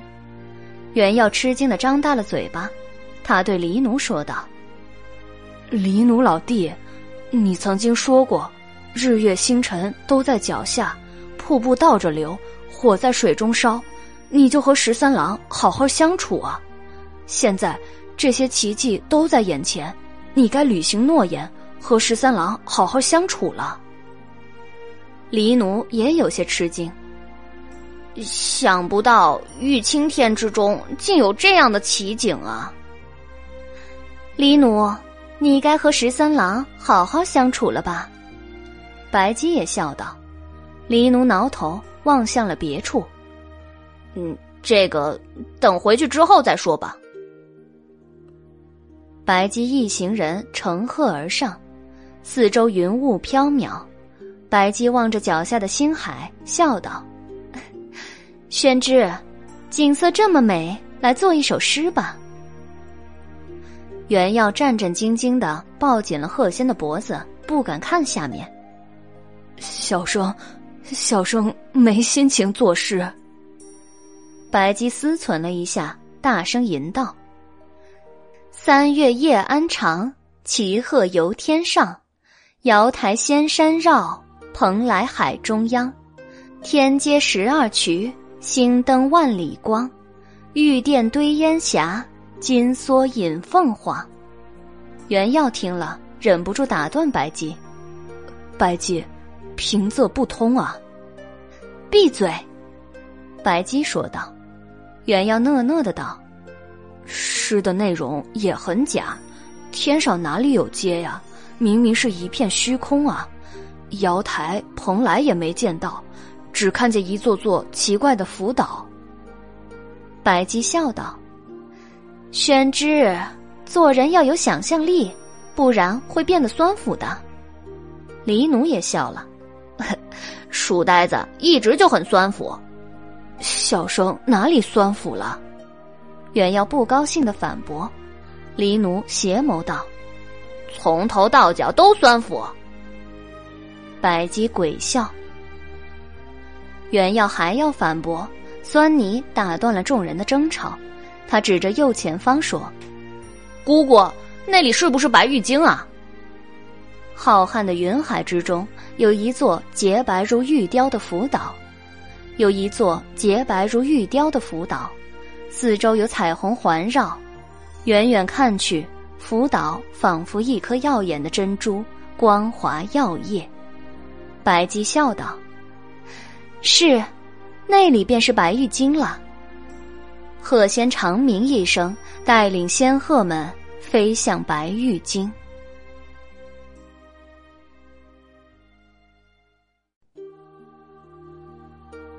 浩瀚的星海中，有一座洁白如玉雕的福岛，四周有彩虹环绕。远远看去，福岛仿佛一颗耀眼的珍珠，光滑辉夜。白姬笑道：“是，那里就是白玉京了。”鹤仙长鸣一声，带领仙鹤们飞向白玉京。何人擅闯白玉京？突然，一只极光兽踏云飞奔而来，迎向众仙鹤。极光兽的肋下有一双翅膀，四蹄之下有虚花绽放。极光兽过处。鹤群纷纷散开，极光兽停在白姬等人身前，俯视众人。他看见鹤仙，奇道：“鹤仙，你已经回天上了吗？这些是什么人？”鹤仙道：“今晚刚回来，这是一些朋友，他们来白玉京找人。找人？白玉京可不是能够随意进出找人的地方。”哦，难不成你们是来找那个偷吃天须丹的、被东皇太一惩罚的光头啊？酸泥一听，十分着急。国师怎么了？他没事吧？极光兽道：“哼，他被东皇太一惩罚重药，每天轮流在火焰之渊中种智果，千年冰冻中种冰玉芽，血虫壤中种虫葵，受尽了苦楚。”以一介凡人之躯，他恐怕撑不了多久了。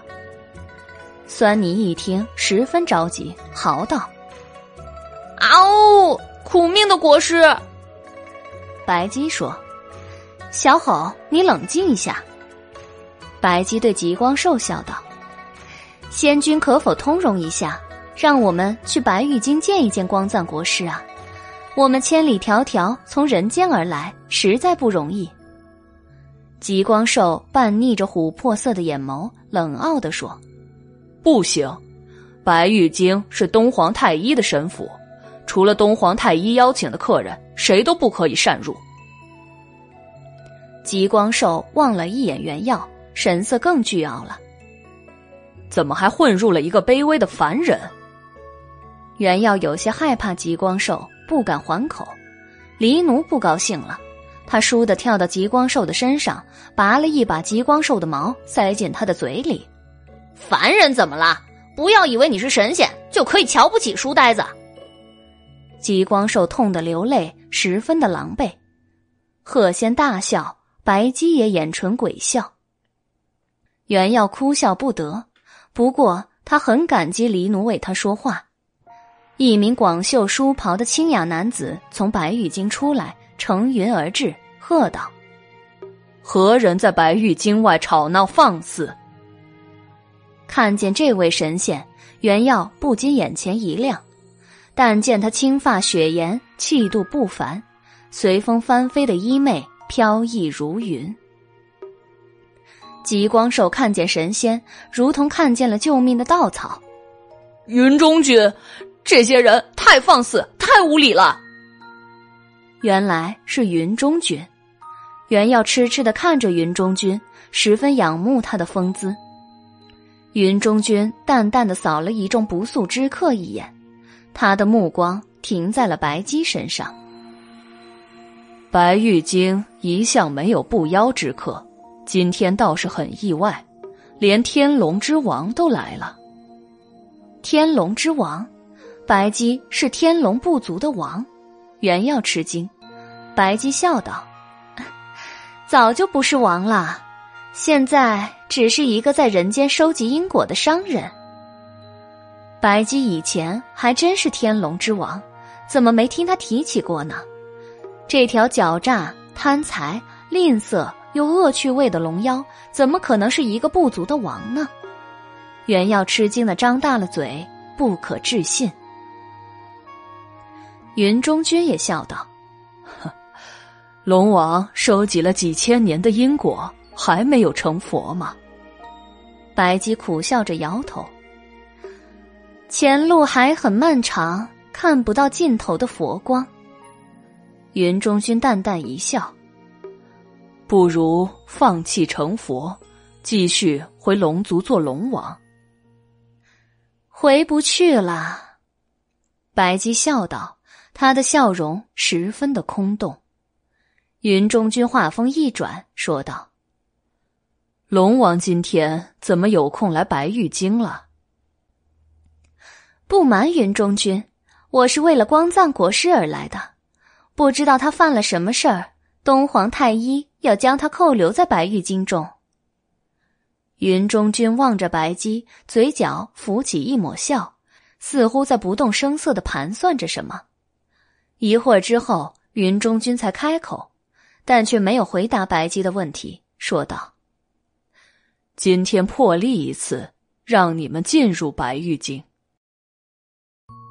云中君对着星空俯首，五彩祥云从四面八方汇聚而来，形成了一座弓形云桥。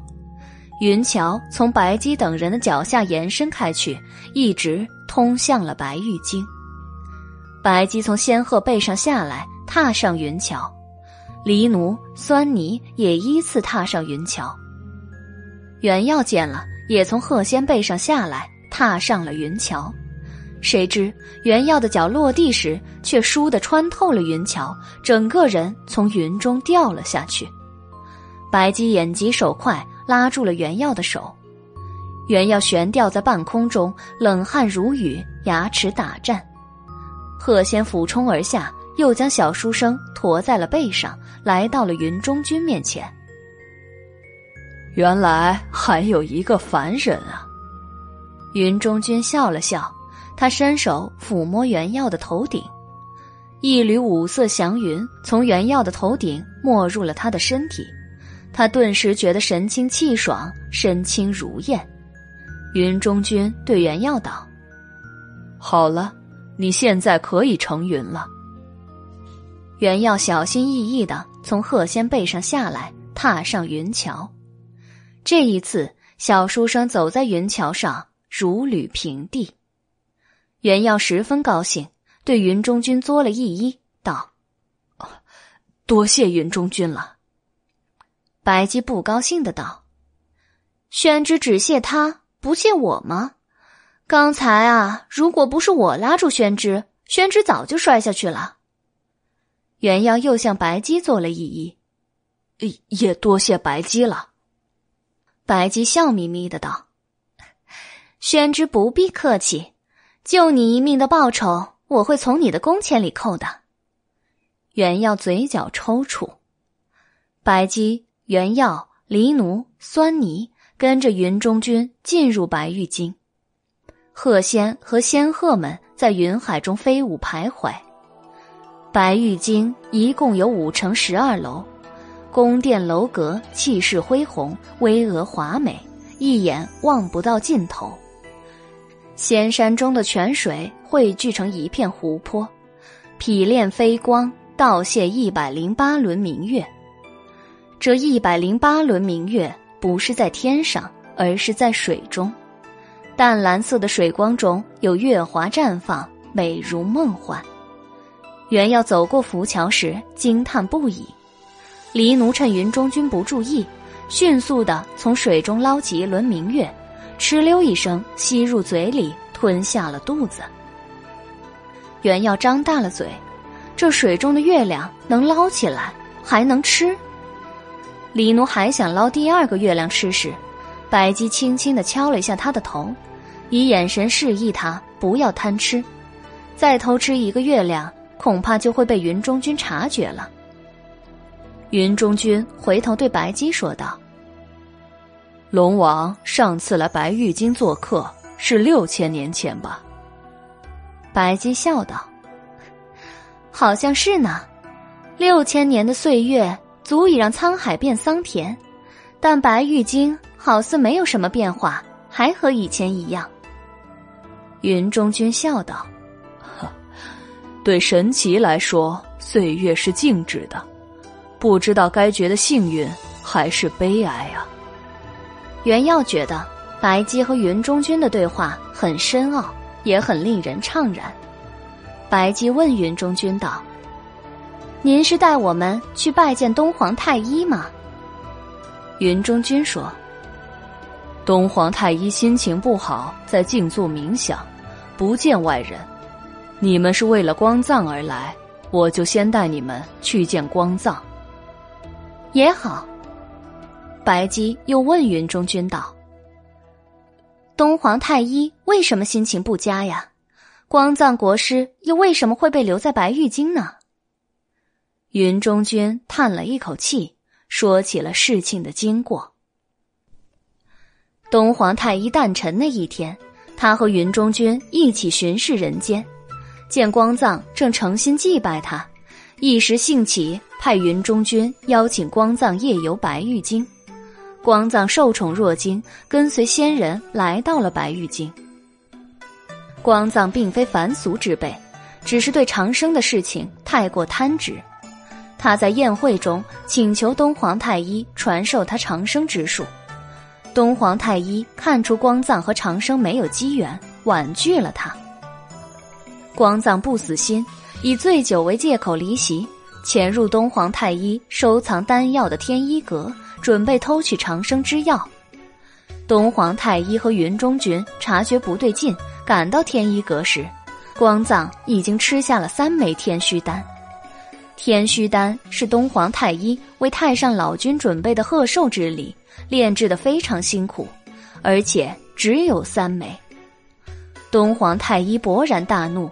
把光藏扣留在白玉京，不许他回人间。白姬、袁耀、黎奴酸泥冷汗，这光藏实在太糊涂和大胆了，竟然在神仙面前做出偷药这么无礼的事情。白姬转身道：“回去吧，光藏国师被困在白玉京也是自作自受，没必要管他了。”黎奴也转身：“牛鼻子的行为太丢人了，也不屑管他。”原耀站在原地。不知道怎么办才好。